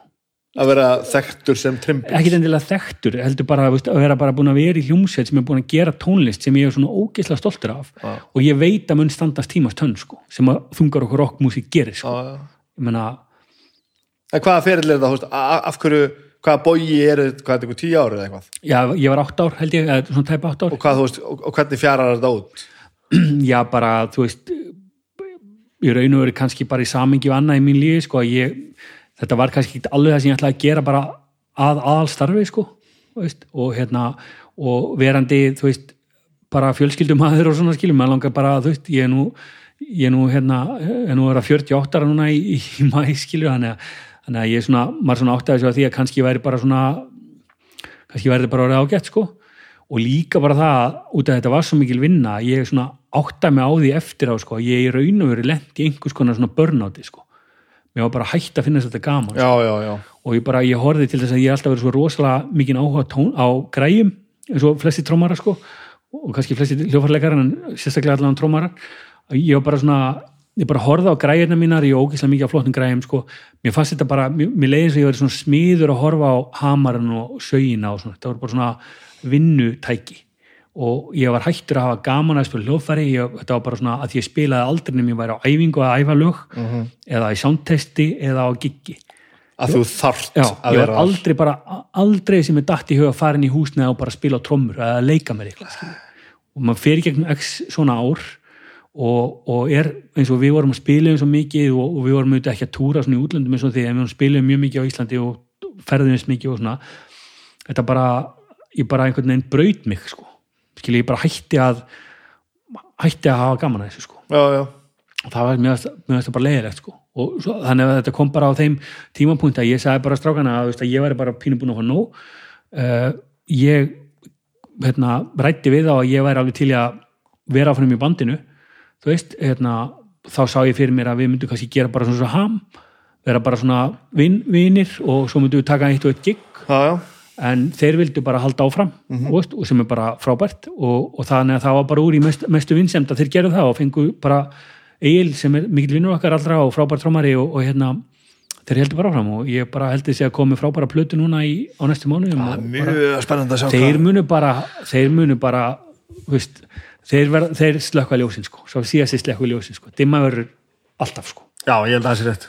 Þetta er svo, þetta er svo trú, þetta er svo mikið þrú en þrú sko. það er, það er, það er ekkit, það eru lifers sko, það er ekkit annað í, í spilunum fyrir þá sko. Það var, var, var ekkit var ekkit yfirþyrmandi að taka þess ákvörðun að gera þetta? Ég var, ég var, ég var svona ári á lengi í þessu Já, ok. þannig að þú veist, ég var, við vorum orðin þreyttur okkur öðrum. Þú fundið þetta var bara já, já, veist, og bara menn voru þú veist, vinskapur, við vorum alveg vinir en það var svona, þetta vorum orðin svona vinnufélaga bara, sko, eins og ég upplýði það, sko, bara svona, þetta var bara svona þetta var alveg komið tíma sko. Já, skálmöldu var þetta þannig, sko að upphafið þessari pásu sem við tókum var það að ég var komin svolítið á þennan stað sem þú ert að lýsa, sko. Og ég bara bæði það, ég var svona örgulega, ég mitt var að jæðra við eitthvað svona burnout, þú ert alltaf að spila að þú þarft að spila. Ég var hættur að taka upp gítarinn hérna heima, sko Já. að því að bara, ég er alltaf að spila eitthvað, sko. Og svo annað sem gerist hjá mér var það að líf mitt er frábært og, og verkefnin eru svo mörg og skemmtileg og tímafrek, sko að þetta var bara einhvern veginn þú veit, eitthvað varð bara að víkja sko og það er svolítið fáralegt að, sjá fyrir sér í skálmöld sem myndi gera, ég var samt komin að stað að ég bara tók bara fundir með strákunum og bara ég bara verða ég verð bara að stíða út úr þessu, sko. og ég mynd sagði sko, ég meina ég, mér, langar ekki, mér langar ekki að hætta í bandinu en ef að það er eitthvað sem þarf að gera og til þess að þið getur gert það sem þið vilji, vilji gera þá ætla ég að gera það sko. og, og ég var alveg með það í huga sko, e, viljum við bara einhver annar koma inn og túri fyrir mig eða þú veist hvernig ætlum við að gera þetta? Eða á ég bara hætta? Og ég var alveg klárið það. En ég þurfti marga mánuði til þess að hugsa þetta og manna Já. mig upp í þetta. En þá kom í ljós að það voru fleiri sem voru til í að taka, taka slaka sko, hann að við ákvaðum að taka break sko. En annars hefði ég stíð út úr bandinu já, þetta er bara nákvæmlega sama samtali og, og, og ég átti við mína félaga sko, nema það, það voru það var engin annar á sömu skoðun sko. Já, mitt. Skilur, þetta var nákvæmlega sama sami pakkin sko. og ég gekk, heldur ekki á, inn á fundin haldandi það sko, ég held að það eru einhverja drastiska breytingar sko, en ég var guðslegandi fegin já, já.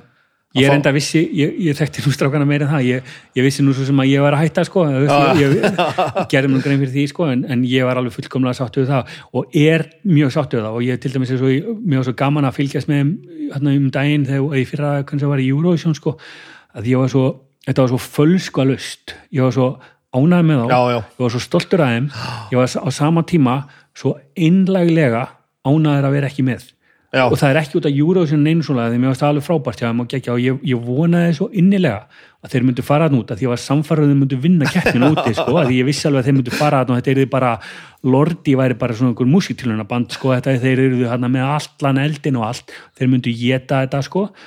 Og ég hlakkaði svo bara til að geta sagt heyrði, dimma hérna, Já, já, ég var í bandinu einu sinni sko. Veist, það var svo fölskalöst en guð minn góður, mér langaði ekki að vera með sko. Það, er svo, það, er svo, það er rosa góð það er tilfinning svo góð tilfinning að vera svo ánæði með þetta sko. Já. ég held að ég hef aldrei verið fullkomlega vissum að ég yrði þar sko þú veist, ég, ég, þetta, var, þetta var drullu erfið ákvörðun og drullu erfitt samtal sko. Ég var alveg, alveg sko, sá alveg fyrir mér að þetta getur bara verið mjög erfitt sko. en þetta var, eins og einhver, þetta var ákvörðun sem að ég var alveg búin að taka einn og sjálfur sko, og án einhverja pressu sko. En ég aðdraðandi var bara það var skelfilegu sko. Já. að ætla bara að taka sénsin á því að, að þú veist að hætta í skálmöld það er fárálegt já. sem ég get alveg ímyndan sko, því ég er náttúrulega eins og ég er að lýsa hérna þetta er náttúrulega bara svona þetta er bara svona einn hluti af mínu lífi sko. Þú veist, ég er svona til dæmis eins og þegar ég byrja með lýsu konun minni sko, þá var það ekki spilunum að ég ætlaði að fara með einhver rockstjarnar sko. Nei. skilur, hún kynntist mér ekki tannig sko. hún reyndar við kynnumst reyndar þegar vorum, hérna, vorum ung og, og, og mentó og eitthvað svona sko, það ekki lengi. Þannig að hún vissi svo sem alveg að ég er með svona tónlistarlegan bakgrunn sko, en það að ég ætlaði að vera einhver starfandi tónlistamæður skilur og við, fjölskyldan geti aldrei farið í frí á sumrin sem við genuinely gerðum ekki sko. Nei, nei, nei, það var hægt að fara, fara í frí hérna bara, veist, tvær helgar í ágúst og á milli vestlumælgar og menninganætur, sko en þá eru skólanir að byrja, sko. Þannig að maður er ekkert að fara í þrjár viku til mæjörka þá með krakkana, skilju, þannig að það er þetta sem ég er að tala um, þetta, er sko, bara orðið, sko. Bara komið gott, sko. Já, en maður allar ekki bara að, hérna, að vera bara þessi kall, sko. Þessi draumur um að vera sko rockstjarna eða þú veist, starfandi þú veist, vinna við það sem maður elskar sko, eða hvað þetta veist, vinna við, við að túra og eitthvað svona. Þegar maður fattar sko hvað það felur í sér er veist, og svo öll að sitja hérna og segja þetta og þú ert búin að prófa þetta allt. En sko ég myndi aldrei vilja vinna sem túrandi tónlistamæður Nei, og líka bara ég, mannið sem ég var eins og hérna, vorum ekki þar úti og lýsa og, og fórum í tenniskenslu hérna, og einhverju hóteli og bara læra tennis. Og þá sagði ég mann bara alltaf þetta er tennisprófið, þú veist, hérna í klubnu og kennarinn sko, búin að vera einhver keppa á einhverju mótum og eitthvað svona. Hann sagði við mig sko bara eiginlega bara úspörum frétti mig á, á þetta blóð, hann sagði sko, passaði sko aldrei sko gera áhuga máli þetta vinnunni þinni sko. Skilur, ég til dæmis núna eftir núna tveimur árum eftir ég hætti dimmu þá var heldur komið ramastróm og sett heim til mín og mér bara geggja að setjast niður tímundu kortir á dag og spila bara með einhverjum veist, plötum skilur og stíl í dan eða eitthvað, þú veist hvað ég meina skilur, mér er alveg saman, ég ætla aldrei að spila sviði aftur skilur, og það hangir ekkert á því nema bara þú nei, bara ástina á að spila trómu, ég er aftur komið með það núna skilur, sem að bara, mér finnst rosalega verðmætt og ég ætla að passa alveg rosalega mikið sko. Alltaf aldrei að spila Nei, ok, ég, ok, ég fór aðeins fram með þannig en hérna það tilfinningin, já, ég, já, þú veist hvað ég meina, bara, bara passa það að ég ætla alltaf að vera spenntur. Það er, já, ég heldur sem alltaf að tala um nákvæmlega saman hlutin, var meiri sér sko e, þegar sko, ég, ég samt ekki orðið riff nema ég þyrfti þess Já, að að það var að koma plata. Samdi, ég orti ekkert einasta eh, ein- einasta texta eða tækifærisljóða neitt nema ég þyrfti þess. Bara og er hann svo full sko og orkutankurinn er svo, svo tæpur að þú, þú, þú gerir þetta ekki nema þurfur sko. Og, og auðvitað, man, auðvitað man ég eftir að setið, þú veist, heima í herbygginu mínu bara á, Húsavík með gamla kassakittarnas pappa að raða saman einhverjum gripum og semja einhverjum texta sem var svo einhverjum innvortislögum, sko, og dræfið var bara, þetta er að besta sem ég hef nokkuð tíma gert á æfinni, þetta Já. er svo frábært allt, ég er svo frábær og það er svo gaman að vera til og eitthvað. Og svo missi maður þetta, sko. Já. að því þú veit alltaf einhvern veginn en svo er þetta alveg ánað með það sem kemur út. Ég segja að músíki sé endilega verri. En að missa þetta dræf er það er, það er ömuleg tilfinning Nei, og, svo, og það er líka bara auðvelt að segja, segja um þetta í þessu þegar maður er búinn að vera í einhverja æfingáðsnaði með strákum með svitalikt og svo sem maður eitthvað lag og svo er maður alltaf inn komin á svið í Eldborg með symfóníuljónsta, þú veist það, það, er, það er eitthvað sem að fáir fá að upplifa sko. Já. og maður, það- þess vegna er auðvelt að sita þetta núna og segja að ég er mjög brandoldi út sko. Skilur þetta, maður, ég líka ég er rosalega þakkláttur fyrir, fyrir hvað þetta var bara geðveikislega bara gjöfull tími og, og, og, ég, og ég átta mig alltaf meira og meira á því eftir, því sem að ég hérna, eftir því sem þetta líður frá þessu sko. og ég, ég verð alltaf þakkláttur og þakkláttur fyrir þetta og stoltar og stoltar af þessu sko. því ég sé þetta bara fjallægt sko. Mhm. og, og hérna en, en, en svo bara svo bara tekur eitthvað annað við sko. Já, ég er alveg sammálað að þessu og maður er að passa sig á því, þú veist, það er auðvitað að sitja hérna þegar maður er búin að gera allt þetta Ég meina og, sko. og, og, en ég held að samanskapi að fólk skemmi stundum svolítið fyrir sér að því þú verður að ná að þú verður að ná að hugsa þessa hugsun samt til enda sko. það að maður hafi spilað á einhvern stórum tónleikum eða, eða ná, því að þú veist túra og eitthvað svona breytir ekki þeirri tilfinningu sem maður hefur núna sko. Ég held að þessi mjög margir sem skemmi sér svolítið á því bara, ég get ekki lett mér að hugsa svona þetta er, veist, allt sem ég hef hérna er svo frábært sko. það breytir ekki hvernig þér líður núna Nei. þú verður að díla við hvernig þér líður þó Já. þú hafir staðið á einhverju reisastóru sviði þú veist, með, með alla heimsins hljófarleikar á bakvið sko. Já, það er bara, þú mátt ekki skemma þetta sko. en auðvitað hefur þetta með eitthvað meira að gera heldur en bara bara tónlist það er náttúrulega bara með allt sem þú gerir. Sér, stefnir þú ekkert þú veist, upp á við þessu businessmálum öllu saman ég hef aldrei litið á þetta þannig sko veist, ég, ég bara stýrist það svona verkefnum sko. Ég, meni, ég get alveg mjög líklega næsta verkefni sem ég tek að mér að vinna eða hvernig sem það er, er örgulega ég er ekkert eitthvað vissum að það sé einhverju stærra fyrirtæki en ég hef verið áður eða eitthvað svona sko. Ég, og þú vilt það ekkert endilega? Ekkert endilega, ég vil bara það þarf að vera bara réttu markmiðin, rétta fólkið þú veist. Ég líti ekki á þetta sem eitthvað kaplöp sko. Nei. og þetta ekkert að tikka einhver bóks og eitthvað svona? Ég held að ég eiginlega bara búin að gera það allt sko ég, ég get bara að tala um eins og ég segi ef að mældi veldu eða starfsmannafjölda eða löndum eða veist ég þannig sé búin að gera meira en mjög margir sko. En ég heldur aldrei lítið á það sem einhvern, einhvern mælikvarða sko. Þú veist og hef aldrei heldur skilgreint með eitthvað þannig. Ég mun, þetta er ekkert issue fyrir mig skilur. Þetta er bara eitthvað sem ég veist, gerir bara til að fá pening sko þannig, það veist hvað ég veist, hérna ég, hérna bara ég veit það ekki sko. Hva, ég veit ekki hvað gerist næst. Og það er svo ógislega, það er svo gaman að það er svo margir sem að segir upp hjá postin við bara, hvað ætlar að gera, hvað ert að fara að gera? Ég veit það ekki, ég er bara Nei. búin að gera það sem ég ætla að gera hér sko. Það er ekkit eitthvað bara svona já en það er engin ríkisfóstur sagt upp áður. Það er vandamáli sko. Er það svo leis já, já, það hefur engin ríkisfóstur sagt upp áður. Eða allan ekki margir. Ekki bara svona ein, ein, ein bara sjálfstáðum sko ég veit að það er að það er náttúrulega bara vandamáli við þetta kerfi það er svo mikil sóun. Það er svo mikið af peningum sem við bara sem þjóðfélag og bara ríkisreksturinn, stopnannar ríkisfyrirtækin það er hægt að gera þetta svo miklu betur sko. það eru allir, þegar þú segir þetta aldrei sagt upp áður, sko, engin sagt upp áður þetta er rosa ríkjandi að vera bara alltaf að reyna að koma sér á einhvern góðan stað og vera bara þar. Sem er, já, sem er alveg bara maður skilur það alveg bara hjá fólki sko, ég meina, já, ég skilði þetta Þú alveg, sko. En, en þetta hlýtur stundum að bitna á metnaði. Þegar þú, þú ákveður að þú að þú bara ná einhverjum bita þá líður þið bara vel þar. Ég meina, Já, það, það er ekki það er ekki hvetjandi fyrir þess að vera edsi í starfi það er, ef þú sest í einhvern stól sem þú ætlaðar að komast í og svo bara sittur það sko. Nei, það er allavega þú veist að, að það er náttúrulega líka bara hluti af rekstri og stjórnum og svona fyrirtækja að við passa bara að vera með komur að segja feskar hugmyndir og láta það ekki gerast en það vill gerast hjá ríkinu sko. Já. það er ekki svona, það er ekki verið að þrista á fólk að það er ekki einn kvati, þannig til dæmis hjá mér á postin, ég þyrfti ekki að sitja hérna og segja, við sögum upp 300 manns það er ekki sem bað mig um að gera það sko. Nei, skilur, ég fekk ekkert meira fyrir það. Ég fekk ekkert eitthvað, ég fekk ekkert bónus fyrir það, skilur, nei, ég meina stjórnenda teimi hjá Íslandsposti í, það er öruglega fordæmalöst það neitaði launahækkun sko. Já. metnaðurinn í fyrirtækinu var það mikill að kjara samlingsbundi launahækkun framkvæmda stjórnin sagði bara neittak við bara fyrirtæki hefur gefna á þessu. Skilur þannig að, þannig að það hefur ekki gerst oft.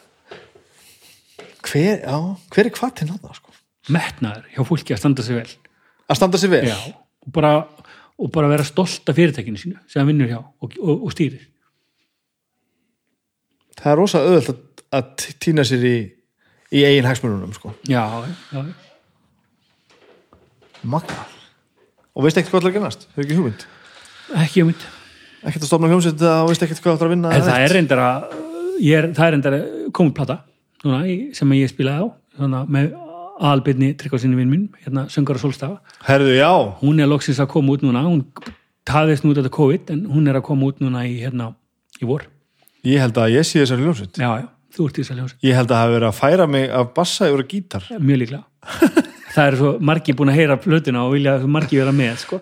en þarna gerum við félagarnir bara og ymmit bara, hittumst bara tveir einn út á gróttu í æfingahúsnaði fyrir tveimur árum eða þreimur eða eitthvað og byrjum bara tveir að gera bara einhver riff, eitthvað punk og svo er hann náttúrulega svo frægur í útlöndum og hann hérna á sólstæður og svo stórir að hann leifur plötu fyrirtækinu sína að heyra músíkina þeir bara, við erum að gefa þetta út sko. er það bara þannig. ég veit ekki Nei, sko. það er svolítið. Þannig að við erum bara búin að að taka upp þessa plötu hérna með góðum gestum og, og hérna, þetta er bara ógeðslega flott stöf. Ég er ógeðslega ánægð með þetta. erum við að fara að túra það? Ég ætla að rétt að vona það. þannig að ég er ekki að feika þetta reið sko, ég veit ekkert um þetta ég veit bara að, ég var reyndar aðeins þetta ræðið af lýsi sko en það er bara það sem er harkjast heldur þú sem að fara út ég er að loksins að vera að vera heimsfræð nú sko. frábært ég kunni bara ekki við að segja út af hverju þetta hætti á postinu það er að því ég er að fara að vera heimsfræð þetta ég er ætla að senda þér hérna, Dropbox link, hlusta á þetta nei, ég, ég er bara rosa ánægð með þetta og þetta er líka beauty, sko, maður er alltaf að vera spenntar við því sem er að koma en sem maður er búin að gera sko. já, þetta, þetta er besta sendingi sem við sett í dag sko. þetta, það, þetta lærði ég að Bubba Morten sko. hann bara, veist, þegar við vorum að spila með Bubba og maður var að fara yfir gegnum stöffið gamla ekostöffið, utakastmannu stöffið hann var í einhverjum tilhjóðum að heyra þetta í fyrsta skipti, sko. ekki kannski í fyrsta skipti en svona, hvað er þetta? hvaða lag er þetta, strókar? og bara, uh, þetta er Reykjavík brennum eko ég ert að grínast maður. Hann, hún er með svo slett saman. Hún er drull hún er drull besta saman. platan hans er næsta plata. Já. Reynd, reyndar í actual næsta platan sem hann er að gefa út núna er meðans bestu en svona í konseptinu þá lítur hann þannig á þetta hann er ekki spekling sko. Maður læri mikið af því sko. Það er svo frábært attitút. Hver um, vá, hvað ég var að já, Nick Cave. Ég horfði að viðtal við Nick Cave sem hann, hann var opnið einhver sýning um Nick Cave í Danmörku eða eitthvað bara fyrir hálfu ári síðan mm. hann tók blaðamannafund, fyrsta skipti sem hann svara spurningum bara í fimm ári eða eitthvað og hann kom inn á nákvæmlega þetta að hann sagði að eitt af eina hans stærstu blessunum væri það að hann væri ekki nostalgískur Já. hann var ekkert að rósa sér að neitt svoleiðis hann sæði það bara til sem ári liðu að hann hefði bara ekki áhuga á því að lifa á einhverju sem hann hefði gert það væri bara ekki í honum hann væri alltaf að hugsa um hvað kemur næst sko. en eins og með Bubba, svo við spilum með Bubba fórum með honum á hraunni, Já, já. ég hef aldrei spilað með honum áður og fyrst á æfinguna sem við æfðum allir saman og hann, hann kom inn og hann var eins og hann var að syngja á Wembley sko. Já. bara á æfingu með einhverjum drullum sem eru bara ég og þú sko. Og ég fikk bara svona eitthvað þegar, veist, fyrsta lag sem við töldum í allir saman með Bubba var blindsker og ég var að spila á bassa og það var fucking geðveikt sko. og svo byrjaði hann bara að syngja og þá fattaði maður bara já, þetta er ástæðan fyrir að þú ert Bubbi Mortens og það er bara vegna þess að það sem hann var að gera nákvæmlega þarna þetta var það besta sem hann hafi gert Já. allan ferilinn, Já. að vera inn í þessu skítu æfingúsnæði að spila með einhverjum drullum sem hann hafi ekki spilað með þetta var besta, sem, þetta var besta reynslega blindskir frá upphafi. Já, eins og þegar ég sá hann sko, og þetta er svo, það er svo fólk hefur svo mikla ranghumdur um, um hann og hann er hann búin að þróast og vinna mikið í sér og svona en mjög, maður læri mikið að umgangast hann, en þegar ég sá hann til dæmis að, að þú og þráppi þráinn vildu spila með þannig að þið vorum að fara á hraunið hann bara, jálfur, vilja þeir koma með? Já, já, e, já. E, googlaðu þig, herra minn skilur, já þessu sko. þetta er þessi bara, veist, þetta er svo æðislegt sko. en fannst þetta ekki gaman að fara á hraunni eða gaman, þetta, er, þetta var umbreytandi þetta er ekki gaman auðvitað, en þetta er bara svona ég hafði alltaf spilað ráður sko nokkuð sinum já, sko. já, já, já, auðvitað en þegar ég fór með um hann fyrst á, á, á hérna á hérna á aðfangadag, þetta er bara ég, ég var bara, ég fann mig bara breytast, Já. skilur, ég bara, þetta var bara svona ég vissi bara ekkert hvernig mér að líða sko. þetta er rosa skytið sko. þetta er alltaf áhrif að mesta gig sem ég tekið á rauninu sko. Já. að fara á aðfangandag að spila í fangilsi sko. líka með Bubba Morten skilur, það hjálpar náttúrulega en svo, veist, að ég veit ekki hvað, má, má, hvað sögum maður má segja þetta en svo að tala um, þú veist uh, að það þarf að rífa upp allar jólagjafnir já, já, já. Nei, bara svakalegt og ég man bara þegar, þú veist, maður fer þarna og svo maður bara klukkan tvö komin heim og svo maður sestu niður Akkúrat, bara, bara fína matinn á klukkan sex. Og maður, maður getur ekki að hugsa bara bara alveg sama hvað þessir uh, fangar hafa gert og svona þetta eru manneskjur sko, bara er þetta kerfið? Eigum við að halda að það komi betra fólk út úr þessu skilu að, þú veist, það er ekki máli sko. það er, veist, en það er líka magnað að sjá hvað er að gerast í þessum málum sko, eins og tolli er að gera og, og svona skilur og, og auðvitað, veist, en, en mér, mér- fannst þetta bara svo hræðilegt sko. Ég tók alveg þetta nákvæmlega sem þú ert að lýsa. Ég kom bara heim hérna og faðmaði bara börni mín. Maður var bara svo eitthvað svona lélegt atrið í bíómynd sko. já, það er bara máli en bara fatta það að einmitt, upp úr hádegi ert að spila inn í fangelsi klukkan 6 sittur við með öllum sem við þykja væntum að borða besta mat í heimi. Og það er bara algjörlega random út af hverju fólk lendir inn Já. í skil, þetta er bara svo, maður átt að segja því, þetta er bara svo mikil spurning um bara syndi feðrana skilju, bara æskuna og uppeldið og, og allt þetta skilju, það er engin, þú veist það er engin sem ákveður þetta sko. Þetta er bara hlut, hlutskipt í lífinu sko sem bara, og alltaf fyrir Bubbi ár eftir ár eftir ár gerir þetta bæða að hann veit að þetta skiptir máli en líka því að þetta verður betra heldur en í fyrra. Hann veit, það er svo ótrúst að fylgjast með þessu. Alltaf eitthvað sem er, það er alltaf eitthvað framöndan alltaf að fara að gera eitthvað sko. hann er búin að taka þarna þólasmessu tónleikana, hann er komin heim til sinni í kjós klukkan tvö um nóttina.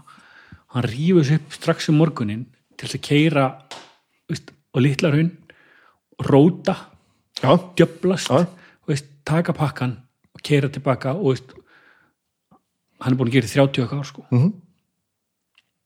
þetta er, þetta er magna og þetta algjör forréttind að fá að vera með sko. já, þetta, þetta var, var, var mannbreytandi sko. og líka bara ég er búin að spila með Bubba sko. það er dörrullu töff sko. það sko. það er mjög töff en þú veist eða þá með vinnuna skilur ef, ef, gengur þú þá að segja bara þarftu þá að fara að vinna vinnu núna sem að þú veist þú hefur enn meiri metna fyrir, fyrir heldur en síðast? Að hugsa þetta bara ekki svona, er þetta bara þetta er bara eitthvað, þú veist, það kemur bara eitthvað. Þú veist, og eins og til dæmis núna nú eru margir búin að leita til mín á síðustu mánuðum og, og veist, með einhverja hugmyndur um hitt og þetta. Maður finnur þetta bara. Já, Þú veist, bara, er þetta rétt sest þetta bara rétt í mig sko. bara so far nei sko. en, en ég, ég hef ansi góða hugmyndu það að, þú veist, ég er bara að trúa það. Að það, að það er alltaf gerst sko. Að það, það, það kemur eitthvað upp sem að, sem að ég fæ bara bara slefa bara yfir sko. en hefur aldrei sagt já við einhverjum sem þú hefur ekkert að segja já við? Svona einhverju stóru æfið, það sem þú bara fórst inn í verkefni sem bara hefði ekki verið gáðilegt að gera. Um, ég meina nei. Já, ég meina eins og, eins og ég var að segja hann auðvitað, auðvitað hafa fullt af hlutum farið öðru en ég hef óska eftir að, að gerði eða veist hvað ég meina? Eða veist, ég meina ég hef einu sinni jú, jú, ég farið inn í eitthvað dæmi núna, ég man sinni ég hef nú frægur fyrir að vera í tíu daga fóstur Iceland Express í setna skipti sko, en þá, ég, þá var ég beðin um að koma inn þar og, og hérna og það bara gekk ekki upp, það var bara ranga fórsendur og, og þannig ég, ég sá bara heyrðu, ég hef bara ekki, ég er bara ekki rétti maður að nýta hérna eins og þið vilja gera þetta, en ég hætti bara þar sko. Var það búið að segja eitthvað annað heldur en að koma fram á fyrsta fundi Já, það var bara ákveðna svona ákveðna fórsendur sko sem að bara, þú veist, ákveðna, ákveðna, ákveðna hluti sem átt að gera sem kom í ljós að væri kannski ekki raumulega vilji til að gera sko. Já, já, og já, hérna þannig að ég hugsaði bara þarna var þarna var ég að fara að taka þátt í hlutum sem ég bara gatt ekki séð mig hafa nýtt í sko. En þú veist, hvað ertu gaman hlanna? ég, ég, ég maður ég, ég er hvað mikið mjög brjála er það að, síðan sko. að ganga bara út af svona fundum ég, mér er bara and um orðspórum mitt sko. Það já, þú sér þetta sem það já, já, já, já, mér er bara andum, ég vil, ég vil bara eins og ég segi, ég er bara með hjarta í hlutunum sem ég geri. Og ef ég þarf að fara að taka, í- taka erfiðar ákvarðin eitthvað svona, þá vil ég bara að fólk sem er að vinna með mér skilji það að ég er all in sko. Ég er ekki aðna bara því mér vantar pening sko þó mér vanti alveg pening þeim tímapunkti vantar mér alveg pening skilju, en veist, ég hef mjög gætna að vilja bara vera að fá, fá fín laun sko já, já, já. hvað hérna, þú veist er þetta, svona einaskiptið þetta sem erum að, að sem á að vera fréttunum núna sem er einhver svona eftirmáli að einhver svona, einhver svona leiðindi eða? Nei, veist, það er bara fylgir seldi, sko. ég meina það er bara svona einhvern veginn ég meina það er alltaf ég meina það, þetta er pólitíst hérna hjá póstin, pólitísk mál um, ég meina ég er alveg, ég meina ég hef engar á að gera því, sko, ég meina ég er alveg með hérna veit alveg hérna hinn- sannleikan í þessi máli, skil en þá ertu einhvern veginn komin í það stöðu að þú ert að fara að verja þig einhvern veginn persónulega fyrir einhverju sem að þú gerðir. Er ekki að skilda rétt? Jú, jú, veist, þá er alltaf komin í einhverja aðra stöðu heldur en að vera bara að vinna fyrir eitthvað fyrirtæki. Já, en það fylgir þessu svolítið, Já, sko. ok, Þú veist, ok, maður, er, maður tekur þess vegna eins og ég segi, þess vegna skiptir að máli að fara ekki í hlutinu maður, maður sé bara algjörlega all in sko. Veist, í, í þessu tiltekna máli þá bara er verið að það er verið að svona, koma einhver eftir á skýringar á einhver óþægilegu pólitísku máli sem að, sem að, hérna, sem að öll gögn og allt sýnir að bara er bara rámt sko. Ég hef sem náttúrulega að lesa allavega eina fréttum þetta ég hef bara sónað út alveg sko. lífið er ekki betra að það sko. þetta skiptir nú ekki í nokkur einasta máli sko. nei, nei, og ég meina ég get sagt þér að hjarta mitt sko, tekur ekki auka slag, slag yfir þessu sko. þetta er bara, en, en hérna, þetta er bara næs sko. já, ég sá þetta eins og ég var að segja hann í, í, í byrjun sko. þá sá ég bara, æ, uh, er eitthvað, eitthvað, vesen og hann nennir ekki að möndi viðtala eitthvað svona en svo er þetta bara, þú veist og, og þá hugsa ég líka bara, hvernig hvernig nennir hann að gera þetta þetta er, þetta er það sem ég myndi bara svona Nei, ég myndi mjög gætna vilja sleppa þessu sko. Já, Þess- já. þessum hluta sko. Mér finnst- þetta leiðilegt en, en mér myndi finnast þetta ennþá leiðilegra ef ég væri með óreint mjöl í pókan en fyrst að ég hef, hef ekkert að fela þá er ég alveg meirinn til að taka slægin og fyrst að vera að hérna, væna með mig eitthvað sem ég ger ekki sko. og snúast svona mál þá oftast um það að einhver er að fríja sig af einhverju með því að koma því yfir einhvern annan Já, bara það, þetta hendar ekki pólitískum, á, pólitískum áherslum núna sko það, það var enginn sem hafði aðtöðasendur hérna fyrir ári síðan þegar einhver tiltekin ákvörðum var tekin sko. já, já. þannig að nú er allir að segja að hafa ekki vita hlutunum sko.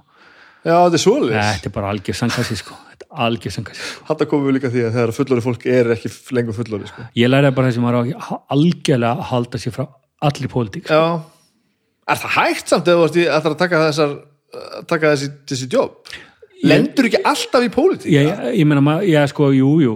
En ekki sko ég mun aldrei fara aftur inn í einhvers konar já, þetta getur verið mjög það verður erfitt að hlusta þetta í framtíðina en eins og staðin núna mun ég aldrei fara aftur inn í neitt sem tengist hinn og ofnbera sko. Eða veist, Bara því þetta er að brenna því svona? Nefn bara út af því að veist, ég bara áttaði mig á því að það er bara þessi flokks, þetta flokkspolítiska kerfi á Íslandi er bara hérna, hefur bara aðra hagsmuna leiðiljósi en til dæmis í þess tilfelli rekstra hagsmuni sko.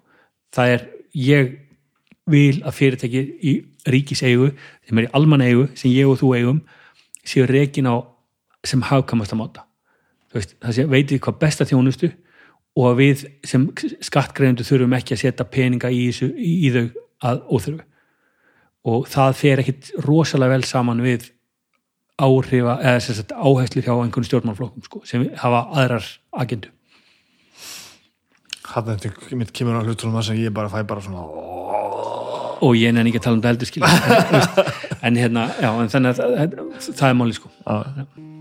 Geðvægt Ég held þessu búnir. Takk fyrir að bjóða mér. Takk fyrir að tala það um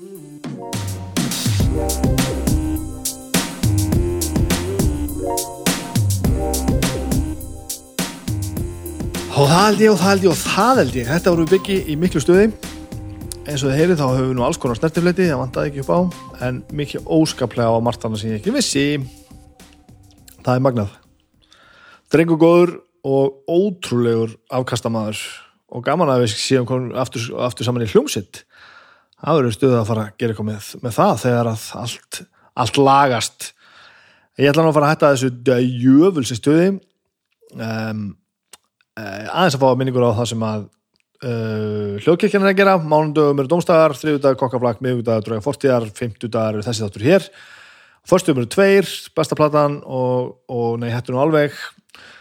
Og listamenn á laugadögum og listamenn eru Valdimar og Örn Eldjárn að gera listana sína og tala um þá.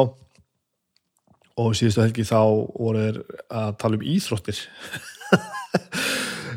eða eins og, segir lýsingu þáttar eins og Valdimar og Örn ætlaði þessum þætti að ræða um sínar uppáhalds íþróttigreinar þess ber að geta, hvoruðu þeirra er mikil sérfræðingur á því sviði. Og svo dag, dagur með alveg dagsatt það sem hann uh, skiptist á sögum við fólk.